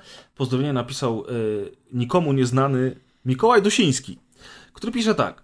Chciałbym, znane redakcji. Chciałbym serdecznie pozdrowić mistrza montażu, króla wejściówek, cesarza podkładów muzycznych, a także największego po tej stronie Odry hejtera wszelkiego rodzaju marketingu i PR-u, czyli Maćka. No i resztę, resztę nagrywających również, niech wam będzie. Cieszę się, że się zobaczymy na RP6.0 w sobotę. Oby żaden z nas tym razem nic poza godnością w Disco VR nie zostawił. Ja oponuję, ja zawsze tylko godność tam zostawiam, nic Powinniśmy więcej. A zawartość tak. żołądka. Powinniśmy... Nie, nie, to obiad- trzymam, to trzymam. Nawet tak, komiksu, że który powinniśmy- Kuldan mi przyniósł rok temu, nie zostawiłem, także tylko Powinniśmy godność. go obrazić teraz i zobaczyć, czy przesłucha tego przed e, imprezą. Czy by nas był obrażony na nas na imprezie, czy nie. Miki don't! To musisz teraz go obrazić w jakiś sposób. Miki zrozumie. Ja chciałem Miki zrozumieć. Ja chciałem coś innego powiedzieć. E, Oglądam ostatnio mm, e, Parks and Recreation i e, jest tam scena, w którym bohaterom organizują przyjęcie, gdzie mają oglądać telewizję z pewnego powodu, ale jeden z bohaterów nie zapłacił pieniędzy za kablówkę. Więc zaczyna opowiadać i naśladować wszystkie swoje ulubione filmy. Jest scena, która trwa trochę dosyć dłużej, e, w którym to opowiada, jak to Patrick Swayze wtedy go kopnął z półobrotu i chwycił go za twarz. Tam generalnie dosyć długo opowiada. Do, dokładka mówi- numer jeden, polecamy. I tak się kończy film Wykidajło! I ja w tym momencie myślałem, że jebnę ze śmiechu, jak y, godzinę wcześniej słuchałem dokładki numer jeden, gdzie opowiadaliście o filmie Wykidajło. Więc, Jakie to y, jest zrządzenie sił rządzących no, wszechświatem, tak. że tak, nigdy byś o w tym filmie nie No, usłyszał, a absolutnie tutaj nigdy, nagle w nie? jednym To tygodniu... jest y, ostatnio, chyba To dwa było tego odcinki samego temu o tym, dnia. roz... O. ale chyba dwa odcinki temu o tym rozmawialiśmy, prawda? Że jak coś powiemy, to... Tak, bo to było z tymi kocami dla psów chodzącymi. Tak, tak. I Kulda tak. nie zaczął nagle wszędzie zauważać, tak. Ty, musimy coś wkręcić Kuldanowi, żeby to zaczął zauważyć. śledzić, no. Ja już dzisiaj powiedziałem, że na kawalerskim Kaza będzie numer z osłem. Nie Ale kłamałem. to Adek robi za 50 zł, z tego co pamiętam, z odcinka któregoś też. Faktycznie, kiedyś o tym rozmawialiśmy, no. To chyba właśnie na pierdololo było. Możliwe. taka propos, taka propos, to chyba na tym samym pierdololo, który był ostatni pierdololo. Taki Na never ostatnim pierdololo forget, never, never... Ojej. Dobrze, że Kas nie słucha podcastu, to nie będzie wiedział, co szykujesz. A co jeszcze szykujesz, to jak oprócz numeru zasłon? Ale numer Ten na granat, z wesele. gang, nie? ten granat z gangbangiem z tego, z, du, z Gearsów. Ostatnio, ostatnio Kas mi mówił, że jego narzeczona e, oglądała z nim bodajże oryginalne Gwiezdne Wojny albo coś równie klasycznego, co uwielbiam. Przebierzesz się z Marka Hamila. I na... tak, właśnie, bo to było o tym. To było o tym, co było na drugiej dokładce, że Mark Hamill polubił mojego, tw- mo- mojego tweeta. I, e, i, I narzeczona Kaza spytała się, kto to jest Mark Hamill. No i Kaz y, wtedy powiedział właśnie mi tę anegdotkę, a ja mu po prostu Zrywam serdecznie, nie, tak mu serdecznie napisałem właśnie zupełnie od serca, to kiedy zrywasz zaręczyny. I czy potrzebujesz pomocy w zakopaniu ciała? Och, dobre, dobre. Trochę śmieszne, ale... Trochę smutne, no Marka Hamila nie znać, no kurwa. No i oczywiście kto nie zostanie zaproszony na wesele? Wojewoda. Ani Mark Hamill, bo Mark nie Hamill zna. też nie. Ale słuchaj, jak Będziesz będziesz tym gościem od osła, to będziesz miał wejście. Będziecie razem siedzieć pod kościołem Z Łokiem czy z Markiem z Hamilem? Markiem Hamillem, co ciebie też nie zaprosili, no. No, no. Nie Ale wiem, potem prez sobie przypomnie Last Jedi i udusi Marka Hamilla na schodach i to jest skandal. Ty Czekaj, poczekaj, czekaj, on powie, typie, ja cię skądś kojarzę, on będzie po, taki wy zadowolony. poczekajcie na odrodzenie, to wtedy zobaczycie. Nie, Wiecie, że nie, ja do nie, dzisiaj nie, nie. obejrzałem tego zwiastuna? To, to znaczy, A to nie że wiem, już a to umarły nie we mnie czyta, bo już są Wojny. plotki o zakończeniu. A ty nie obejrzałeś ten zwiastun, razem go Nie, oglądaliśmy. ja wtedy nie oglądałem. Jak Nie, to Maciek go z nami nie oglądał. oczy zasłonięciu, czy Nie, zaczął bo la la la la. mnie umarło. to, Już to się jest pojawiły smutne, plotki, że ale- podobno zakończenie wyrywa z butów, także... A niech wam wyrywa. Chyba z foteli ludzie wychodzą i płaczą. Preza już wyrwało z butów poprzednia część, więc nie wiem, co teraz będzie. Nawet preza wyrwała po poprzednie. Po- Ty, po- no ale co, co tam no, może ale wyrywać poprzedni z film butów, był że oni wskrzeszą prostu, no. Imperatora i zamkną takie, trylogię Skywalkerów, żeby zrobić kolejne sześć trylogii. To okaże się, że Wader żyje tak naprawdę. Nie Wader, tylko Imperator, no. Jedyne, co by miało sens, to gdyby się okazało, że tak naprawdę Imperator jest zreinkarnowany w Rey. I by wszystkich zrobił w tak zwanego człona. z butów. Jest taki... Prez by był jedyny, który by się śmiał w kinie tak na głos wtedy, cała Jak sala. Imperator. A, Prez, a, a, I by, i by, swoje napisał, i, by napi. I by napisał do Marka Hamila DMK, a nie mówiłem? Toldzia, Toldzia. Natomiast oczywiście Jest Disney tego nie mem. zrobi, bo kurwa musi być fajnie, miło i super. Jest taki mem y, z jakimś takim, nie Pamiętaj, wiem... że jak piszesz do swojego filmu. kolegi Marka, żeby każdy kurwa na fakt zamieniać, bo on nie przyczai. Ach, tego Marka, Jezu. Jest taki, Marki jest taki Mark. mem, nie wiem skąd to się wzięło, ale takie trzy, ko- trzy takie zajebiste smoki narysowane są. Gra o dwa są super. Nie, nie, nie, to takie narysowane yy, z jakiegoś, nie wiem, wiesz tam, typu Elderon, albo jak się nazywa to taka... To jest z, z legendą o Szewczyku Dratewce może. Seria, seria książek o smokach. Szewczyk Dratewka taka. Inspired. O smokach. Smoki. No, było, były nawet, był film nawet, pierwsza część niego powstała, ale potem... jeden. A wiem, to było takie gówno, że nawet nie zwróciłem na Tak, to uwagi. właśnie Smok. to. To chyba to było z tego, chyba to było A z co, tego w co ten razie... nastolatek napisał książkę, tak? Tak, coś takiego. W każdym razie Aragorn. są takie... Aragorn. O, O, właśnie. To chyba z tego właśnie są te smoki. Nie wiem, w każdym razie są trzy takie smoki. Dwa takie super zajebiste, ładne, wiecie, poważne, przerażające, a trzeci ten smok ma taką minę, jak jakby miał oczy takie Google Eyes i taką minę generalnie debila i w ogóle jest taki trochę, trochę retarded i tam jest y, ten pierwszy Jadek. smok. Jezus, wiem, że chciałem to powiedzieć, ale się zamknąłem. Bo mi wybacza, a tobie już by nie wybaczył. Pozdro, Adek. Mam nadzieję, że nie przesłuchasz tego przed rozgrywka party. Tam generalnie e, ten pierwszy smok, tam Dark Sidosius, coś tam, wiesz, tam główny szef, tam środkowy, Palpatine, wielki imperator, to tam, to tamto, po czym ten prawy retarded smok, Snook. Snoke. Snoke. A zresztą nie muszę cię poprawiać, masz rację, Snoke. Snuk. To jest taka jakość, Snoke, że... Snook Wader Dogg. i wszyscy. Snook Snook Dogg. Dogg. Snook Dogg. Snook Dogg. Ale Dark Sidoxius, naprawdę, Kuldan? A tam tych raperów było więcej. Marki Mark, Dark Sidox. Dwóch ich zawsze jest. Jak się nazywał ten pierwszy, Dark? Sidious. Da- Dark Sidious? A- Dark Sirius. I on mówił Sirius man, come on. Ej, ale serio, że też nikt nie zrobił przeróbki Snooka z y, Snoop Dogiem, to bez sensu. A czekaj, jak się Snook Dogg Snook pisze? Doggy Dogg. Jak ten, On jak... tak sobie siedzi na tym fotelu. No ten hologram wielki. tak, tak. Snook Dogg. Nikogo nie ma. I- Nie, jedzie Wiggle, w tym, wiggle, wiggle. w Lowriderze i tak. No oczywiście, oczywiście, że jest przeróbka Snook Doggy Dog. No No, proszę. jak, żeby No już wiem, co poleci do intra, tylko sobie zanotuję. Snook Doggy Dog. Nie, ale ten Snoop. e, obrazek Aha, jest. no tak. Aha. eee. Obrazek do intra. Ale... To będzie e, Weź odpal tobie. Jaka beka! Snoke Doggy Dog jest, no bez kitu. Odpal macie ten taki odgłos, jak się wczytywało kiedyś dane z Jezu, jaki takie- brzydki. To tak samo odpal taki odgłos, jakbyś ten obrazek w intrze wczytywał. Mhm. Snoke Nie, zrób lepiej. Włóż, wrzuć ten obrazek do swojego programu do montażu Nie chcę nic już ten mieć wspólnego z tym obrazkiem. Nie podoba mi się. Ale słuchajcie, Kiedy ale to- zazwyczaj na koniec do outra dajemy jakąś piosenkę z gry, a powiem wam szczerze, że w, w tym odcinku to chyba z Assassin's Creed Odyssey tylko jakiś kawałek się nada, co? Tam Jak? jakiś tam jest brzdęku, brzdęku. A Skill ta- Squad? No nie, ale y, wbrew pozorom State of Decay 2 ma całkiem niezły soundtrack, ale myślę, że Assassin's Creed jednak jako zwieńczenie tej wspaniałej historii. A w ogóle nie wiem, czy wiesz, Press, to ty byś mógł zagrać w tego Asasyna, bo ty chciałeś motywów... Yy... No wiem, no ale ja mam przejść całą kampanię, żeby Nie, zobaczyć właśnie parę nie masz przez całej kampanii, bo ci w Manii jest takie coś, O. Fate of Atlantis, robisz klik i ci mówi, czy chcesz grać po normalnemu, po bożemu, Nie. czy chcesz grać easy way Tak. i jak chcesz easy way, to Tak. wtedy ci daje To postać na... Wpłać 52 Playowi 50 poziomie. dolarów? Tak, Nie, nie, masz od razu postać na 52 poziomie i e, zaczynasz tego questa, który zaczyna na tak. tak, tak. Jak, jak Gdzie się klika? Gdzie, filmie, gdzie, tak. gdzie, jak, gdzie tu się lajkuje? Gdzie to się klika, żeby grać? Ach, to są A, to dopiero dobre, to dobre, to chętnie, to całkiem przyjemnie. to Tylko brzmi. mówię ci, że a nie, bo ty nie słuchałeś akurat, miałeś udar, e, że te pierwsze 10 godzin jest chujowe, dopiero potem jest fajnie. Słuchałem cały czas, cały czas słuchałem. Nawet w udarze słuchałem. Zawsze. Szanuję rozgrywkę. Ale Więc wąski 30 zawsze godzin, sikasz przez spodnie, zawsze. 30 godzin z Odyssey to, chociaż z drugiej strony, co ja mówię, Spędziłeś sam... 30 godzin No z właśnie. State of No właśnie. No. Także ja już nikogo nie oceniam. Nigdy więcej. Słuchajcie, moi drodzy. Chyba, że. Chyba. No.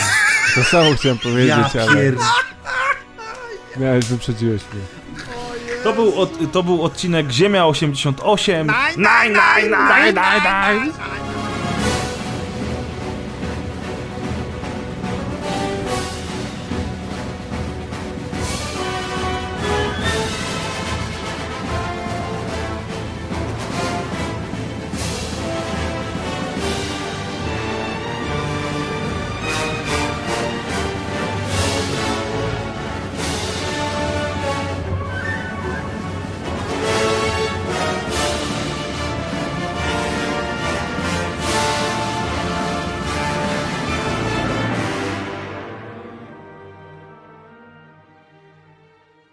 No ale serio, takie rzeczy jak Aniołki Charlie'ego, naprawdę to rebootu potrzebuje kino takiego?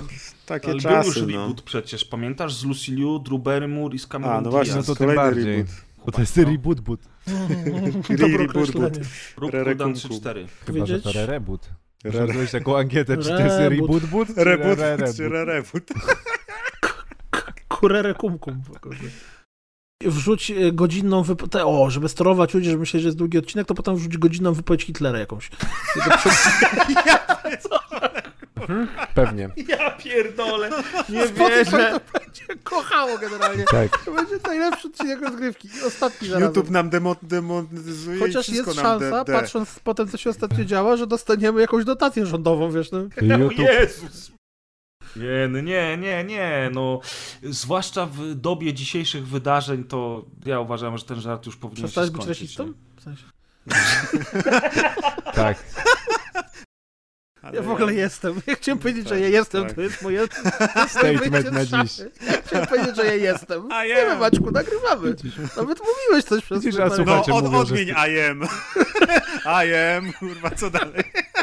Nie, odmień to be. Eee, U Maćka powinno być myślę więc i wtedy jego ścieżka się skończyła. No. A, Ale Co za żart? O, kurwa, aż cofnąłem się do zbieram, podstawówki. zbieram flaki z podłogi, No. bo aż mnie rozsadziło. Aż Jest normalnie... tylko jedna dobra riposta na taki słaby dowcip. Mówisz, dobry dowcip, ostatni raz jak go słyszałem, to tak się śmiałem, że aż spadłem z dinozaura. Zaraz się e, zacznie sezon I się skończy ładna gry i zacznie się kurwa Dudy, Asasyny nowe i Watch Dogsy. I znowu to samo. I znowu to samo i taki wąż, co gryzie swoje Ja własne jaja. urok Nie wiadomo, może na Kojima nas- wydaje grę w tym roku, nie? Najgorzej, wszyscy się No, zesrają. na szczęście, Tylko gra roku i... pisać. Ale, Super. ale po Battle Royalkach pojechał, więc to mi się akurat podobało. Co W bym jakim nie sensie mówić. pojechał? No nie wiem, czy widziałeś, że jakby miał zrobić grę na już, to by po prostu zrobił jakiegoś Battle Royala i by było... No Uuu. ładne, to szanuję. Patronami montażu są Łódzki Dom Kultury. Press